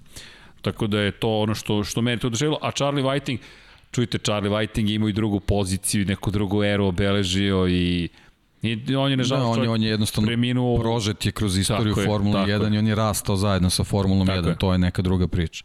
Da, to je drugo drugačije, da. ali poštujemo sve ljudi, to su pre svega ljudi, čujte, da, možda mi profesionalno se ne slažemo, ali niko od njih nije zao čovek ili neko zlo biće, ne znam, nija nešto slično tome, ali ok, idemo dalje, samo mi je ostao utisak prosto sa trke, to je nešto što, pa, neko mi delovalo suvišno. Pa, preeksponirano tako je bilo, eto, samo tako to, je. ništa više. Tako je, i evo pitanje da koje mi volimo motore i modele i brendove, znate šta, to je, to je sve, najgori da, odgovor da. ćemo vam dati, ali činjenica je da, da mo, div, ja makar ajde, pričam, mada znam da slično opet i tu razmišljam, divimo se tome što ti ljudi rade. Dakle, za mene, na primjer, Honda VTR je jedna od najlepših motocikala koji se ikad pojavio. Ali isto tako kada pogledate Ducati... Pomeranje granica izumi, to je To je Tako ono što, je. zašto navijam. I, Kada pogledam Ducati to u Matrixu, pričali smo o tome. Onda pogledajte Yamahu, koja ima svoju priču, to je cross-plane crankshaft. Dakle, opet nešto za mene tehnološki veličanstveno. Onda pogledaš Hayabusu. Čemu služi Hayabusa? Čemu služi da. Hayabusa?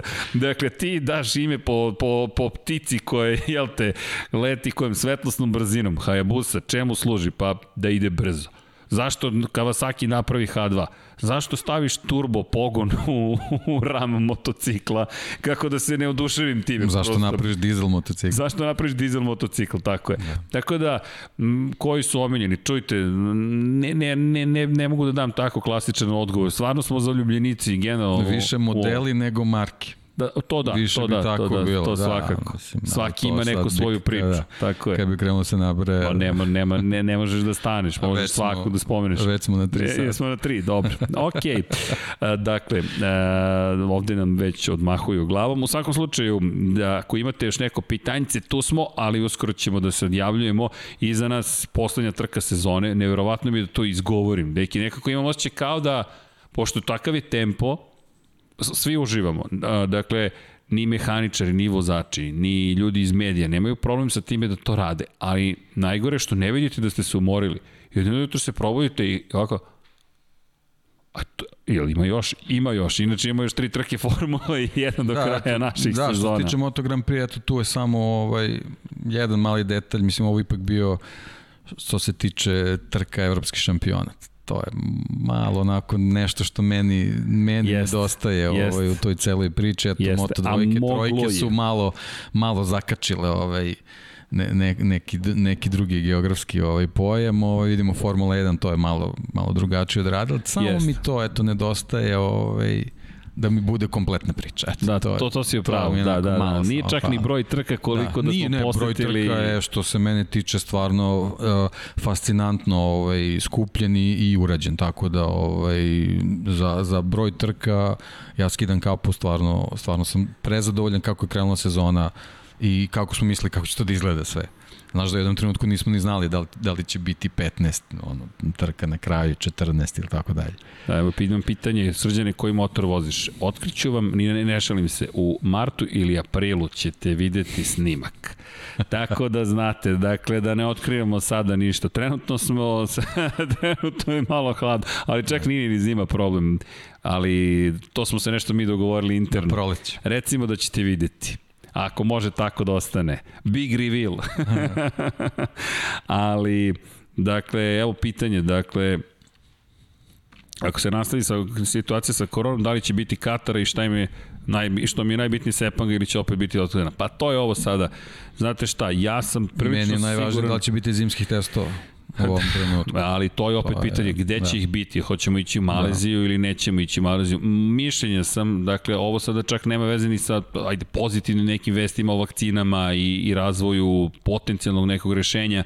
Mislim da su već dovoljno napredovali da dođu do situacije da mogu da organizuju čak i posete stazama koje nisu na evropskom tlu.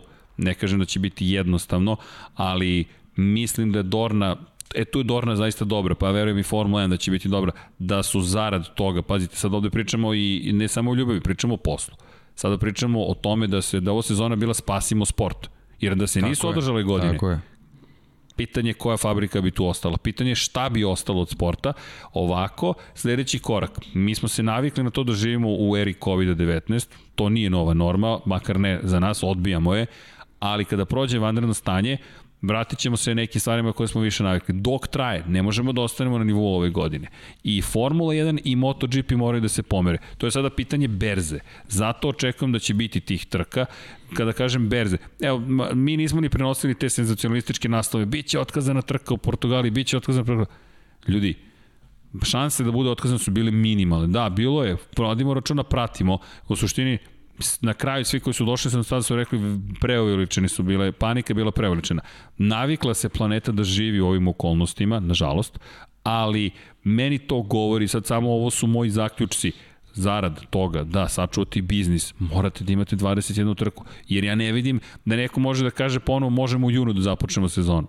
Zašto? Koji je sad, koje je objašnjenje? Ne, poenta je da oni sad imaju iskustvo iz ove Tako je. sezone i ja mislim da će to za sledeću godinu mnogo, mnogo jednostavnije da se uklopi čitava priča. Sad, da li će biti onako kako smo dobili ono, onaj provizorni kalendar, ja se nadam da hoće. Ovaj, e, to je, to je nešto što sad čekamo.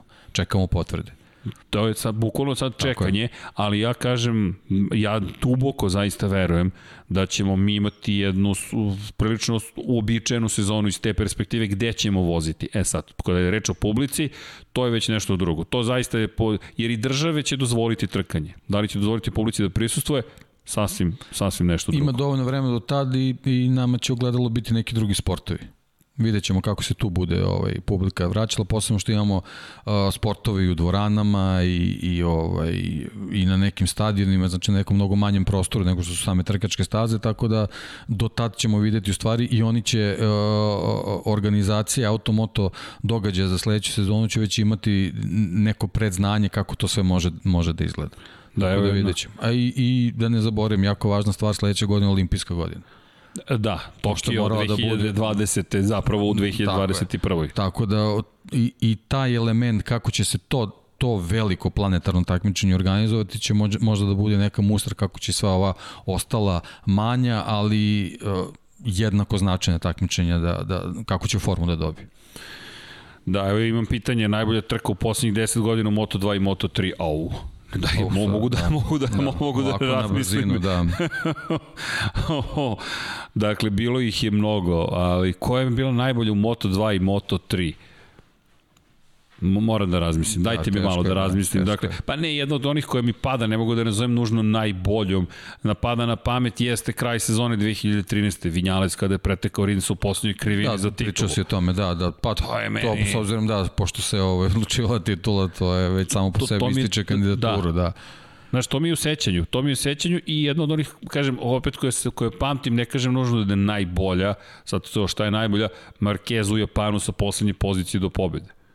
To je u Moto dvojkama. To je nestvarna bila trka. Da, to je to je dostignuće sad da li je najbolja trka sa to, to je sad može, to, da, to je veliko da, pitanje. Da, da, da dostignuće, da. to si lepo to rekao. To je, njegovo, ali kaže da. to mi ovako prv, prve stvari koje mi padaju na pamet i Janone ove trke. To su to je meni bilo zadovoljstvo gledam Andreja Janone na speed upu. Ne spomenu smo ga. Nažalost Janone da. pričali smo ranije o tome, ali četiri godine suspenzije i nemam neki dodatni komentar odradit će svoju kaznu, nadam se da će se neko čudo desiti da negde nađe svoj put, mada vidim da je već sada se posvetio televizijskoj karijeri, pojavljaju se na italijanskim medijima. Pa znaš kako, on je, on je to. medijska zvezda, on Jest. ima milion i po pratilaca na, na da. Instagramu, tako da. da ja ne verujem da će neko njega tako lako odreći, ovaj, posebno što, što je na njemu sad da u nekom predstavljećem periodu skine ljagu sa sebe. Ako zaista to nije nije uradio na taj način kako je predstavljen. Ali vidjet ćemo, mislim, to je jednostavno u ovom trenutku ovaj, kriv je dok, dok ne dokaže suprotno. Tako je. Da, inače, i dosta komentara u poslednje vreme o broju španskih pa italijanskih vozača u šampionatu sveta. Matt Oaksley je to dosta dobro napisao. Dakle, nemojte, nemojte da zamerate tim momcima što dolaze iz Italije i Španije. Njihove države. To je stvar sistema, da. Su tako da. je, su posvećene tom sportu. To je kao kad biste rekli, evo, mi gledamo waterpolo. Ljudi s ovih prostora kako igraju waterpolo. Ljudi Pa šta sad da radimo? To, to je tako, jednostavno to je deo neke kulture, neke ljubavi prema tom sportu. U Italiji i Španiji to je motociklizam, podržan je i sistematski. U jednom, vreme, u jednom momentu niste imali Špance, pa su se Španci organizovali da ih bude, pa nismo imali Italijane, pa su se Italijani organizovali da ih bude, pre svega Rossi koji, eto, sam povuko. Ono što je tu razlika, kod Španaca su svi šampioni praktično povukli.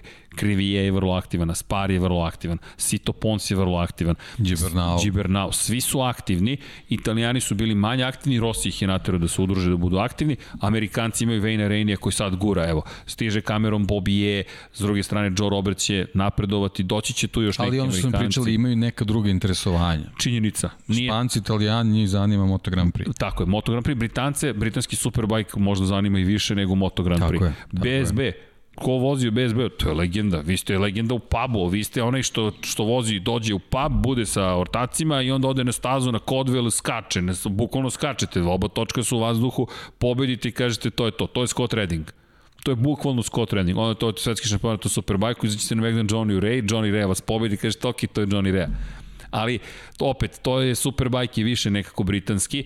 S druge strane, nije da Nemci imaju jednog vozača u sve tri kategorije. Dakle, mi imamo Marcela Schrotera kao jedinog i onda se Stefan Bradl ove godine pojavio.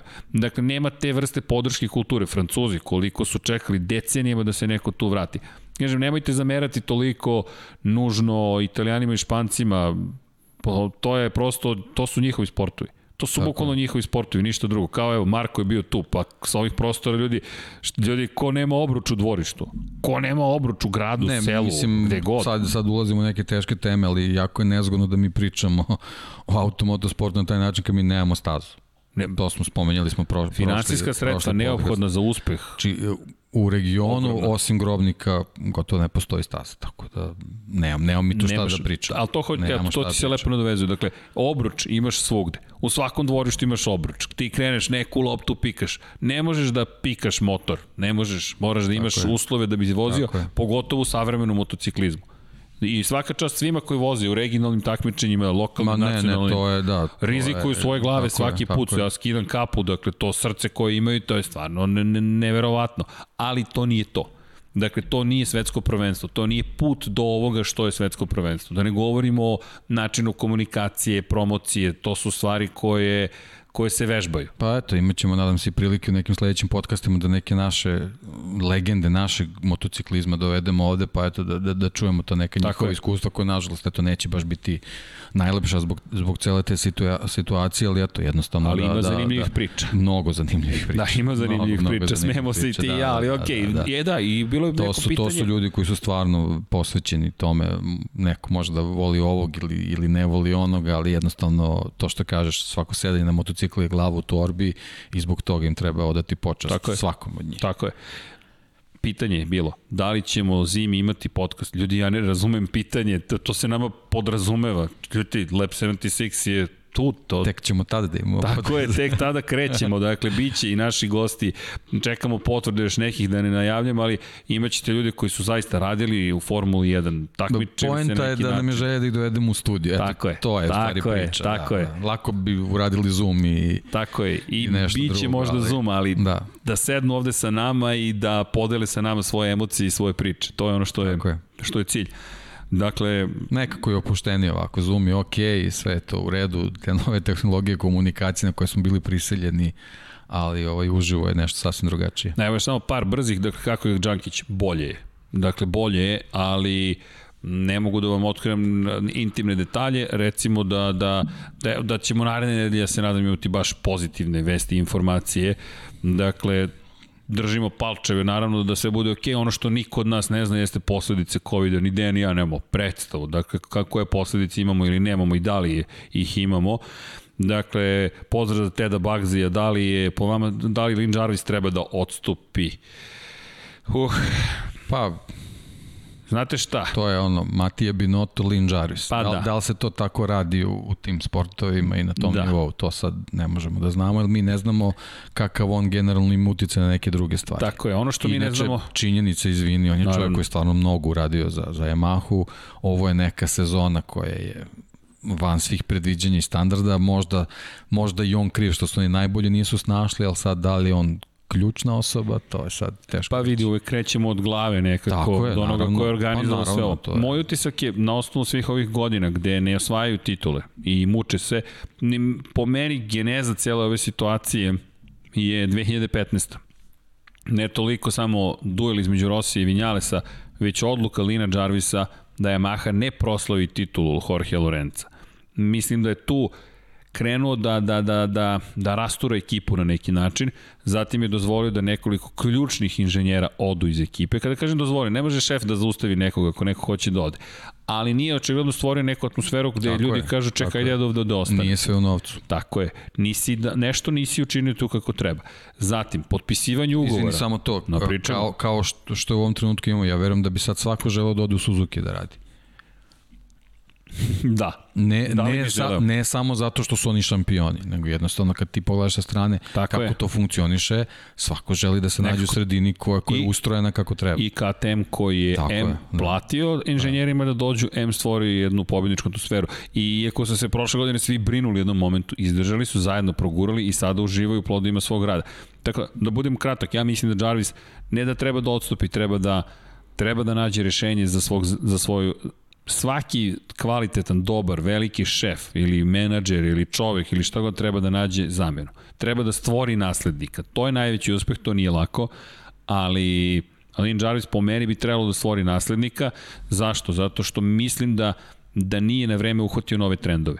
Dakle, neprihvatljivo je po mom mišljenju da jedna Honda, ako postoji tvrdokorna kompanija, to je Honda koja neće svoju kulturu promeniti ni zbog Valentina Rosija, ni zbog Marka Markeza, ni zbog Mika Duana, ni zbog koga. Ali Honda je rekla, evo četiri fabrička motocikla, ne zato što želi, nego zato što nije zabeležila ni jednu pobedu ove godine. Posle 39 godina Honda nema pobedu. Dakle, ako hoćeš da pobediš, Ako kaniš pobjediti, ne smeš izgubiti. Dakle, moraš da se promeniš u ovoj situaciji. Bukvalno moraš da se promeniš. Da. Hon, Yamaha se suštinski ne menja i zašto mislim da treba da ide Jarvis zato što je rekao pa, ovi, ovi dijalozi, promeniti. ovi dijalozi između vozača ko će na kojoj generaciji, koju, koju generaciju motocikla bi volao da, da, ovaj, da sedi sledeće sezone. To je jednostavno stvar koju on mora da izdiriguje. To nije, to nije uopšte trebalo da izađe u javnost. Mi uopšte nismo trebali da dobijemo te izjave. Slažem se. Da, mi, to, to, to je stvar o kojoj se ne diskutuje. Ali vidi, mi smo imali inženjere Yamahe koji se izvinjavaju vozačima. To je isto bilo kao sad Jack Miller da dolazi u Ducati da im traži prošlogodišnju verziju to ne izgovaraš. To, to I ako izgovaraš, odeš pa razgovaraš iza kulisa. To, to nas dvojica i, i Tako ostale je. kolege. Kad se da sve da pogase i kažemo, ok, možda ovo neko razmišlja. Znači, već, znači, nova sezona još nije ni počela, već se napravio neki prvi pogrešan korak. Ima, I ima još jedna tu stvar, dakle to izvinjavanje je direktno suprotno kulturi koja postoji u Japanu na taj način. Ti si ljude natera da se javno izvinjavaju vozačima. Čekaj, ti sada narušavaš neke veze koje, sto, koje su opet iza kulisa, to, to ne bi trebalo da radiš. To zaista ne bi trebalo da radiš, ali to su potezi koji su povukli. Dakle, kada govorimo... I to je on. Znači, tako je. Sad, postoji i iznad Lina Jarvisa postoji neki menadžment Yamahe, vidjet ćemo i na njima stoje neke odluke. Nije, nije odgovorno samo na njemu. Jeste, to, to se slažem, ali kada vidimo i, i kako je potpisao ugovor, kojom brzinom je potpisao ugovor s Vinjalesom, kojom brzinom je potpisao ugovor sa Kvartararom i razumem, to, to, mi je, to mi je razumljiv potez. To je u tom momentu je zvezda, jednostavno moraš da ga potpišeš. Pa znaš kako, za ove perspektive sad možeš da gledaš da li, da li je, ili on je direktno odgovoran bio za povratak Rosiju Yamahu. Jeste, vidi, no, Lin Jarvis je da, mnogo da, toga učinio. Da ga je trebalo vratiti. Sad ti iz ove perspektive kad pogledaš po rezultatima Valentina Rossi, znači ne ulazim ni u što drugo. Da li je možda on zauzeo mesto nekom vozaču koji bi možda imao bolje, kažem, jeste, ali razumeš, imaš, znači, imaš drugo pitanje. To su njegove da li bi imao bio... te sponzore koje imaš je, da nisi doveo Rossi? Sve je to povezano, nego eto, kažem, to su odluke Lina Jarvis. Jeste. Tako da... Ok, ja sam samo neka mišljenja. Kao što je Rossi izjavio, ja, ja taj ugovor da nisam dobio, ja bi možda te godine prestao da vozim. Znači, tako je. Utice Lina Jarvisa je na Vidi, sve ovo što gledamo ogroman. Jarvisa, ko, gde je Carmelo Espeleta bio u momentu kada se pregovaralo sa Rosijem. Da li je došao i rekao, ljudi, morate da potpišete taj tako ugovor. Je. Dakle, vi morate da potpišete, zašto? Pa vrednost Valentina Rosija kada posmatramo samo kao vrednost, dakle kao nekoga ko donosi nešto sportu iz perspektive marketinga je neprocenjiva. Ja siguran da je Speleta bio tu i rekao, no, no, to mora da se potpiše. Ali da, Jarvis mislim da treba da stvori naslednika, da bi to bio sjajan potez zapravo i da je vreme da se neki novi trendovi dese, da moraš da imaš četiri fabrička motocikla, da se to ne postavlja uopšte kao pitanje. Ne postoji mogućnost da pričamo o specifikaciji A, to A opet, opet neće imati. Opet neće. neće imati, da. I ironija je da opet najbolji vozač nema najbolji motocikl, ali okej. Okay. Okej, okay, to, to da, smo već prošli pitanje. mnogo puta pa ćemo da vidimo. Tako je, da li kalendar testiranja, te, kalendar testiranja je objavljen, dakle, testiranje pred početak 2021. Inače, ove godine su ukinuli tradicionalno testiranje po završetku godine na stazi na kojoj smo, konkretno Portimao, prethodnih godina Valencija. Dakle, Sepang od 14. do 16. takozvani shakedown test. Dakle, shakedown test je bukvalno test kada izađe nešto iz fabrike i vi uradite shakedown, protresete taj motocikl od glave do pete da vidite da li nešto tu otpada, ne otpada, funkcioniše, ne funkcioniše. Dakle, to je, to je, to je plan. Imamo zatim Sepang test, takozvani. Dakle, inače na Sepangu će se, stazi Sepang će se održati testiranje, govorimo o polovini februara drugi zvanični test je 19. 20. i 21. februar i onda u Kataru 10. 11. i 12. To su sve stvari koje smo imali i ove godine. Inače, Moto2 i Moto3 kategorije će imati jedan test. Dakle, jedan test i to u Herezu 16. 17. i 18. marta i ono što će se desiti jeste da će se pripreme za ta, ta testiranje održati dan ranije, tako da eto, naredne godine tek će imati nove testove, Ovo je, inače, to ne znači da neće moći da zakupe sami stazu, to su zvanični testovi. Aprilija će i dalje moći takođe da koristi svoje fabričke vozače za testiranje. Dani Pedrosa, ko zna gde je i šta vozi u ovom trenutku i kojom brzinom. Dani Pedrosa, inače za one koji su pitali zvanični probni vozač KTM-a, i to razvojni je vozač. razvojni, tako Da. je, razvojni vozač i to je ono što im je taj tekako pomoglo. On može da vozi koliko god hoće, Mika Kalio može da vozi koliko god hoće, Karl Kračl može da vozi koliko god hoće, kada će voziti, ne znamo, 18 dana su pripremili naredne sezone. Ali eto, to je, to je, to je neki ma, makar, da kažemo, pomak iz perspektive Yamahe. Da, Alex Marquez sledeće godine je na LCR Hondi, ali fabrička Honda. Dakle, to što će biti Castrol, verovatno sponsor ponovo, kao što je bio Kračlov ili možda neko drugi, ne znamo, Dakle, ne znači da će voziti staru Yama- Hondu. Koristit će i oni Takaki Nakagami najnovije verzije. I samo najnovije verzije. Što se tiče Ducatija, četiri fabrička u fabričkom timu i Pramaku i dva ovogodišnja modela koji će unapređivati za Luku Marini i Neu Bastianinije u Avinti, dva fabrička Suzuki, dve fabričke Aprilije i četiri fabrička KTM-a, dva za fabrički tim i dva za Tech 3. Dakle, ne možemo da očekujemo još mnogo više, osim to, eto, dobijemo još dva Suzuki, a dve Aprilije i možda ćemo Ne, izgubiti možemo da čekamo Ducatija. samo nam je bitno da imamo Tako čitavu je. sezonu. Eto, to je, to je ono što, što nam u ovom trenutku treba. Da, Jeste. imamo, da imamo ovaj, propisne zimske testove i, i sezonu sa pravim brojem trka. Da, inače ne vodi Mansell Lab 76, ali hvala. dakle, da, ok, Br- Brkovi učinili svoje. Zašto Morbidelli nema najbolju specifikaciju? Pa, Lin Jarvis, eto. Takav je plan, da. Takav je plan. Da. Tri fabričke i to je to. Dva vozača fabričke ekipe moraju da dobiju fabričku specifikaciju. Petronas ima jednog Rosija i Morbidelija. Teško je očekivati da će neko Rosiju da kaže ok, dobit ćeš prošlogodišnju verziju motocikla, to je najslabiju verziju. Eto, zato pričamo toliko o, o, o, o Linu Jarvisu. I evo predlog da stavim Periko pa kao Jean Todt 2000. godine da biram boju. Ok, Periku da bih uopšte imao kosu ili, ali kako god. Mislim da je vreme da se polako odjavljujemo. Zašto? Pa treba da se spremimo za Lab 76 broj 50. Deki, Formula 1 sutra. I jao šta sve tu imamo da pričamo. Tu se sezona nije završila. Dakle, nadam se da ste uživali, da ste se zabavili. Inače, veliki pozdrav još jednom za sve. Hashtag, jel te, Lab76, hashtag SK MotoGP i tu naravno ćemo biti redovno i tokom zime. I evo još jedno pitanje, da li bi Espeleta učinio Formula 1 zanimljivijom? Ljudi, to je kompleksna priča. To je kompleksna priča, to nije pitanje jednog čoveka. Tu se borite sa nacionalnim interesima, sa fabrikama, sa stazama, sa, sa Mnogo državnim su veći aparatima. lobi u Formuli 1. nego- Mnogo su, ve, mnogo su veće pare takođe. Da. Dakle, mnogo, mnogo, mnogo, mnogo, mnogo veće. Ljudi pričamo puta 10 za početak. Pa ne, evo vidimo, Amerikanci su ušli u Formulu 1 pa ne mogu da se izbore ovaj, sa, sa nekim engleskim uticajima, italijanskim, francuskim. U Moto Grand Prix nekako sve jednostavnije zbog onoga što smo već spomenuli. Znači, Španija je tu zemlja koja, koja drži tu čitavu priču, italijani su tu da da ovaj naprave potporu za sve to i jednostavno njima se svi ostali prilagođavaju. Formula 1 je to prvo je tehnologija otišla na mnogo neke Jeste. više nivoje i mnogo raznih faktora je tu uključeno, tako da jedna osoba sama, to je teško. Možda ako se zove i preziva Bernie Eccleston, ali pa dobro, čak i njegovo i to, vreme da, je prošlo. I, to jednostavno ne može na taj način da funkcioniše. Čak i njegovo vreme. A zamislite Berni koji se sve pitao kad nije mogao više dok je to došlo.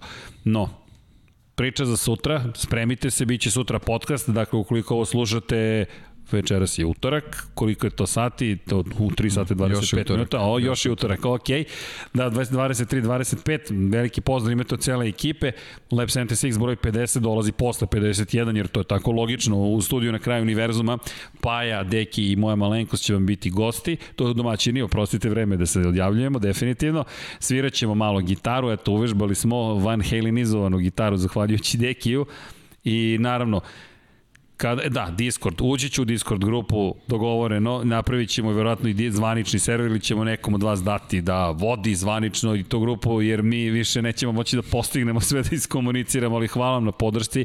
I eto da se odjavimo, da ne krenemo sada ponovo odjavljivanje od pola sata. Veliki pozdrav ime snajte cijele ekipe, podsjetnik još jednom, Jel te Brkovi, vidim da ste da navijate za Brkove, jao, jao, ali okej. Dakle, mesec Brkova, vodite računa o svom zdravlju, rak testisa, rak prostate su dve ključne bolesti o kojima pričamo i mentalnom zdravlju.